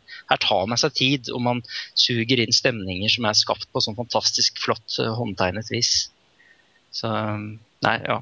Jeg bare skriver under på det du sa, Lars Ole. Ja, ja men det er, det, det er jeg glad for å høre. Og alle jeg kjenner som har endt opp med å se filmen, og som jeg eventuelt har anbefalt den til også, har har blitt veldig berørt og begeistret av den filmen. Uh, jeg syns, syns, The Grave of the Fireflies er hakket enda mer gripende, da, hvis jeg først skal sammenligne de to. Men... Ja, altså, ja, jeg vet ikke helt. Jeg, jeg syns også den er helt fantastisk. Den er fra 80-tallet, så den uh, var ikke med. I, mm. på, Nei, men Det er samme regissør, så det var liksom sammenligning. Ja, ja selvfølgelig. Uh, og hadde, hadde, den vært fra 90-tallet, så ville nok også den kanskje Eh, så ville jeg i hvert fall eh, forsøkt å få også, den med på listen i tillegg. Eh, den, den, ja, det, den, er jo den er opprivende på en helt annen måte, da. Så den er kanskje mer sånn skjellsettende, men samtidig så syns jeg nok han er inne han Takahata er inne på noe, noe, som er vel så vanskelig å sette ord og bilde på da, i Only Yesterday den, eh, den, følelsen av Man husker jo når man var barn og følte seg urettferdig behandlet og ble såret, liksom. Og, og følte ikke at det ble sett eller ble Og, det gjelder alle altså sånn, Og da handler det ikke om jeg har hatt en veldig En veldig udramatisk og, og helt uh, fantastisk barndom. Så det, det, har ikke noe med det å gjøre at eh, det, jeg tror alle som har vært barn, har følt på mange av de følelsene som er i den filmen. Eh, også helt uavhengig av kultur. da. Selv om den er liksom distinkt japansk, så føles, føler jeg ikke noen sånn avstand Noen kulturell avstand heller, da. Hvis du skjønner hva jeg mener, tror jeg, Kim? Mm, jo, jeg skjønner hva du mener. Jeg hadde den, ja, unnskyld, liksom er den liksom, Jeg er bare nysgjerrig. Altså, er, den liksom en, er den ikke en barnefilm, på en måte? Eller hva, hvor, hvor ja, den, den, har jo litt av det samme, og det samme ser du jo også i en film som, som, jeg først trodde jeg at jeg ville ha med den, men så fant du ut at den var fra 80-tallet, og da snakker jeg om eh, min nabo Totoro. Eh, som også er en barnefilm, men som har en del sånn voksen måte å fortelle historien på. Eh, og sant, Helt annet tempo og sånne ting. Eh, men jeg vil jo si at dette her er en film som kan appellere til altså Only Yesterday, at den kan appellere til alle slags eh, aldersgrupper. Ja, for da dere beskrev, eller Lars Ole, du beskrev noe som minte meg veldig om den svenske filmen 'Flikkan'. Ja, men er, det er mange likhetstrekk. Er det det? Ja, det er det. og positivt der. Ja, eh, og, og ja, jeg, altså jeg tror at eh, i likhet med Joakim, så tror jeg nok også at Only Yesterday kan appellere til på en måte hele familien. Men jeg føler nok at de følelsene som filmen forsøker å formidle, eh, de er det vanskelig kanskje å eller de er man jo midt i når man er barn, så da tror jeg det vil oppleves på en annen måte. Men ettersom filmen også har en sånn tilbakeblikks eh, Den fortelles jo fra eh, i et erindrings... på- Altså, det er jo et voksent menneske som eh, erindrer eh, over barndommen sin, og den, slags sånn Den refleksjonen som oppstår da, eh, den preger jo veldig måten den skildrer barndommen på. Så sånn sett så syns jeg nok filmen i større grad fanger det den, de, I hvert fall enkelte deler av barndommen som man ser tilbake på som voksen, Mm. enn den barndommen man opplever når man er der. Mer sånn som Smultronstellet, da. Ja, på en måte. Ja, men, det, det, det, ja, men den er ikke så ulik, i hvert fall ikke måten den er strukturert på, selv om den selvfølgelig ikke har dette perspektivet med en gammel mann som skal dø, og som angrer. Den er jo, hun er jo også litt sånn på vei mot livet, for å Ja. parafrasere Truffaut-filmen. Ja. Eh, hun eh, Ja, hun er 27 år gammel, tror jeg. Eh, så like gammel som jeg er nå, da. Og er fortsatt har fortsatt ikke helt blitt den personen som hun kanskje kommer til å bli for alltid. Og hun opplever da også å stå der i en sånn slags Ja, denne sånn slags nesten litt sånn overtydelig by-land-konflikten, men som nok er mer relevant i Japan enn den er i Norge. Eh, kontrasten mellom Tokyo og landsbygda som den kommer fra, er nok større enn eh, eh, kontrasten mellom våre hjembyer og og der vi er oppholder oss nå, eventuelt. Liksom, men, men det blir også liksom et veldig fint symbol, syns jeg, for at hun er på et sted i livet hvor hun må ta noen valg, eller prøve å liksom gjøre seg kjent med hvem hun egentlig er, og hvor hun hører hjemme. Og hun bruker da på en måte barndommen, erindringer fra barndommen, til å mm, til å på en måte bli med, kjent med seg selv på nytt, da. For Mm. å finne ut av hvem Jeg bare syns at det er en veldig gripende tematikk. Mm. Nei. Jeg får lyst til å se. Ja, fantastisk film eh, som jeg også syns det er gøy at listen kan trekke fram. For det, jeg tror det er mange som ikke engang har hørt om denne filmen. Og jeg tror veldig mange vil ha stor glede av å se den. Den har, men den har jo fått en del oppmerksomhet i eh, både i demokratiet og, og i diskusjonene våre. Så det er jo Apropos det, jeg har jo erkjent mange ganger at eh, animasjonsfilm ikke er nødvendigvis er min st- største styrke eller interesse, så det er alltid veldig veldig fint at det stiger frem sånne sterke anbefalinger sånn som denne. Um, Men det er jo heller ikke den filmen folk flest vil begynne med, sannsynligvis, hvis de Nei, skal se klart. en Ghibli-film eller en, Jap- en Ja, ja. japansk animasjonsfilm. Eller, ja. Kanskje er det nettopp det man bør, der man bør begynne. Det er i hvert fall en av de eh, i hvert fall en av de beste da, ja, Hvis man snakker om Studio Ghibli som en, som en slags autør eller, eller som, som en stemme i seg selv, det blir jo litt misvisende, da. Men, eh, men det er absolutt en av eh, er en av de beste animasjonsfilmene jeg har sett. Vi skal videre til Iran. Det blir eneste sånn, det føles som påskelabyrinten her. Vi skal videre til eh, Flytte oss rundt i verden. Vi skal videre- til A Moment of Innocence. Regissør Mosen Makmalbaf. Ja. Mm. Ja. 1996. 90-tallet og iransk film er jo synonymt med hverandre. I hvert fall i form av et uh, sånt gjennombrudd på, på verdens filmscene. For Mosmak Malbaf og Abbas Kiarostami var liksom de to, i særlig grad de to, da, som var de store nye iranske mm, regissørene som, eh, som gjorde voldsomt inntrykk eh, på festivaler rundt omkring i verden. Men også Dette er vel den den ene av de, etter mitt syn, kanskje absolutt minst velkjente filmene som dukket opp i avstemningen og arbeidet vårt med 90-tallslisten. Jeg har ennå til gode med å få sett den, for jeg har ikke klart å få tak i den i forbindelse med arbeidet. Men, eh, men jeg kjenner iransk film ganske godt og var veldig glad for at denne filmen steg frem så voldsomt som en anbefaling. Mm. Så ja, jeg vil bare si det. Jeg har sett den. Jeg vet ikke om det er noen andre som har sett den. Jeg har sett den. Mm. Skal, du prøve å fortelle historien, da? Eller sånn basically, eh, Lars Ole? Ja, jeg kan prøve. Eh, det er, nei, men er den, eh, den handler om Mosem Makhmalbaf, regissøren. Da, han eh, han eh, hadde en veldig ulykkelig hendelse når han var relativt ung, hvor han eh, knivstakk en politimann. Og i denne filmen så ønsker han da å lage en rekonstruksjon av den hendelsen, som blir en slags film i filmen. Vi møter en regissør som skal gjenskape denne hendelsen fra livet sitt, og som eh, da jobber med å kaste rollene som skal spille den unge versjonen av han, og den unge versjonen av politimannen. Og så følger vi eh, regissøren sammen med han som skal spille den yngre utgaven av han, og politimannen med han som skal spille den yngre utgaven av han, litt sånn parallelt med hverandre.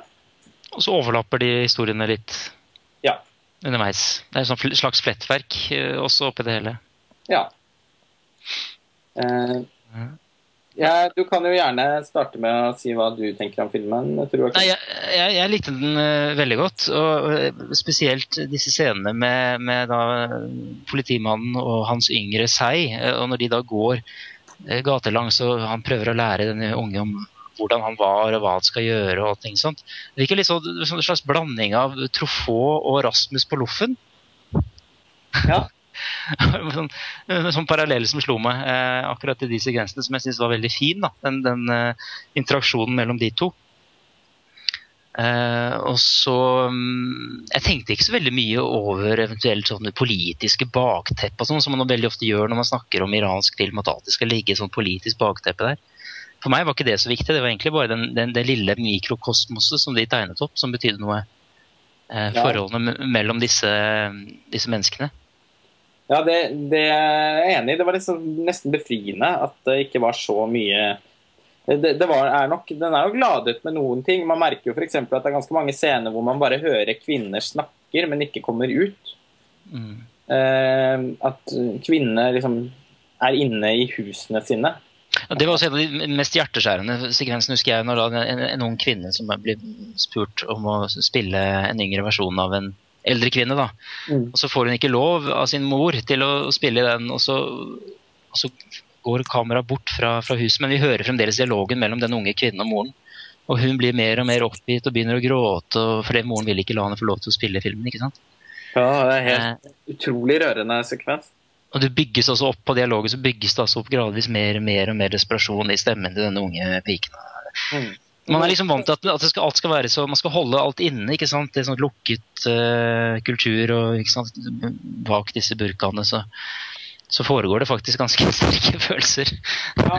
Eh, moren som også hele tiden liksom insisterer eller liksom la, vil at de skal komme inn. Akkurat som hun ikke vil at datteren er huset engang. Det, sant? det er en veldig sterk eh, sekvens. Så der er det jo klart det er, Der er det jo en Ja. samfunnskommentar òg, da. Men, eh, men det er jo ikke det som eh, preger filmen som helhet. Og eh, jeg ble først bevisst på denne filmen av Mark Cousins sin eh, serie The Story of Film, som sikkert veldig mange har sett. Den gikk jo på NRK til og med. The story of film. The Story Få høre litt uh... Mark Cousins. Eh, og han eh, er jo da enormt opptatt av uh, A Moment of Innocence. It's the best film of the 90s, ifølge han. Uh, ifølge oss er det tydeligvis den 81. beste filmen fra 90-tallet. Men den dukket uh, i demokratiet. da. Igjen så, så var det flere som stemte på filmen. Jeg så filmen uh, i lys av uh, også denne Mark Cousins-serien. Og eh, går veldig følte at det var en glede å kunne ha med den på listen. For jeg, i likhet med Tor Joakim så likte jeg den også veldig, veldig godt. Eh, Ja, jeg føler, som etter å ha hørt dere snakke om så føler jeg det sånn som en sånn litt sånn flau forbigåelse og ikke har kunnet sett denne filmen mens jeg har sett for eksempel, og dyrket andre iranske filmer som jeg er veldig glad i. ja, du er jo oppriktig interessert i iransk film. Mister Iran. Nei, nå, nå syns jeg dere tar i. Men eh, vi har nok lyttere forhåpentligvis og lesere som er enda større kjennere av iransk film enn jeg er. Men jeg har faktisk fått en interesse for iransk film rett og slett fordi jeg har likt så mange av dem. Så det har liksom bare blitt sånn at jeg syns veldig mange av dem er veldig gode. Og, og det gjør at man får lyst til å se mer, og jeg blir nysgjerrig på Når det dukker opp iransk film på, på en filmfestival f.eks., så kjenner jeg liksom at jeg er umiddelbart interessert. Fordi at eh, Ja, jeg husker Jeg, jeg holdt på å si jeg husker. Nå, nei, jeg tror ikke jeg drar den anekdoten. Uh, Uansett, det er noe med, med forholdene som iranske filmskapere har levd under i det siste, og fremdeles. Det er jo veldig aktuelt nå, når en regissør som Jafar Panahi sitter i husarrest og på en måte ikke får lov å lage filmer, men ser ut til å være mer produktiv enn noensinne. Det er jo et jævlig godt eksempel på nettopp det iranerne har måttet, måttet balansere alle disse tre, tre siste tiårene, fra 80-tallet og eller etter den islamske revolusjonen, på en måte, så har en sånn tynn linje av sensur, eller hva som er akseptabelt og hva som ikke er akseptabelt, tvunget iranske filmskapere til, eh, paradoksalt nok, å bli eh, litt sånn Nesten sånn upåaktede symbolister. At de ved å måtte håndtere en, en slags sensur, som ikke har vært absolutt, men som har vært en sånn hele tiden en sånn linje som beveger seg, så har de også måttet dyrke frem et type filmspråk som eh, som gir mangefasetterte bilder, da, som gir situasjoner som kan leses på forskjellige måter. Og Det bidrar jo til å gjøre at film som er laget i Iran, og som søker og som inspirerer hverandre ikke sant? Kiarostami, Makhmalbaf, eh, Gobadi, alle disse, og Makhmalbafs døtre, som også har blitt filmskapere av betydning. Det, liksom, det har vært sikkert en sånn veldig positiv eh, et positivt kunstnerisk jordskjelv som har gjort at alle har oppsøkt en viss type estetikk, som igjen har ført dem over på et ganske kunstnerisk ambisiøst nivå. Summa summarum så har det liksom gjort iransk film, i hvert fall i, de, i den tiden som har gått. Uh, veldig interessant. Farhadi, som har kommet nå de siste par årene med Nader og Simin også. Men av en eller annen grunn, eh, Moment of Innocence har ikke vært tilgjengelig og har ikke blitt vist på steder som har gjort at jeg har kunnet få se den. så Det er også en vanskelig film, og den eh, DVD-en er vel out of print. Jeg var heldig å få låne et eksemplar av den DVD-en, men Ja. eh, så den er nok, det er jo ikke bare bare å få tak i. Men jeg tror nok, hvis man, jeg tror nok det, er, det finnes noen eksemplarer man kan få tak i på Amazon eventuelt. Men, Ja. den, eh, men det som også er litt sånn befriende med filmen, syns jeg, er at den eh, Det fins jo mange av disse iranske filmene, ikke minst filmene til Abbas Rostami, da, appellerer veldig til en sånn intellektuell inngang. Eh, eller en intellektuell opplevelse. Eh, og det fins også mange ja, intellektuelle innganger inn i A Moment of Innocence. Altså filmen inni filmen, måten den er liksom eh, måten den er strukturert på og sånn. Samtidig så syns jeg også filmen har et ganske enkelt poeng. Eh, nesten også Man kan nesten til og med si at den har et litt sentimentalt poeng, men som opple som på, likevel ikke oppleves sentimentalt i det hele tatt. Ja, det minner, minner faktisk litt om eh, Mani Ratnam i måten han gjør det på den indiske regissøren. Han kjenner jeg ikke. Nei, men han er også litt sånn opererer innenfor et ganske sånn tradisjonelt formspråk, men med litt sånn litt, litt politisk og litt sånn intellektuell brodd. Og Spesielt det siste frysbildet i Moment of Innocence. Nå skal jeg ikke avsløre hva det er for noe, men det, det oppsummerer på en måte veldig mye av, eh, av det, da. Ja, og det er jo det filmen Det er det jeg har registrert at filmen er aller mest kjent for. Å ha eh, eh, å avslutte med et frysbilde som mange omtaler som det sterkeste frysbildet i noen, noen film siden Francois Truffauts eh, eh, 'På vei mot livet'. Og, og så kan man diskutere det fram og tilbake, men det er i hvert fall ikke noe tvil om at det, det gikk ganske kaldt nedover ryggen på meg når det frysbildet kom igjennom Ja. og Og den, ja, og det nettopp fordi Og på en måte som jeg sier, det er egentlig litt sånn sentimentale poenget. Eh, får Det bare fungerer. Det er akkurat som det bare slår inn i magen på en utrolig effektfull måte når det bildet kommer. fordi da blir man, man blir fylt av håp. da. Eh, det er akkurat som man har troen på en ny generasjon, eh, uten å avsløre for mye, som, eh, som bare er fryktelig rørende. Og en økonomisk fortalt film er det også, ikke minst. Den er vel eller 78 minutter lang eller noe. Eh, ikke mye dødkjøtt der. Og det, det, det er liksom, Da passer det frispillet så ekstra godt òg, for den, liksom, den trenger ikke å si noe mer enn det. Mm. det høres eh, veldig bra ut. Er fantastisk eh, bra film. Men ikke så lett å få tak i. Dessverre. Litt lettere å få tak i er kanskje um, 80-plassene på lista vår. Exotica. Regissert av Carl karen med det tøffeste navnet. Atom. Atom Egoyan. Eh, Det er en kanadisk film. eh, Han er vel fra Egypt. Sånt. Jeg, Jeg, igjen, jeg har ikke sett den filmen her, så noen må ta over, eh, Jeg har, eh, sett jeg har sett færrest av filmene på lista, som ville etter hvert gå opp for lytterne våre, selvfølgelig. Jeg skal bare, jeg, rollen min er først og fremst å si nå går vi videre til neste film. Jeg vet i fall alle Filmene blir særere og særere. Den har, jeg vet i hvert fall at alle vi andre som sitter her og snakker nå, har eh, sett. Og jeg vet også at Roakim har et spesielt nært forhold til den. Mm. Du kan jo få Ja. lov til å produsere den. Jo, den er på min eh, Den er for, på min egen eh, åttendeplass, da. På min liste. Men jeg er bare fornøyd med at jeg, fikk den med. For det, det, er jo ikke en sånn veldig Altså, den har jo fått en del eh, Den har gjort det veldig bra på festivaler og sånn hele veien. Men eh, eh, Men jeg, nei, altså, jeg elsker den filmen mest på grunn av det visuelle uttrykket, da, først og fremst. Eh, litt sånn hypnotiske, forførende, litt sånn langsomme beskrivelsen av de forskjellige stedene. Om det så er en nattklubb, eller om det er en eh, sånn pet, pet shop, hva heter det på norsk? Altså eh, Dyrebutikk. dyrebutikk, rett og slett. Pet Shop Boys. Ja, eller når de går gjennom noen, noen åkre og i det hele tatt, det er liksom den derre Litt sånn litt mørke, men mer noen sånne lokale lyskilder. Og det er, det er hele det universet der som jeg elsker så, så sterkt.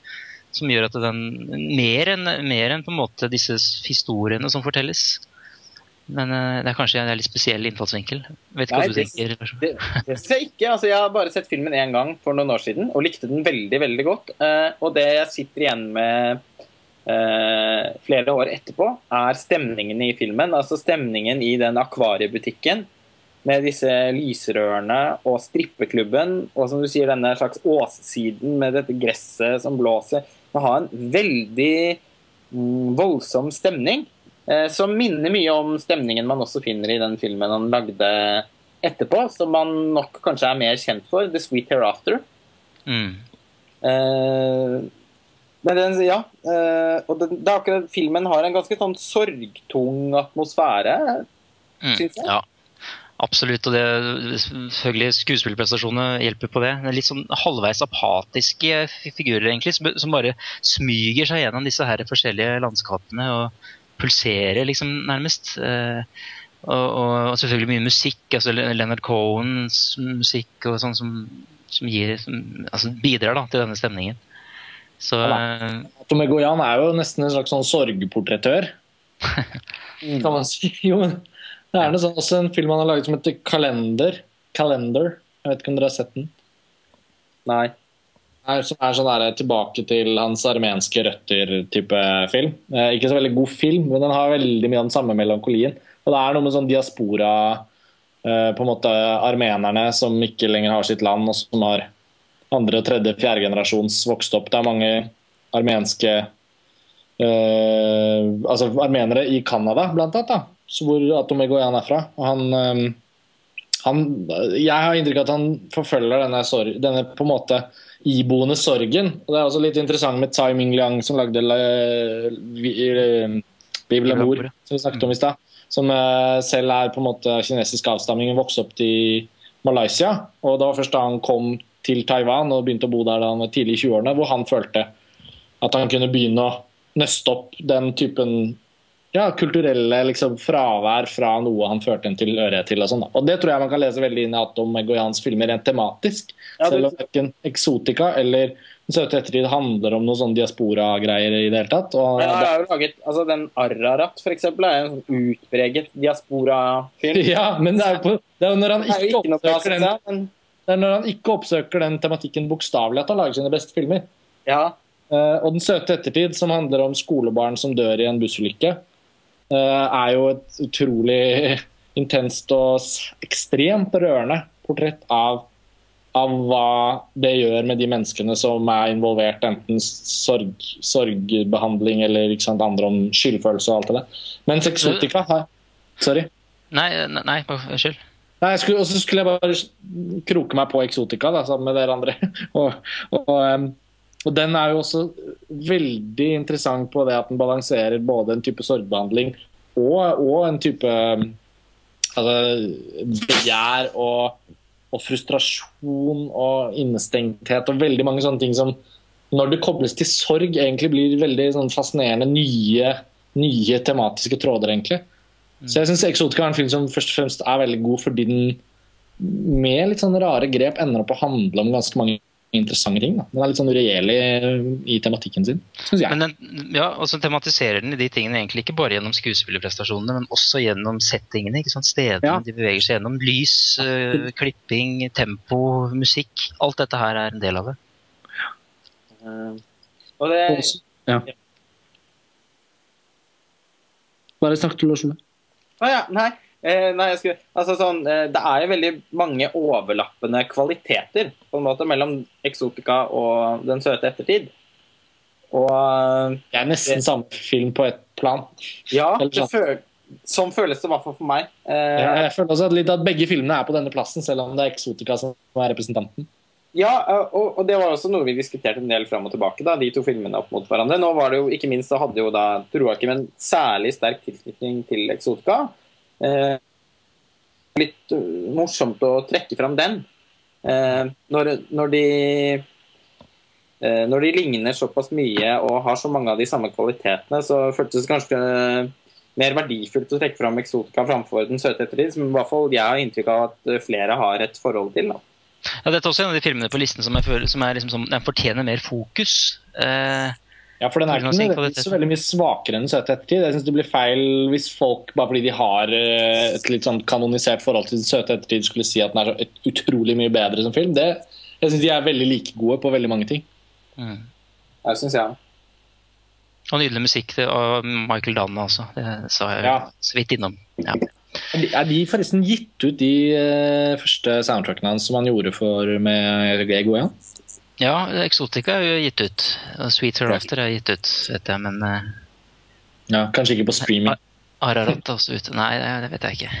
Nei, okay. For det er veldig, veldig veldig fin musikk i begge de filmene.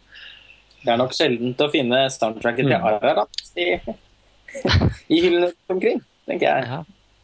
Du holder ikke den filmen så høyt, eller? Lars Ole?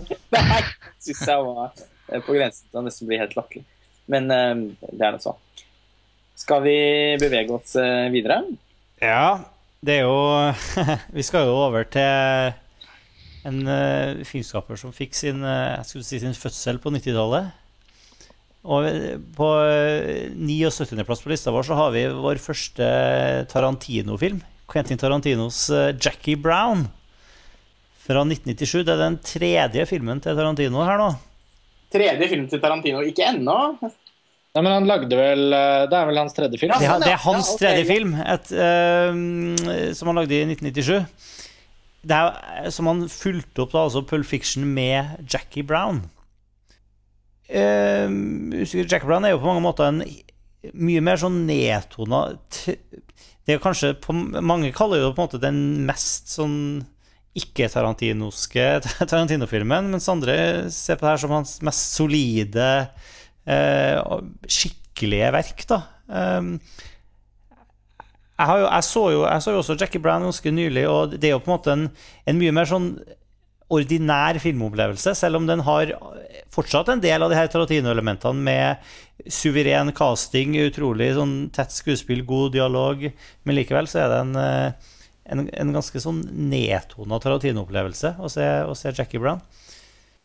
Ja, det er rart, for det, er jo ikke, det er jo ikke, Selv om han refererer til Black Exploitation, og sånn, så, så gjør han det jo på sin egen måte. Det er ikke like sånn eh, ekstravagant. som Nei, altså, de det er jo ikke en pregløs film på noen som helst måte. Det er bare den, den har, Det er på en måte et, litt sånn overraskende etter eh, Etter Reservoir Dogs og Pulp Fiction, og så, og så, gå, og så lage en Jackie Brown.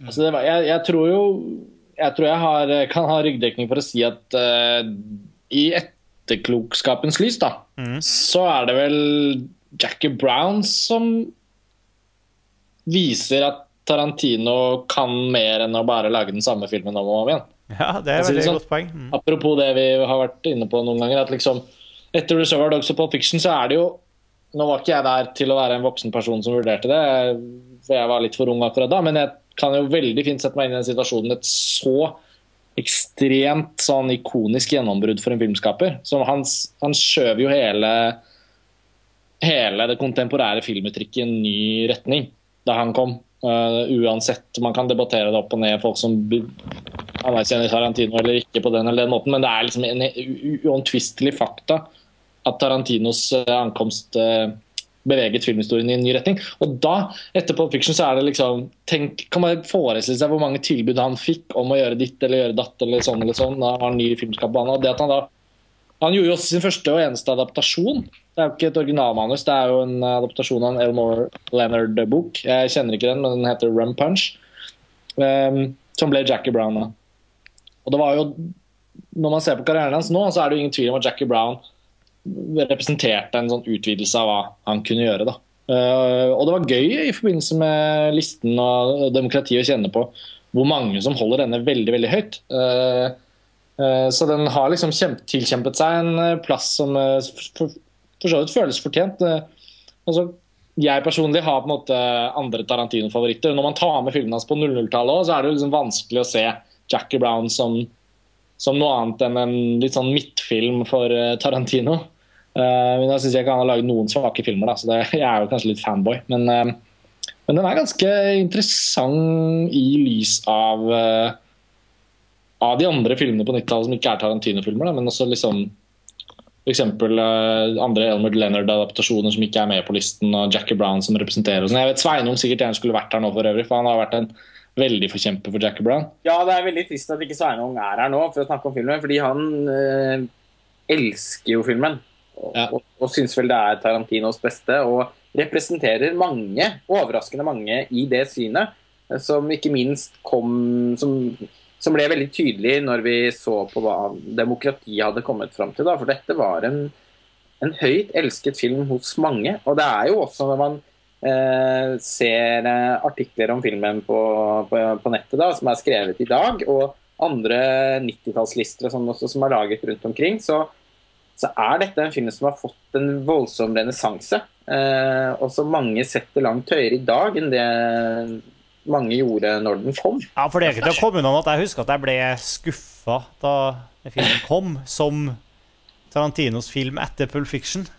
Ja, og I lys av det så er det jo litt sånn vanskelig å Det er litt vanskelig å være en film når du skal komme etter Pulp Fiction. Ikke sant?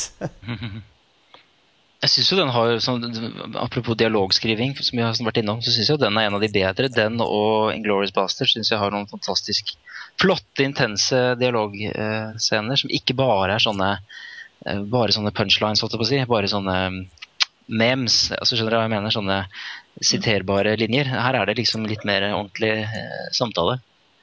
Eh, mellom alle disse forskjellige typene.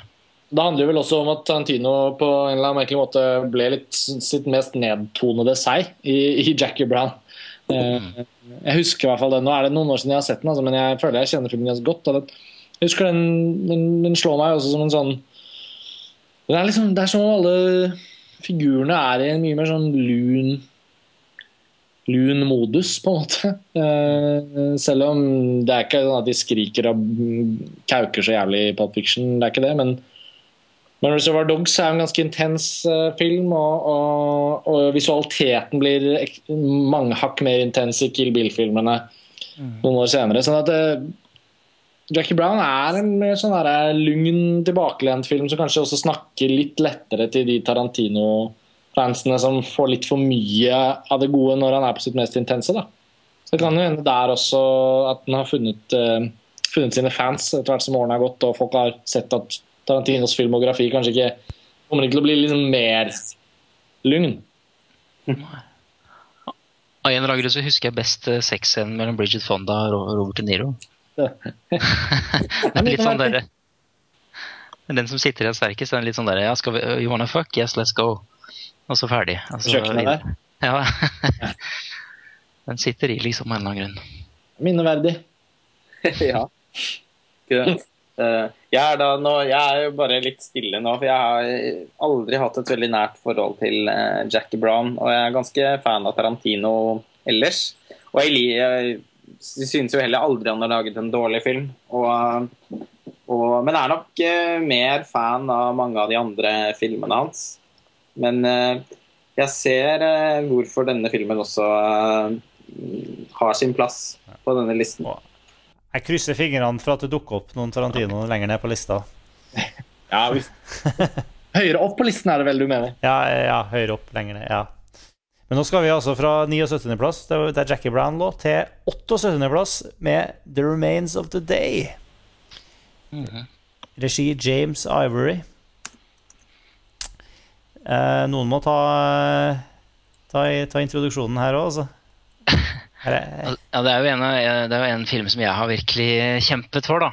ja, det er din, din her, Tor Jørgen. Den er veldig nært mitt hjerte. Jeg har skrevet en, eh, en kodikør om den også, som ligger ute. Hvor jeg går litt mer i, i detalj på ting. Eh, Det er jo en eh, Det er jo en periodefilm, og det er liksom en av James Ivory og eh, Hjelp, nå står det stille. Ismail Merchant. Ismail Merchants eh, rekke av filmer som kom på i denne perioden. Eh, fra liksom viktoriansk-tiden. da. Eh, slutten av 800, begynnelsen av 1900-tallet. Og eh, jeg synes det er, det er så fantastisk på så mange måter. En ting er selvfølgelig Anthony Hopkins, som er en av mine favorittskuespillere, som gjør kanskje sin aller beste rolle her. Med all respekt for Nattsvermeren, så syns jeg at denne kanskje hakker bedre. Eh, med, som den her litt sånn innesluttede butleren ikke sant, som da ser alt som foregår på denne herregården hvor han jobber. Og så er det også masse interessant audiovisuelt. altså Hvordan hele denne her herregården speiler sinnstilstandene til, til figuren, figurene, og spesielt til eh, Hopkins. altså Masse hu lukkede hulerom og ting som skjer bak fasaden og sånne ting. Eh, Så det er nok en gang dette forholdet mellom sted og rollefigurer, som vi allerede har snakket litt om, også sånn som Vivel l'amour og uh, Exotica, eh, som er så, så fantastisk, uh, rett og slett. Ja, nei, jeg syns også Remains of the Day er en helt fantastisk film. Og det var så mange år siden jeg hadde sett den, så, så jeg tok meg friheten. holdt Jeg på å si. Jeg følte det var en fin prioritering å, å plukket den opp igjen da, nå nylig. eh, for å forberede meg litt igjen og se bare Jeg husket den bare som en veldig, veldig fin film. Eh, men det var et helt fortreffelig gjensyn. Så du, du står ikke alene her, eh, Tor Joakim, i det hele tatt. Og det er jo en litt sånn man skal jo ikke glemme at de klassiske periodedramaene, de velskrevne, litt sånn godt vellagde type eh, Hva skal man kalle det? Klassiske fortellinger? Jeg vet ikke, det er ikke det heller, men liksom sånn, den typen filmer da, som det var en del av på 90-tallet, de har jo også der, der er det jo også mange filmer som med tiden forsvinner mellom fingrene på filmhistoriens grep. Men så er det noe med The Rains of the Day som gjør den eh, værhard. Og det er jo det du snakker om, Tor Joakim. Disse fantastiske observasjonene av, det, av rollefigurene som mennesker og deres både, både det innestengte rent sånn emosjonelt i forhold til Man kjenner jo på en kjærlighetshistorie som ligger liksom og tinder, altså buldrer nesten under overflaten gjennom hele filmen. Og også det på en måte flashback-fortellergrepet. eh, som gjør at man føler historien strekker seg over et ganske godt stykke tid, som gjør den litt mer episk. Og I tillegg så er det der balansen mellom det veldig intime altså sånn kammerspillet nesten som foregår i, i rommene, og det er klasseskildringen av liksom tjenerskap og, og adel, samtidig som eh, det brygges opp til andre verdenskrig og, og store politiske samtaler faktisk finner sted på dette godset. Altså, det sånn, den vever så mye av det sammen, da, som gjør den så sterk og rik. Mm. Ja. Ja, altså, øh, masse, også som sagt masse sånn audiovisuelt. Jeg går litt inn på det i den artikkelen min. F.eks. For eksempel dette skillet mellom rødt og grønt på den ene siden. Eh, ikke sant? Sånn passionate eh, farger, og så har du det svart-hvitt-elementet knyttet til uniformene til butleren og alt dette her. Og så har du den veldig dynamikken der, da, ikke sant? Og også musikken til Richard Robin som sånn sirkulære bevegelser som nesten beskriver litt av deres litt sånn monotone eh, hverdag, men at det ligger noe sånn veldig emosjonelt rett under overflaten. Så den har liksom masse sånne detaljer, i tillegg til å ha disse store linjene som du var inne på, Karsten. Det, det, derfor syns jeg den er helt fantastisk. Ja, jeg liker også den filmen veldig, veldig godt. Eh, av alle de årsakene som egentlig begge dere har eh, trukket fram. Jeg syns jo også det eh, Av alle rolleprestasjonene som Anthony Hopkins har gjort, eh, så må jo også dette være en av de aller flotteste. Ja, det var det jeg, jeg prøvde å si litt i stad. Jeg syns faktisk den er bedre enn en Nattsvarmeren. Jeg vet det får sikkert mange lesere på nakken, men eh, Men man trenger ikke nødvendigvis sette dem opp mot hverandre. Ja, det blir to veldig forskjellige Det, er liksom, det sier jo egentlig bare mer om hva Anthony Hopkins er kapabel til. Da. mm, Men, Ja. men i og med at Nattsvarmeren ble, eller Hannibal Lecter ble så ikonisk, så er det jo veldig viktig å trekke fram at At det var there was no fluke, på en måte. Han er jo faktisk en langt mer subtil skuespiller enn det den ikoniske rolletolkningen der vil ha det til. da. Mm. Ja. For det, det, det er jo også en rolletolkning som er veldig liksom, veldig direkte knyttet opp mot hvilken karakter det er, og som ikke kunne vært gjort på en mer fantastisk måte enn det Anthony Hopkins gjør da, i 'Nattsvermeren'. Men som sagt, den sammenligningen blir på en måte helt uh, irrelevant. Uh, uh, han Den Altså Den måten han klarer å uttrykke liksom en mann som bare går og bærer og bærer og holder inne hele tiden i The Remains of the Day, eh, over alle disse årene, er eh, veldig sterkt. Eh, det, det er en veldig sorg i den filmen som eh, som, eh, og, som både skyldes hans og eh, Emma Thompson og de andre skuespillerne også. Men, og, og liksom måten filmen er James Ivory sin, eh, sin regi òg, som er veldig sånn tålmodig, ettertenksom. Altså, den, har, ja, den har jo mye til, til felles med, med Sacha Rai, da, som jeg også påpeker i artikkelen min. Altså, og det er jo ikke tilfeldig, fordi Ivory var jo veldig inspirert av Rai. Ja. Eh, det her litt sånn humanistiske perspektivet hvor, hvor, omgivelser og mennesker settes sammen ikke sant, på forskjellige måter. Eh, med masse sånne små, deilige, flotte detaljer hele tiden. Det er en fantastisk bit på Unnskyld, dette er en bitte liten sidespor, men på Criterion-utgivelsen av The Darjeeling Limited så er det en fantastisk liten et videointervju hvor Wes Anderson intervjuer James Ivory om, om forholdet til India og musikk. Og fordi Wes Anderson plukker jo da musikk fra både Satajit Rice og James Ivorys filmer til Darjeeling Limited. Det synes jeg var så flott å se. Det kan jeg anbefale folk å kikke på. James Ivory er en virkelig fin fyr da, når han snakker om de India-filmene han gjorde. Og Ismail Merchant, som er faste produsenten til uh, Jane Farrow, er vel da også indisk? Ja. Han er, død, han er død nå, da. Hæ? Han er død nå, da. Ja, var. Uh, indisk. Så den har jo på en måte en direkte tilknytning til, uh, Absolutt. til India. Det er en strålende film. og den kunne vel ikke kontrastert mer med den neste filmen på listen? ja, jeg vet at uh, Madonna spilte uh, spilt i to filmer i 1993. Ja. Den ene var 'Body of Body of Evidence'. Evidence. Og den har, har, vi ikke plassert på lista vår av en eller annen grunn. Nei, Men, den har men, men det er den filmen jeg har sett. Ja, den har jeg ikke sett. Men derimot har jeg ikke sett Dangerous Game, som er vår uh, 77.-plass fra Abel Ferrara, med, med ikke Madonna, men også Harvey Keitel og, og James Russo i hovedrollene. Ja, dette er vel en film som, som jeg, jeg regner med at uh, er en av de filmene på listen, inkludert de iranske, som færrest av lytterne våre sannsynligvis har sett. Um, Madonna? Ville vel, Madonna ville vel kanskje ikke heller hatt den på 77. plass på topp 100-listen fra 90-tallet, men det hindrer ikke oss. Eller hva sier du, Lars Ole, du som kjenner Madonna? Nei, ja, ja, jeg er en veldig stor eh, Madonna-fan. Eh, eh, langt større fan av Madonna som artist enn enn som skuespiller. La det være sagt. Eh, Hun har heldigvis ikke spilt så mange filmer. da. Nei, og det har ofte gått litt på snørra. Eh, til og med liksom i en film som Evita, som det er noen som liker. Den syns jeg er helt uutholdelig. Og jeg syns jo sjelden hun liksom passer Madonna er så mye Madonna òg, at hun gjerne føles liksom helt malplassert i, i filmer, syns jeg. Bortsett fra i denne filmen. Som vel også det er den eh, filmen hvor hun har fått absolutt mest skryt for skuespillerprestasjonen sin. Jeg syns Madonna er fremragende i Dangerous Game.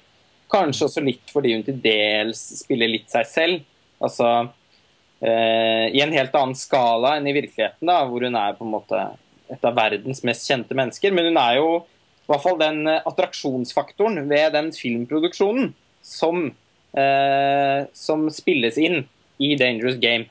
Du må si litt om plottet, tror jeg, bare for å Ja, Det handler om en, eh, en regissør, eh, Harvey Keitel, som blir spilt av Harvey Cartel, som skal lage Han er en New Yorker. Eh, Abel Ferrarias filmer utspiller seg som regel i New York. Og han, eh, som skal da lage en film i Los Angeles eh, som er et sånn slags eh, fryktelig relasjonsdrama, som nesten eh, er litt sånn Antichrist-aktig.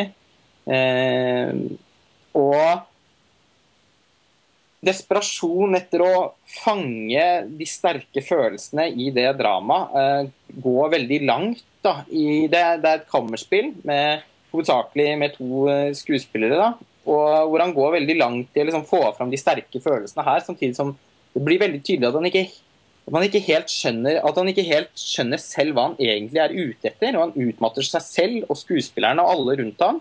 Og han drar med seg en del av den konflikten som er i relasjonsdramaet relasjonsdrama som han forsøker å lage en film om, inn i sin egen familie. Eh, og ender på en måte opp med å utspille en del av handlingen i den, uh, i den filmen som heter 'Mother of Mirrors'. Eh, ender med å dra med seg en del av den filmen på en måte inn i sitt eget privatliv. Med ganske Og han inngår også et forhold til hun Madonna. Sarah Jennings. Ja. Så det, så det blir en sånn slags saus av, av at filmen i filmen på en måte de to de, de, Filmen vi ser på med Harry Keitel, rammehistorien og liksom selve filmen i filmen speiler hverandre veldig. da. Samtidig som man også eh, Det blir også veldig naturlig å tenke at filmen er et uttrykk for Abel også for Abel Ferrara selv. altså Kona til Ferrara på det tidspunktet spiller også kona hans i filmen. Eh, Ferrara er jo også kjent for å være en ganske fordrukken, rusa type. Eh, med ganske spesielle, til dels ganske uprofesjonell eh, måte å lage film på. Eh, som eh, nok blir veldig liksom speil... da. Eh, og filmen sånn, sånn stemningsportrett Det er jo laget mange filmer om å lage film. altså Alt fra liksom eh, La Nuit American av eh, Truffaut, eller Natteffekt er det det heter på norsk, til Irma Vepp av Sayas og Inland Empire av David Lynch. Eh, og jeg syns nok Dangerous Game minner om en del av disse filmene, men det er likevel veldig distinkt. Den har en sånn så den har en sånn marerittaktig stemning over seg som føles veldig, veldig trykka og veldig, veldig personlig fra, den, fra Abel Ferrara. Da.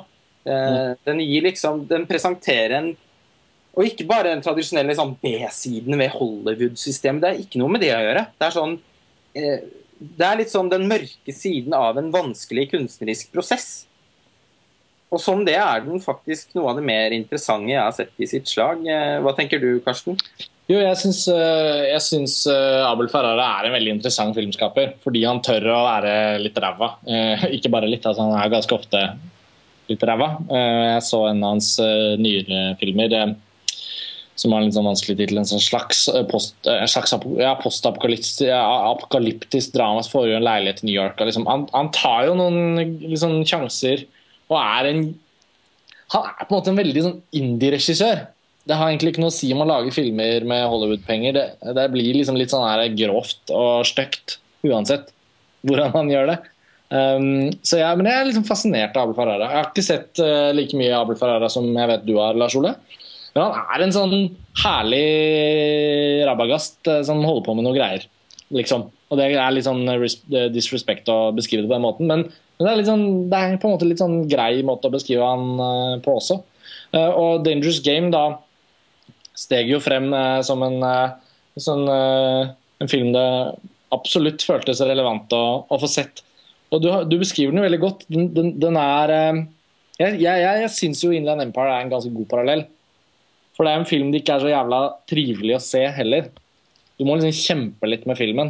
Mm. Uh, og Dangerous Game uten å ha det derre Uten å ha David Lynch liksom sånn derre supermystiske Angelo Badalamenti-scorede liksom gåtefullhet, så er Dangerous Game i det minste Den har noe av den derre energien som stiger ut av en sånn en sånn setting hvor nesten alle menneskene har så mye, mange usympatiske sider, men menneskelige nok til at man kan identifisere seg og for så vidt uh, bry seg, blir den bare et veldig uggent portrett av, av at relasjoner egentlig ofte kan hente fram det verste i deg i større grad enn å hente fram det beste i deg. og at liksom han, uh, Harvey Keitels um, rollefigur, da, som er regissøren, og som selvfølgelig er Han spiller jo en slags versjon av Abel Ferrara. Han, han, han jakter på en eller annen form for sannhet, både i kunsten og i livet sitt for øvrig. Men det han kanskje ikke skjønner, eller det han på et slags masochistisk vis er ute etter, er mer smerte da, og mer eh, altså relasjoner som ikke henter fram det beste i han. på en eller annen måte. Eh, og Det høres jo ikke ut som en veldig spennende og attraktiv og koselig film å se, og det er det på en måte ikke heller. Men ut av hele greia så kommer det en sånn litt sånn unik, veldig røff og, og litt uforglemmelig kvalitet, uh, som er en av grunnene til at jeg syns særlig denne filmen, men også Abel Ferrara for øvrig på 90-tallet, er viktig, viktig å trekke fram når man har anledningen. Ja, fordi Ja. Uh, ja, Tor Joakim. Ja. Ja, nei, jeg vil bare si jeg, jeg, bare skyte inn at jeg, jeg, jeg likte den også. Til tross for mitt, mine aversjoner mot dialogdrevne filmer, så likte jeg den. Intensiteten. Og det var liksom en slags oppdatert versjon av uh, Who's Afraid of Virginia Woolf på mange måter. Mm. Elizabeth Taylor. Litt av den samme estetikken. Det eneste elementet som, som, som tok meg ut litt, og som irriterte meg litt, det var, eh, det var den hun, hun kona da, til Harvey Keitel. Altså, hun eh, som spilte Hun hun, eh, Nancy Ferrara, var det ikke det? Kona til Abel Ferrara. Jeg syns hun fungerte svært dårlig. Hun var dårlig som skuespiller. Minna meg litt om hun fra The Shining. Hun Shelly Long? Nei. Duval. Shelly Duval, ja. Ja, Det var liksom, det var liksom Shelly Duval-rollen i filmen som, som tok meg litt ut, og som irriterte meg litt. Når alle andre var så strålende. Ja, fordi alle, den er jo generelt eh, Jeg er også enig i at hun nok ikke er det sterkeste leddet her. og eh, ja, Hun ble vel, fikk vel kanskje den rollen fordi hun var kona til Ferrara. Men, eh, eh, men ellers så er den jo ganske fremragende spilt. og Harvey Keitel eh, er veldig god, syns jeg, og det er han jo egentlig nesten alt. Han er veldig god hos Ferrara, da. Det må sies. Ja, altså helt eh, Og nå, når man snakker om, eh, som du sa, at eh, Ferrara kan tillate seg å være litt ræva, og det kan han også innbyrdes i de gode filmene. Fordi han har en sånn Han kan være litt sånn plump. Altså, 'Dangerous Game' er jo litt sånn Litt sånn det plumpe hos Lars von Trier, på en måte. Og samtidig, som du sa, den derre nesten sånn gåtefulle mørket hos eh, David Lynch, uten å trekke, dra den sammenligningen for langt. Men akkurat spesifikk sammenligning med Inland Empire uh, syns jeg er relevant. Men, den, eh, men han har liksom Han har ikke noe Den gode smak, på en måte, da. Det er ikke så til stede hos Abel Ferrara. Og det gjør også Han er jo ikke interessert, eh, har jeg inntrykk av. Nei, og det gjør også at filmene hans har et temperament og nesten en sånn aggressiv tone noen ganger som eh, jeg i hvert fall syns er veldig appellerende. Eh, Og som du snakker om at kanskje, ja eh, Jeg har ikke sett denne siste filmen hans som du har sett, og som jeg husker at du også da du så den syntes var helt forferdelig. Men 90-tallet til Abel Ferrara er helt fremragende. The King of New York, Bad Lieutenant, The Addiction, en fantastisk vampyrfilm. The Funeral. Han er jo spekket liksom, med gode 90-tallsfilmer fra Ferrara. Så han var også en som jeg følte virkelig måtte være, med, være representert på listen. Eh, og det er klart at å velge blant de filmene var jo ikke noen lek, fordi eh, Bad Lieutenant hadde vært det opplagte valget. Også det er en fantastisk film. Eh, men samtidig kanskje da igjen så føltes det kanskje mer verdifullt å trekke kunne like godt stått på den plassen her, fordi den er jo like god. Men på en eller annen måte så føles Dangerous Game som et sånn som et, veld, som et sjeldent personlig verk, og som også jeg syns av de Ferrara-filmene jeg har sett, oppsummerer på en måte essensen av Ferrara litt. da. Eh, morsomt at, eh, at du også likte den, Tor Joakim. Jeg var veldig spent på din eh, tilbakemelding. Ja, jeg er overrasket selv, jeg. Og, det, og dette er jo en film som ble totalslaktet i sin tid. Eh, Til og med av Madonna. til og med av Madonna selv, som tok eh, sterkt avstand fra filmen. Litt uheldig, kanskje, med tanke på at hun er så bra i den. Og det har Ferrari brukt mot henne i etterkant, og de har vært uvenner for alltid etterpå. Men, eh, eh, men den, den fikk veldig dårlig mottakelse når den kom. Men det er ikke så vanskelig å forstå det, fordi den er, eh, den er en film som krever ganske mye av tilskueren, og som nok også krever noen, noen år for å mørne seg litt. Men i dag så blir den liksom også, et, også en ganske sånn sterk 90-tallsfilm, syns jeg. Eh, Det er noe med den det derre nitriste det, det mest nitriste fra 90-tallet, som er litt i den filmen. De her fryktelige hot eh, de, altså den Scenografien i den filmen de spiller inn, som ser ut som sånn uh, stusslige hotellrom med grå vegg-til-vegg-tepper og noen sånn slags minimalistiske møbler og sånn som føles uh, veldig veldig stusslig. Og, og, en sånn slags sånn røyk sånn sigarettrøykfylt uh, 90-talls uh, side av 90 På den måten er den også litt sånn en film Virkelig en film fra sin tid, da. Mm. Og en, og en film som, som, også skal sies da har fått en ganske betydelig renessanse i etterkant. I hvert fall blant Ferrara-fans så har jo denne filmen veldig veldig høy status. I hvert fall hos eh, mange. og Man kan lese mange en eh, analyse på, på nettet om, eh, om, hva som gjør at denne filmen fortjener en sjanse. da, og, og, og, fortjener å bli snakket om på en annen måte enn det den gjorde da den kom. Jeg syns den er den er, ikke, den er ikke fornøyelig å se, men den er Og etter hvert Den har jo blitt også gradvis bedre etter hvert som jeg tenker mer og mer på den. Og,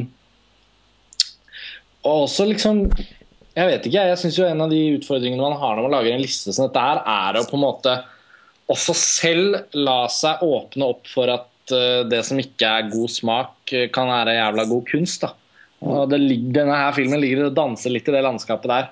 Uh, det har vært liksom en viktig utfordring synes jeg, for oss når man lager en sånn topp 100-liste fra 90-tallet og ikke bare la seg fenge fullstendig av de, de um, litt sånn narkotiske opplevelsene det er når noe er sånn fett og tøft. Jeg lar eh, Michael Bays Armageddon gå, liksom. Jeg, jeg skjønner at den kanskje ikke Bare trekke fram den igjen. Og Da er det noe med at Dangerous Game og Abel Ferrara er uh, viktige Både filmen som enkeltfilm og han som regissør er er viktige mm, korrekser, på en måte, da, særlig amerikansk film hvor det, hvor det, kan bli litt overprodusert. Og er, Dangerous Game er i hvert fall ikke overprodusert. Den, den, er vel nesten heller som en slags sånn forsmak på hva danskene skulle begynne å finne på noen fem-seks år etterpå. Mm. Og den kompromissløse liksom, uavhengigheten til Ferrara er jo ganske fascinerende. Han, han har jo på en måte alltid holdt på med sitt og laget disse små filmene nede på gateplan i New York og dratt veldig mye spennende opp av de slukene der, uh, syns jeg. Han er jo en filmskaper som uh, fortjener å bli sett. Og, og denne filmen, som ja, da heller ikke er blant hans mest kjente, er, uh, det er eh, noe jeg håper enkelte av lytterne våre snapper opp. Mm. Så har vi en film fra Spania på, på nesteplass fra, fra, fra et røykfylt eh, Los Angeles til Spania. 'Det røde ekornet' av Julio Medem. Julio Medem er jo også en filmskaper som, eh, som kanskje har rotet seg litt bort. Ja, jeg vet ikke hvor vi skal begynne med han. Han er vel eh, Han er Ja, er han, er han, er han noe særlig stor regissør, da? Han har jo laget flere filmer som jeg setter ganske høyt, egentlig. Ja, jeg, så jeg vil ikke si, si, at han egentlig er det, men jeg har Jeg, mener, jeg litt flåsete sagt, men jeg mener han har jo havnet, definitivt havnet i skyggen av Almodovar. Ja, det er det ikke tvil om. Og den sammenhengen er litt vanskelig å unngå. Men, eh, men, nei, ja, jeg er også glad i flere Julio Medem-filmer, altså, så det er ikke det. Og særlig denne, da. 'Det røde ekornet'. Ja, fordi uh, Almodovar og Julie Medem kunne jo ikke vært mer forskjellige. Uh, igjen, uten å trekke dette David Lynch-kortet altfor mange ganger, men eh, eh, hvis man eh, tenker at eh, Almodovar eh, ligger nære både amerikansk melodrama, Douglas Sirk og Alfred Hitchcock, eh, så, så, befinner jo Julie Medem seg i en helt annen sfære. da. grunnen til at man ofte ser en slags merkelig At de to navnene kommer opp samtidig, er jo rett og slett fordi at Spania har ikke hatt så mange virkelig liksom, store filmskapere de siste 20-årene. da. Det er blomstret opp en skrekkfilmbølge, selvfølgelig. og vi fra gammelt har vi jo Louis Benuel, men han har laget jo også veldig mange av de beste filmene sine i Frankrike. og vi har Carlos Saura, og Det er liksom, det er ikke det at Spania har absolutt en filmkultur, men Julio Medem har jo faktisk da liksom er jo en av de mest kjente spanske filmskaperne når alt kommer til alt. Ja. Og i lys av det så er jo karrieren hans kanskje eh, ikke så omfangsrik og umiddelbart imponerende. Og de to siste filmene hans, 'Kaotiske Anna' og 'Room in Rome', uh, var to filmer jeg slet veldig med. Men som du kastet deg over. Som jeg kastet meg over i appetitt på nye, noe nytt fra Jul og Medium, for da hadde jeg jo ikke noe Eh, Så hadde han jo ikke laget den. Den kom vel i 2000 Ja, Norge, i Norge tror jeg den kom før i 2009 eller noe. Men eh, selv om jeg, den er vel laget et, et år eller to tidligere. Men da hadde han jo ikke laget en film siden 'Sex og Lucia', som er fra, fra 2001. Uh, han har laget en dokumentar eller noe i mellomtiden, men liksom, da var det jo så lenge da, Det var et slags comeback, da, og jeg var veldig imøteså det med store forventninger og ble ikke så veldig overvelda av det. Men, uh, men 'Sex og Lucia' er en utrolig bra film. Uh, det er vel også en film du liker, Karsten? Ja, jeg liker den veldig godt. Og, men eh, det er jo Det har, er vel fremdeles sånn at 'Det røde ekornet' er og blir den det virkelige Eller ja, det er jo et slags mesterverk, egentlig. Ja, også, også en film her som jeg regner med at ganske mange ikke har sett. Selv om den har, den har nytt en sånn viss kultstatus, eh, skal sies. Ja, Gått fra tiden min i videobutikk, da vi hadde den på sånn import-DVD-utleie. Eh, Det var bare å anbefale den, så kom kundene tilbake helt sånn overstadig beruset over å ha oppdaget et eller annet de ikke hadde noen idé om, men ble veldig veldig fornøyd med å ha sett. Det skulle vært lett film å anbefale, for det var nesten ingen som hadde sett den. Og det var liksom så, det var så opplagt at folk kom til å like den. eh, sånn litt off the record, så var det også eh, de siste årene Kubrick levde, så var det en av hans favorittfilmer. Eh, Hvis man leser den boken 'Eyes Wide Open' til Fredrik Rafael, som skrev manus til 'Eyes Wide Shut sammen med Kubrick, som er en veldig morsom bok å lese, så, så nevner han flere ganger at filmen som heter 'Det røde ekornet'. Eh, og ikke vanskelig å forstå. Eh, Han lagde jo også en eh, film noen år etterpå som jeg, syns, eh, som jeg også syns er ganske fantastisk, som heter 'De elskede ved polarsirkelen'. Mm. Og Også helt klart en kandidat for listen. Men, men 'Det røde ekornet' er helt spesiell. og da, For meg så er den kanskje Plottet, da. ja, det er kanskje det aller kuleste med filmen, syns jeg. At det, det er en av de mest Det er liksom bare en av de mest eh, utrolige filmideene jeg har vært borti. Det handler om Uh, en uh, kvinne som blir utsatt for en ulykke. Og uh, en mann som vel er vitne til den ulykken. Skal vel også begå selvmord, hvis ikke jeg husker feil. Ja, det er det. Ja. Eh, og som Står Stå på broen der. på broen der, og som han, eh, han tar jo da oppsøker henne på sykehuset. Eh, hvor hun våkner opp med hukommelsestap. Og han er jo da umiddelbart veldig betatt av denne kvinnen. Og eh, bestemmer seg for å utgi for å være hennes kjæreste. Og hun som da er på en måte helt nullstilt oppi dette, kan jo ikke da gjøre noe annet enn å, enn å tro på det. Og han klarer også, kanskje litt urealistisk, å overbevise alle rundt seg, men det er jo heller noe man normalt heller ikke ville betvilt, ikke sant? På hvorfor skulle noen eh, gjøre dette her eh, Altså, hvorfor skulle noen ljuge? Det handler da om at de to drar Når hun blir, eh, blir friskere, så drar de da ut på en ferietur sammen. Men hvor da hennes hukommelse sakte, men sikkert begynner å piple eh, opp mot overflaten. Og da eh, blir det jo eh, Blir det litt thrillerstemning? ja. ja, det gjør jo faktisk det. Og en ganske sånn eh, Ja, veldig sånn eh, nesten drømmeaktig. Både litt forførende og litt ubehagelig på en gang. Og selvfølgelig et ganske beklemmende drama på sett og vis òg, da. Mellom disse to. Et Mm. utrolig godt utgangspunkt for en film, syns jeg. Og, Ja, det fungerer jo så jævlig godt. Ja, for det er jo ikke bare utgangspunktet, det er jo ikke minst måten det er gjort på. da. Det ble vel aldri noe remake. Det er en sånn klassisk film man skulle endt opp med å se en remake av uh, bli laget. Men det kan jeg i hvert fall aldri huske å ha sett skje. Nei? Litt fascinerende i seg selv. Men han løser det jo så bra. Det er umulig å se for seg hvordan det skal løses på en annen måte. Så er det noe, Jeg kan ikke så mye om spansk kultur, egentlig, men, men bare av rene fordommer og liksom ha sett litt spansk film og spist noe spansk mat og liksom vært i Spania. Så jeg føler Det er noe sånn veldig sånn spansk over hele greia. Den føles på en eller annen merkelig Jeg kan ikke beskrive den bedre. Jeg bare av en eller annen grunn føltes den filmen fordi den både har ganske sterke følelser, og den har liksom sånn Den virker som den er veldig spansk. Det likte jeg også, husker jeg veldig godt. Jeg merker det var litt dårlig argumentert, men jeg bare måtte si det. Ja, ja, jeg skjønner veldig hva du mener. Eh, det er liksom sånn Man må bare erkjenne at man kan ikke nødvendigvis så innmari mye om, om alle mulige land. Og Spania er sånn land jeg har litt sånn overfladisk forhold til. Men da er det desto hyggeligere å liksom bare få bekreftet det jeg føler er spansk, eh, når man ser f.eks. en spansk film. da. Ja. Eh, så sagt. Ja, men det er jo veldig Jo, men det er jo altså sånn Det er jo ikke til å legge under en stol det at det er noe sånn liksom forførerisk og eksotisk med det spanske. Ja. Eh, det, må, det må man jo bare erkjenne.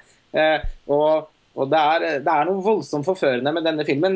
Ikke bare liksom historien og karakterene og det å få lov til å være med på den reis, den veldig spesielle eh, turen som de da eh, begir seg ut på. Men bare liksom måten landskapet Han er jo en, eh, noe av en naturpoet òg, Julio Medem. Måten han bruker liksom de spanske landskapene på, er jo eh, er veldig spesielt. Eh, Det er jo kanskje enda mer synlig i Sexa Lucia, som foregår veldig ute ved havet. Fantastiske undervannssekvenser og scener på stranden. Men, den, men den har den samme og litt, en litt sånn hemsk følelse også. Det er som om hele filmen føles som en sånn Det, det er som det der punktet mellom en drøm og du våkner. Hvor du er sånn i halvdrømme, på en måte. Hvor du tror, tenker at du er bevisst på at du ikke drømmer, men samtidig så er det helt irrasjonelt det du tenker på, eller måten du opplever ja, verden på. Uh, Tor Joakim, uh, Jeg har ikke sett den. du har ikke sett den. Nei. Uh, en varm anbefaling. eh, Det kan jeg tro at det er en film du vil like. Ja, det høres jo sånn ut, sånn som du beskriver den. Mye musikk, mye musikk i filmen også. Ikke minst eh, kanskje Det er jo noe av det litt sånn Litt sånn kleint 90-tallsaktige ved filmen. Det er noen sånne sekvenser med sånn band som står oppe på en sånn høyde. En sånn musikkvideoaktig sekvens som, som man ser litt av flere ganger i filmen, med noe, med noe skinnjakker og noe litt sånn etnisk preg på seg, som er ja, som i hvert fall også bidrar til å gjøre det til en 90-tallsfilm. da. Eh, men det, det er helt, uh, helt uh, fantastisk. Og Ja, jeg synes det er, og det er virkelig de som hører på som ikke har sett den. Det er en utrolig safe anbefaling fra vår side. Jeg, sånn, jeg kan ikke skjønne hvordan noen som setter seg med den filmen, ikke blir litt sånn fornøyde og ekstremt underholdt òg. Ja, for den, Er du ikke enig, Lars Ole? Den har jo en sånn herre Den er mye mer underholdende enn den er sånn veldig, veldig arty. ja, jeg er helt enig. Den, og, det handler liksom Den er jo så eh, det, det er en historie som det er lett å gå inn i og lede seg inn i og bli nysgjerrig på. Man blir jo kjempenysgjerrig på hvordan dette her skal gå. Og ja, Den har jo da en veldig betydelig underholdningsverdi, samtidig som den har noen uh, veldig sånn forføreriske og interessante kunstneriske kvaliteter. Og nå, nå er det lenge siden jeg har sett denne filmen her. Eh, du, får, du får lyst til å se den, ikke sant? Jeg har sykt lyst til å se den. Jeg bare kjenner eh, at det liksom bobler opp i meg. Gjensynslysten. Ja. Nei, men absolutt. Så, så dette var uh, 76.-plass på det røde ekornet. Men uh, ikke, ikke tro noe annet enn at dette er en veldig, veldig, veldig veldig bra film fra 90-tallet. Og Alle filmene på lista vår er veldig gode filmer. Ja, selvfølgelig, men det er noen filmer bare altså sånn, skal jo Etter hvert som vi kommer høyere opp på listen, så blir det jo liksom bare mesterverk på mesterverk på mesterverk. 90-tallet er jo et fantastisk tiår. Nå må vi jo innrømme. Vi som Ja, ja. Men det er, noe, det er noe herlig med de filmene som også er fantastiske, men som er på en måte akkurat litt lenger ned på listen. Da. Sånn som de filmene vi har snakket om frem til nå. Alle er forskjellige og alle bla, bla, bla. Vi har jo argumentert hit og dit. Akkurat sånn med Det røde ekornet, sånne filmer som det, er bare så gøy å trekke fram. Ja, og det er, en film som, ja, det er bare en film som føles utrolig gøy å anbefale, fordi man føler seg så sikker på at man får eh, ønsket respons. Så får vi se. Ja, Så får vi se om noen lyttere kommer nå. bare. Noen, noen følger opp. Om noen trasher den fullstendig i kommentarfeltene. Det kan jo godt hende, det. altså. Vi har kommet mm, en eh, fjerdedel bare ned på lista vår. Jeg, jeg aner jo allerede at i år så kommer vi til å ja, Om ikke tangere, og faktisk sannsynligvis også overgå lengden på, eh, på Filmfrelst-episodene våre her i forhold til 2000-tallslista. Men det er vel kanskje et bra sted å eh, sette strek for første del av nedtellinga vår fra, fra 90-tallets 100 beste filmer. Ja, det er kanskje det. Ja, vi har 75 filmer to go. Er det nå vi skal si spagetti, eller er det litt tidlig? Hva, ja, det har... vi må finne på et nytt ord. ja, Vi har vært innom spagetti, makaroni, lasagne. Ja. Ravioli. Lasagne. Ja. Ravioli er det hemmelige, hemmelige kodeordet for alle som har hengt med så lenge. Ja, Hvis du har hørt det hit, skriv ravioli i kommentarfeltet. Og fortell hva du syns er den 76. beste filmen fra 90-tallet. Så er det bare å smøre seg med, med ja, ikke tålmodighet, men med, med forventning. Forhåpentligvis så blir det jo tid for, eh, ja, for lytterne også, hvis noen har fått veldig lyst til å se noen av disse filmene. da. Som kanskje det var noen det her eh, til nå allerede som mange ikke har sett. Så er det jo bare å slenge seg i sofaen og få sett dem hvis man kan få tak i dem. Og komme med innspill. Det er jo noe av det vi gleder oss mest til. Jeg kjenner veldig på det. er jo å ha disse lange, herlige diskusjonene om, om både hvilke filmer som fortjener å være med, og hvilke som kanskje ikke fortjener å være med, og alle de forskjellige synspunktene dere måtte ha der ute. Og eventuelle nye anbefalinger på ting som ikke vi har nevnt eller snakket om. Så Og vi har ikke bare snakka oss varm, vi har snakka oss helt uh, tullerusk og fjern. Jeg tror vi blir stadig mer usammenhengende. Lars er horisontal nå, det kan jeg høre. Åh, Ja, nå får vi sette strek. Men vi er tilbake om eh, ikke så altfor lenge med en eh, ny uh, maratonepisode. Vi setter uansett eh, veldig pris på alle tilbakemeldinger vi kan få i eh, kommentarfeltene. Både på artikkelen her eh, som tilhører episoden av Filmfest, men også i, selvfølgelig i listeartiklene våre. Og hvis noen er for, eh, for eh, beskjedne til å kommentere offentlig, så må dere også sende mail, da. Ja, vi, tar, vi leser all mail som kommer til filmfrelst.montasj.no. Takk for eh, laget, folkens. Takk for nå. Ja, Ja, takk for nå. vi, Vi er, er bare så vidt i gang. vi, er, vi har bare så vidt begynt. Vi høres snart igjen. Ha det bra. Hei. Ha det.